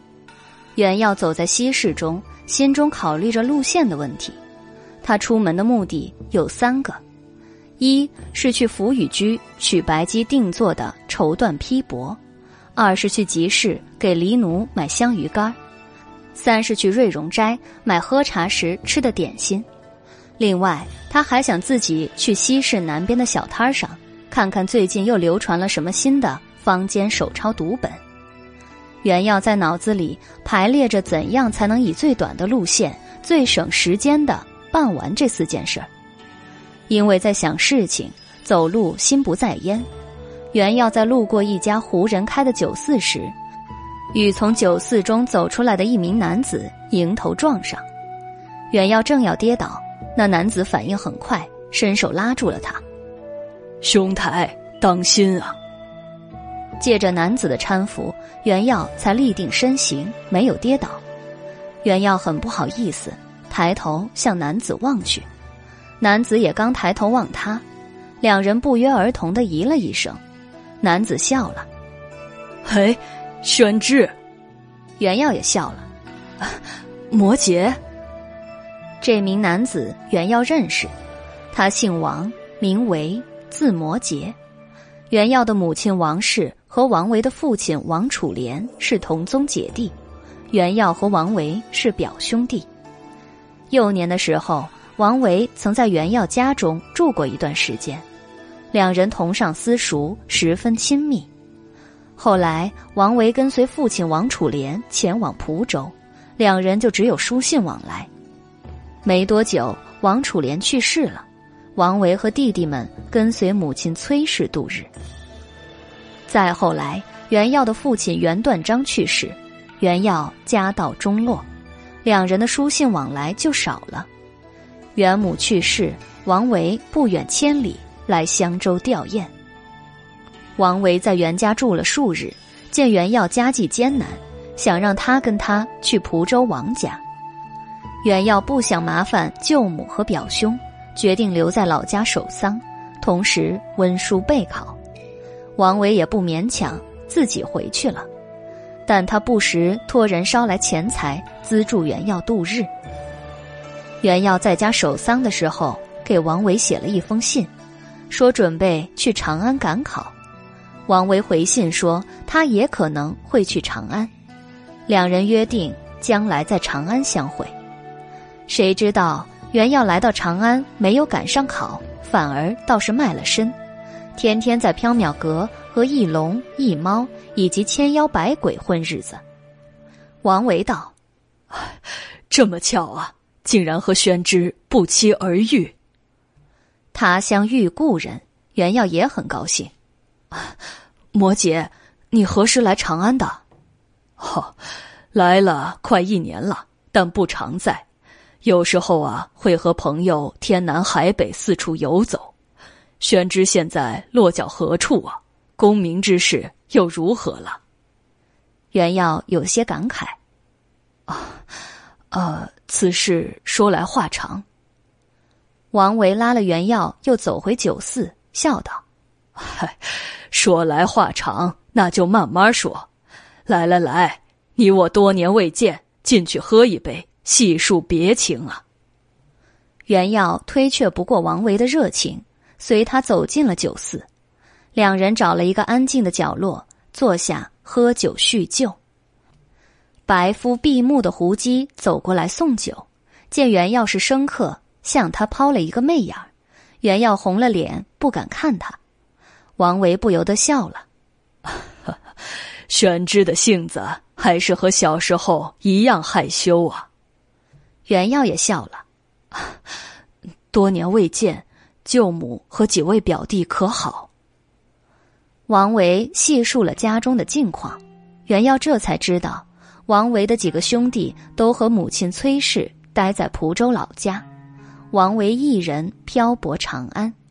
定居在长安南郊的一处别院之中。这几日，因为一个友人开诗会，王维来城中酬答，住在朋友府上。今天他闲来无事，独自来西市闲逛，恰好遇上了袁耀。王维问起袁耀的近况，袁耀不好细说，只答自知才疏学浅，功名无望，没有去参加科考。现在在西市一家古玩斋里帮忙记账。王维知道袁耀家贫，以为他是没有旅资才沦落到当店铺的账房糊口，顿时流下了眼泪。宣之，你我乃是有血缘之亲的表兄弟，为兄虽然只虚长你一个月，但也是兄长啊，断不能眼看着你受苦。你去把账房之职辞了，跟为兄去别院同住，生计之事你不需要发愁，且安心温书备考就好。袁耀挠了挠头，他很感激王维的好意，但是并不想离开缥缈阁，不知道怎么解释和推辞。王维见了，说道：“宣之如果不方便亲口向掌柜辞职。”为兄可以去替你说，宣之所在的古玩斋叫什么名字啊？哦，呃，缥缈阁。没听说过呀，在什么地方？在西市中有一棵大槐树的巷子里。袁耀老实的回答。其实无缘之人走进巷子，也未必能够看见缥缈阁。王维说道。好，改日我去拜访，与掌柜的细说。袁耀只好也道：“哦，也好。”袁耀觉得王维不一定走得进缥缈阁，他拙于言辞，不知道怎么拒绝他，只能暂时如此敷衍。他打算回去请教舌灿莲花的白姬，找好了说辞，再得体的修书一封，送去王维的别院婉拒。袁耀和王维天南海北的闲聊了一通，不知不觉已经日头偏西了。见时候不早了，王维、袁耀离开了酒肆，互相作别。王维回朋友的府邸，袁耀去办事。袁耀见天色已晚，料想继续去办事的话，恐怕无法在下街鼓响起之前赶回缥缈阁，于是便空着手回去了。他叹了一口气，今天什么事也没办成，白姬和黎奴一定会很生气的。缥缈阁中，白姬沏了一壶茶，等袁耀买点心回来。他等到茶都凉了，点心也没来。黎奴生了一炉火，准备烤香鱼干吃。他等到炉火都熄了，袁耀还没买回香鱼干。黎奴不高兴的骂道：“哼，书呆子，一定又跑去哪里偷懒了。”白姬把茶壶放在火炉上，重新点燃炉火，说道。也许是遇上什么人了，今天看不到批驳，吃不到点心和鱼干了。黎奴道：“主人，厨房还有一些生栗子，那就一边喝茶一边吃烤栗子吧。”白姬笑了，黎奴赞成：“ 好啊。”原要回到缥缈阁时。白姬和黎奴正坐在火炉边喝热茶、吃烤栗子，见袁耀两手空空的回来，黎奴撇了撇嘴：“哼，书呆子果然偷懒去了，什么都没带回来。”袁耀挠了挠头，有些不好意思。白姬笑了：“也不是什么都没带回来呀，宣之还带着一样东西呢。”黎奴、袁耀同时好奇的问：“什么东西啊？”白姬笑了，人啊，宣之总算没把自己弄丢了，带着自己回来了。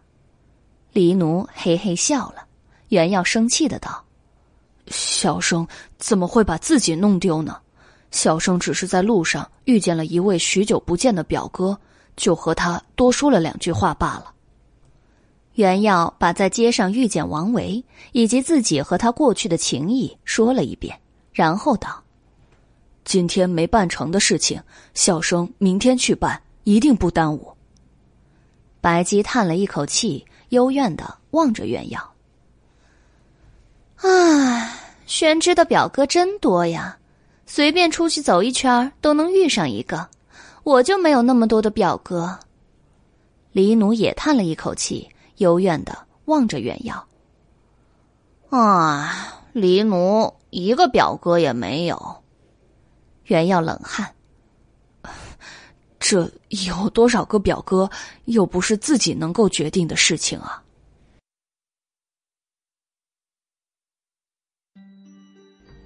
秋草飞盈，月圆如盘。缥缈阁后院的屋檐下，白姬、原耀、黎奴席地而坐，一边喝酒，一边赏月。素瓷杯中的清酒上浮起一片月光。白姬将月光引入喉，愉快的笑了。袁耀捧着酒杯，望着夜月和浮云，心中十分静谧。他侧头望向白姬，他的眸子中映着月光，嘴角浮着笑意。袁耀顺着白姬的目光望去，看见了古井边的桃树，桃树上结了不少又大又鲜红的桃子，硕果累累，煞是好看。白姬笑了，黎奴想吃桃子吗？黑猫道：“嗯，想。可是谁去摘呢？”黑猫伸爪指着袁耀：“书呆子去。”袁耀不高兴的道：“黎奴老弟，谁想吃谁去摘呀？”黑猫露出尖利的牙齿：“啊，也想吃，书呆子去摘。”袁耀害怕黎奴咬他，只好放下酒杯去摘桃子。袁耀走到桃树下，借着月光抬头望去，他看见三个又红又大的桃子长在一处枝桠上，就垫脚去摘。可是他的手始终够不着那一根树枝，他有些着急。突然，袁耀的耳边响起一阵银铃般的笑声，桃树枝中伸出一只纤纤细手，将长着三颗大桃子的枝桠摘下，递给了袁耀。袁耀接过，红着脸道：“呃，多谢阿飞姑娘。”阿飞是桃树精，笑容甜美，她长得十分娇媚，又喜欢穿艳丽的女装。以至于袁耀一直以为她是女子。不远处，白姬和黎奴望着袁耀红着脸和从树枝中探身而出的妖娆精媚对视。黎奴迷惑的道：“哎，主人，书呆子看见阿飞那家伙为什么要脸红啊？”白姬笑眯眯的道：“因为宣之太害羞了呀，黎奴不许告诉宣之。”阿飞是男子哦，为什么呀？黎奴不解。因为宣之害羞的样子很好看呐。黑猫揉了揉眼睛，望向呆头呆脑、满面通红的小书生。他怀疑主人的审美有问题，因为他完全不觉得小书生害羞的样子好看。比起小书生害羞的模样，他更喜欢看。小书生拉长了苦瓜脸的模样。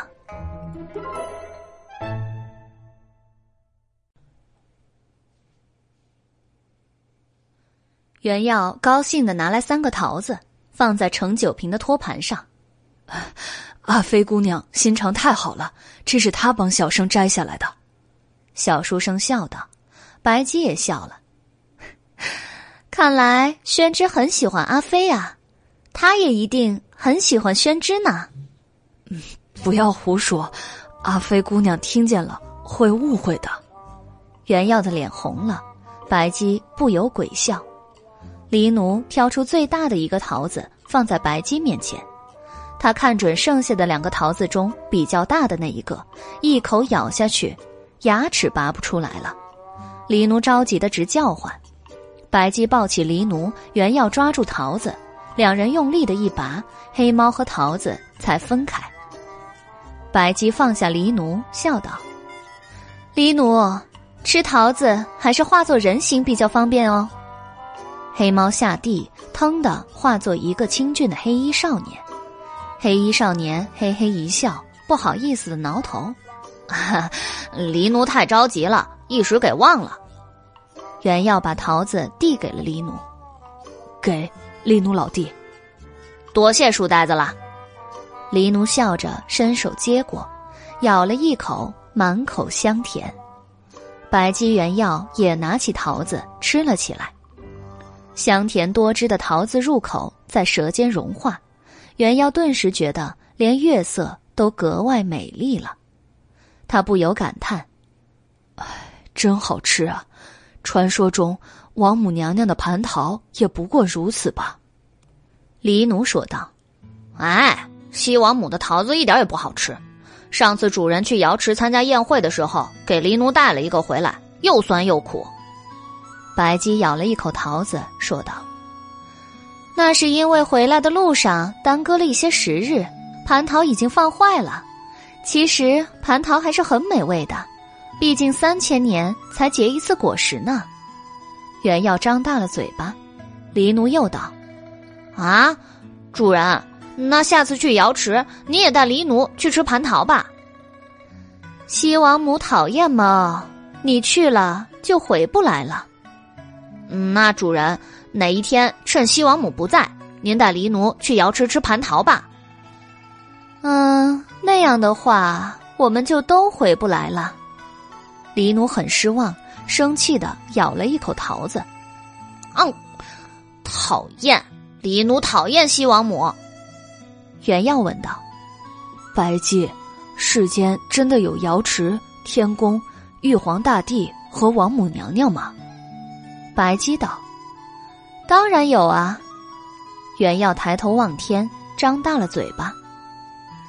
人与非人都是众生。仙人也是非人的一种啊，仙人们也常常来人间走动，和人类邂逅。仙人为什么要来人间和人类邂逅啊？因为有缘吧。白姬笑了。袁耀因为白姬这句话而陷入了沉思。缘之一字实在复杂难解，但却又简单的不需要任何解释，就像他邂逅白姬又邂逅缥缈阁一样。白姬望着手中的桃子，似乎想起了什么。对了，宣之可曾听说过汉武帝和西王母邂逅的故事？袁耀回过神来，哦，呃，小生听过。近代张华的《博物志》上有记载，某一年七月七日的夜里，西王母乘坐紫云车驾临成华殿，与汉武帝相会。他送给汉武帝七枚蟠桃。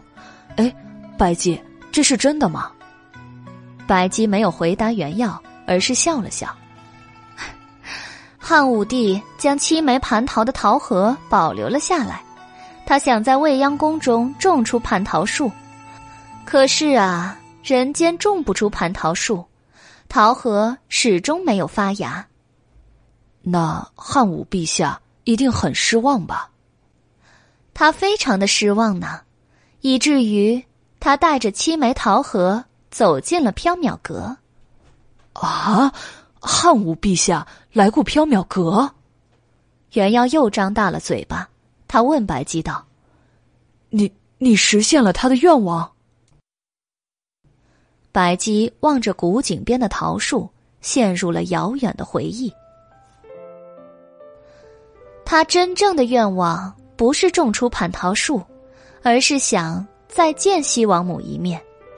他以为在未央宫种出了蟠桃，西王母就会再来见他。我实现了他的愿望，让他再一次见到了西王母。但是他的果并不美好，也不浪漫。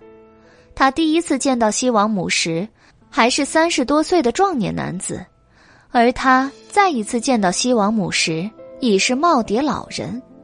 几十年的岁月流逝，西王母的模样丝毫没变，仍然青春美丽，仪态万千；而他嘛，却已经白发苍苍，身形佝偻。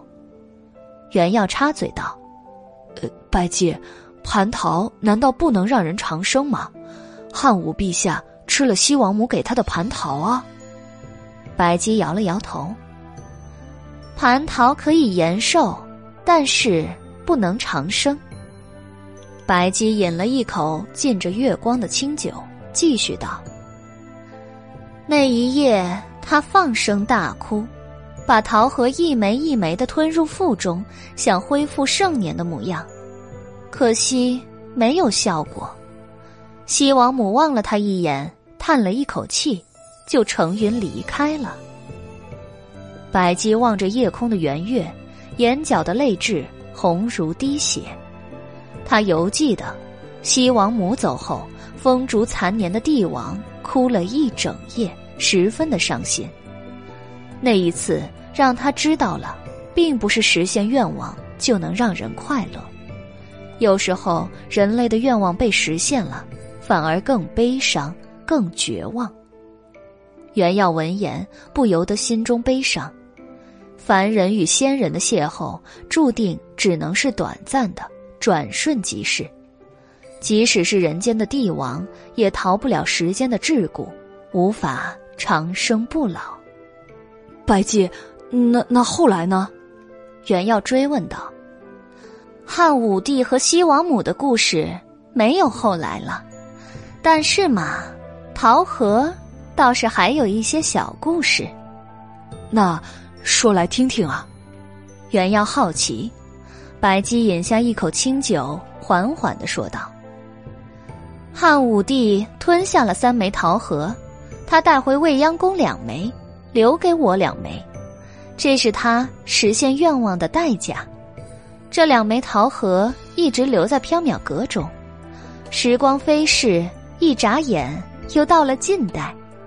有一天啊，一个和宣之一样喜欢写诗的士人走进了缥缈阁，他请求我实现他的一个愿望。他有什么愿望啊？这位客人说，他年轻的时候有一次去山中郊游，冒冒失失的闯进了一处开满桃花的美妙之乡。他在桃源乡中留了一段时间，十分的快乐。后来他回到了人间，却仍然对桃源乡恋恋不忘。可是无论他回去寻找几次，也找不到走进桃源乡的路。他很悲伤，一直痴恋着桃源之乡，想在有生之年再去一次。白姬停下了叙述，抬头望向飞桃树，陷入了沉思。袁耀凝视着白姬的侧脸，问他：“那，你实现这个客人的愿望了吗？”白姬回过神来，转头与袁耀对视。宣之，这世间没有桃源香啊！那位客人所见的桃源乡，只是他自己的妄想。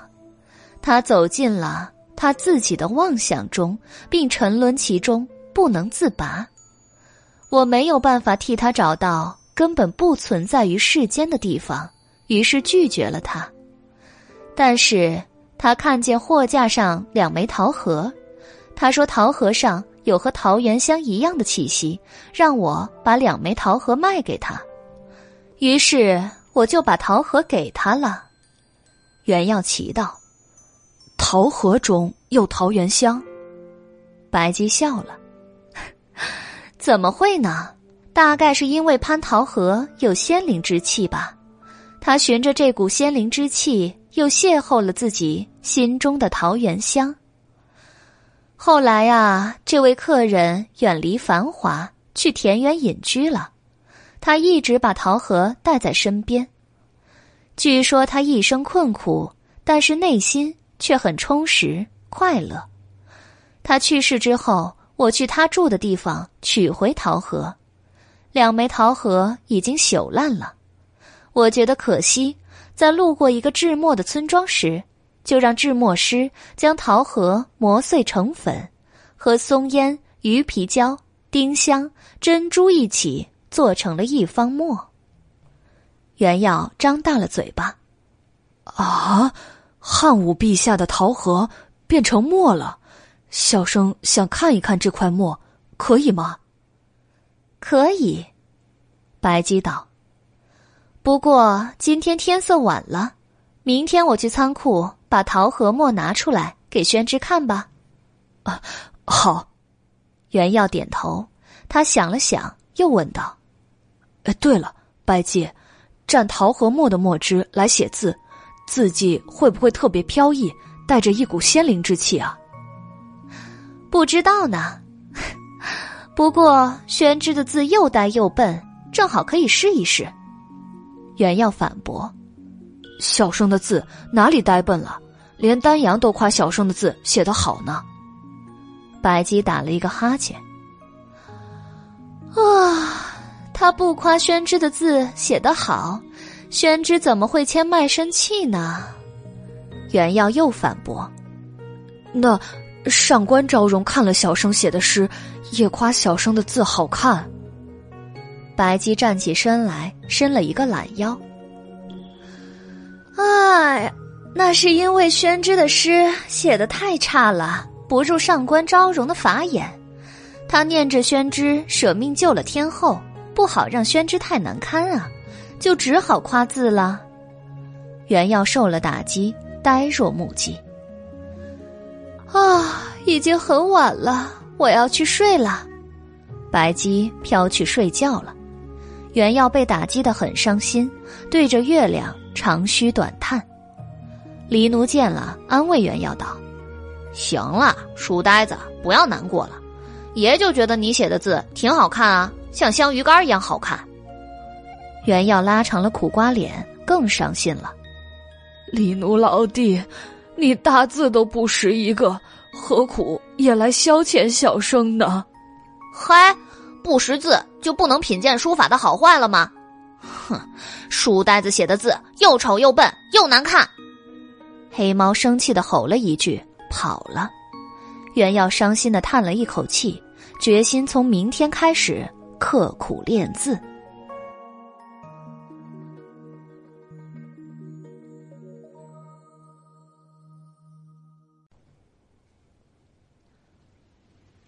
第二天一大早就淅淅沥沥的下起了雨空气中透着一股寒气。吃过早饭之后白鸡从仓库中翻出了桃和墨他把桃和墨放在货架上说道在阳光下放几天，去一去灰泥浊气。”原耀定睛望去，那是一方巴掌大小的墨，如黑缎子一般黢黑，雕作半个桃核的形状，上面还布满了桃核的纹路。原耀凑近一闻，墨香中。似乎还有一股桃子的芬芳。袁耀问道：“这就是桃和墨，看着倒是挺普通的呀。”白姬笑而不语。袁耀取了一把竹伞，打算去办昨天没有办成的事情。他衣衫单薄，出门时一阵冷风卷来，不由得打了一个寒战。等一等，宣之。袁耀正要踏入雨中。白姬叫住了他，袁耀站住。怎么了呀？你等等啊！白姬说了一句，上楼去了。不一会儿，他拿来一件白色孔雀纹的披风，他走到袁耀身边，为他披上，替他系紧。今天天气冷，宣之不要着凉了。白姬笑道：“披风十分暖和，驱散了秋雨的寒凉。”袁耀心中。涌起了一阵暖意，啊，谢谢啊！他很感动，但是看了看披风，不得不道：“嗯，可是，可是这件披风是女子穿的样式和花纹啊。”百姬笑了，能够御寒就已经很好了。宣之不能太挑剔款式啊。袁耀只好披着白姬的披风出门了，他想。下雨天，大街上的路人不会太多，应该没人会注意到他吧。袁耀去福雨居取了披帛，又去买了点心和香鱼干，提着一个大包袱回缥缈阁。他庆幸路上的行人不多，也没有人注意他的披风。袁耀回到缥缈阁时，已经是正午光景了。他在屋檐下收了伞，走了进去。柜台边，黎奴捧着一本书，聚精会神的凝视着。他见袁耀回来了，冷哼一声，又把视线移回了桌上。袁耀有些惊讶，今天太阳从西边出来了，黎奴居然在看书，他又不识字，能够看懂吗？袁耀走到柜台边，把包袱放下。黎奴老弟，你的香鱼干买回来了。爷在看书呢。袁耀瞥了一眼黎奴捧的书，是他常看的《论语》，不过黎奴拿到了。袁耀的嘴角抽搐了一下，没有点破黎奴，只是嗯了一声。黎奴又道：“哼，从今天起，爷也是读书人了。”袁耀看了一眼黎奴拿到的书，想说什么，但终是忍住了。袁耀打开包袱。将鱼干、点心、披帛依次取出，黎奴看见香鱼干，立刻抛下《论语》，凑了过来。袁耀隐约听见里间传来白姬和谁的说话声，好奇的问黎奴道：“哎，李奴老弟，有客人啊？”黎奴将一条鱼竿放进嘴里，含糊的道：“哦，啊，看书看忘了，书呆子，你的王家表哥来看你了。”主人在陪他说话呢，你赶紧进去吧。啊！袁耀大惊，顾不上整理东西，急忙奔去里间。袁耀匆匆的走进里间，透过薄薄的金菊屏风，他看见了一名身穿绿烟色长衫的男子与白姬对坐说话。男子的身形清瘦而挺拔，仿如空山中的一株劲竹。从身影来看。应该是王维。袁耀赶紧走过去，叫了一声：“摩羯。”男子回过头，他长着一双细长的丹凤眼，眼神明亮。他看见袁耀，也笑了：“ 玄之，摩羯，你怎么走进缥缈阁了？”袁耀微微吃惊，王维怎么走进来了？一般人看不见缥缈阁，更走不进缥缈阁。通常能够走进缥缈阁的人，都会成为白姬的因果。王维道：“啊，今天下雨，闲来无事，想起了宣之，就找来了。没想到啊，烦恼的西市之中，竟然藏着这么一家静雅的古玩斋啊！”白姬喝了一口茶，他望着王维，眼神深邃，笑而不语。原耀来到王维身边，席地而坐。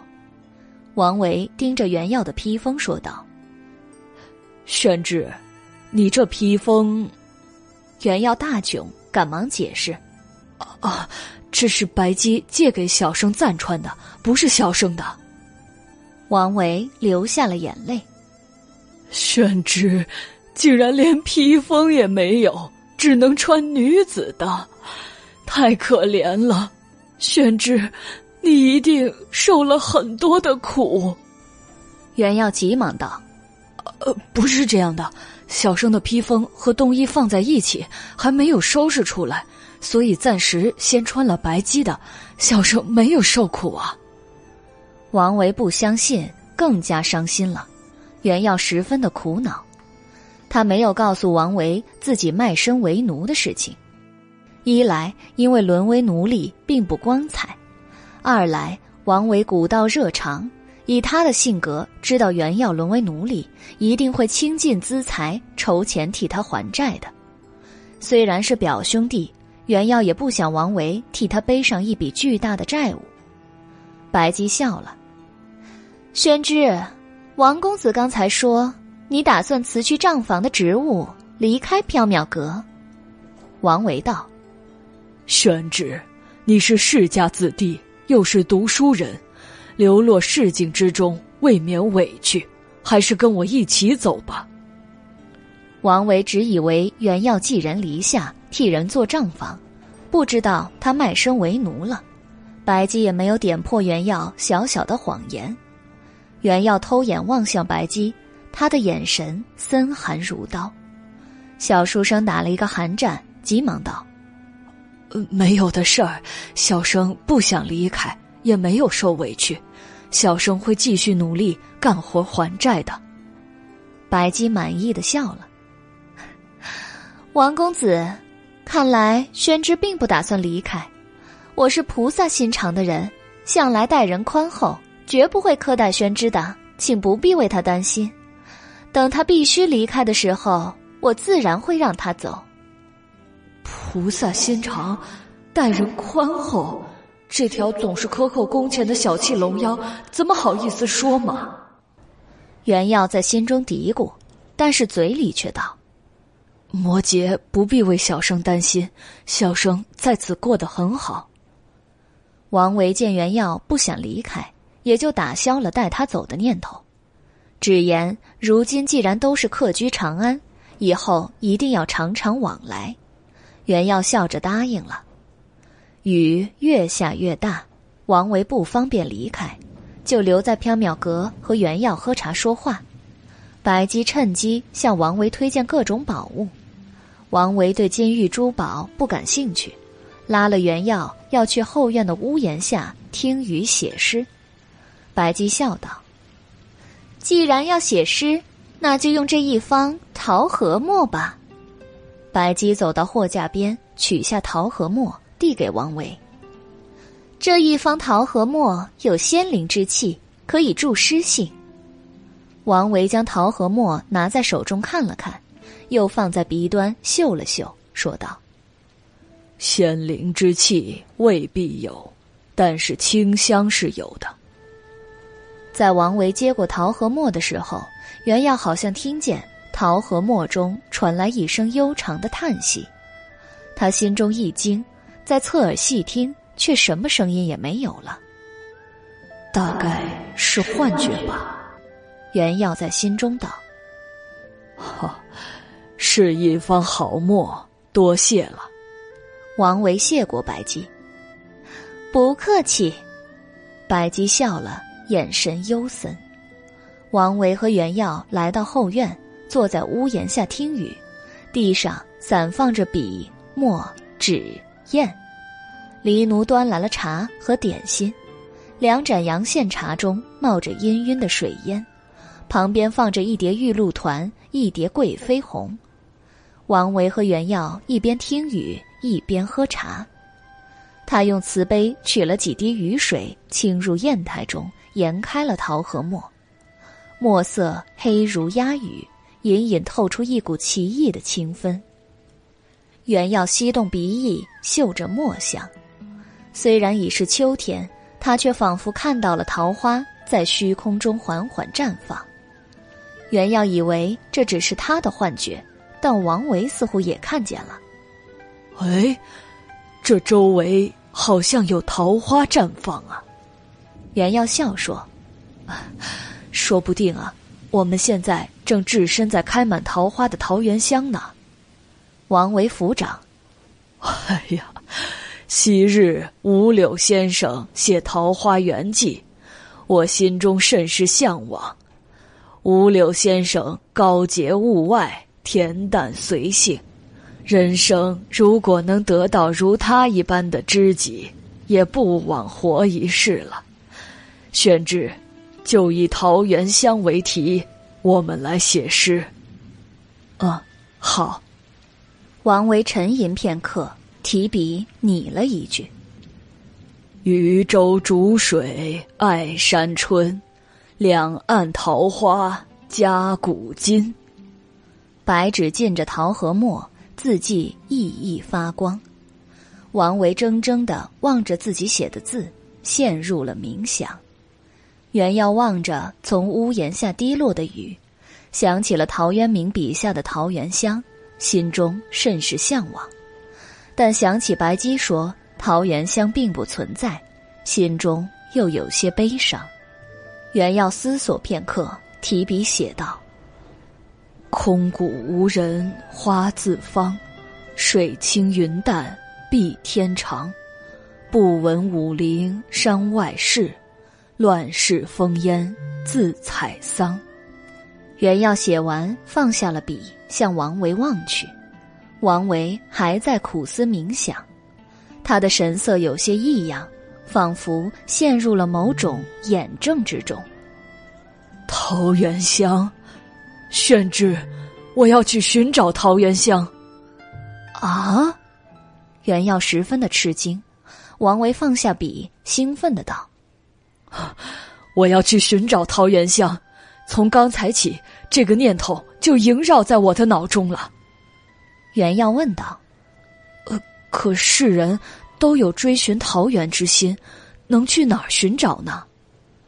王维抬眸望向秋雨，又陷入了沉思。袁耀拿过王维写诗的纸，低声念道：“渔舟逐水爱山春，两岸桃花夹古今。”王维道：“还没有写完，现在没有灵感。”无以为继，待我回去之后把它写完。袁耀笑了，虽然没有写完，但这一句很美，小生仿佛看见了桃源乡。啊，桃源乡啊！王维又陷入了沉思。秋雨停时，王维告辞离开，他想带走桃和墨，对白姬道。这一方桃和墨，我想买下多少银子？原要以为白姬会狮子大开口，漫天要价，没想到白姬却只是笑说：“王公子既然是宣之的表兄，我就不收银子了。这方桃和墨送给你，他与你有缘，你且珍惜。”王维笑道：“如此，多谢了。”我在郊外有一处别院，风景秀美。过些时日就是重阳了，白姬姑娘和宣之可以一起来我的庄院赏秋，饮菊花酒，吃重阳糕。白姬笑着答应了。原要送王维到巷口，两人才分开。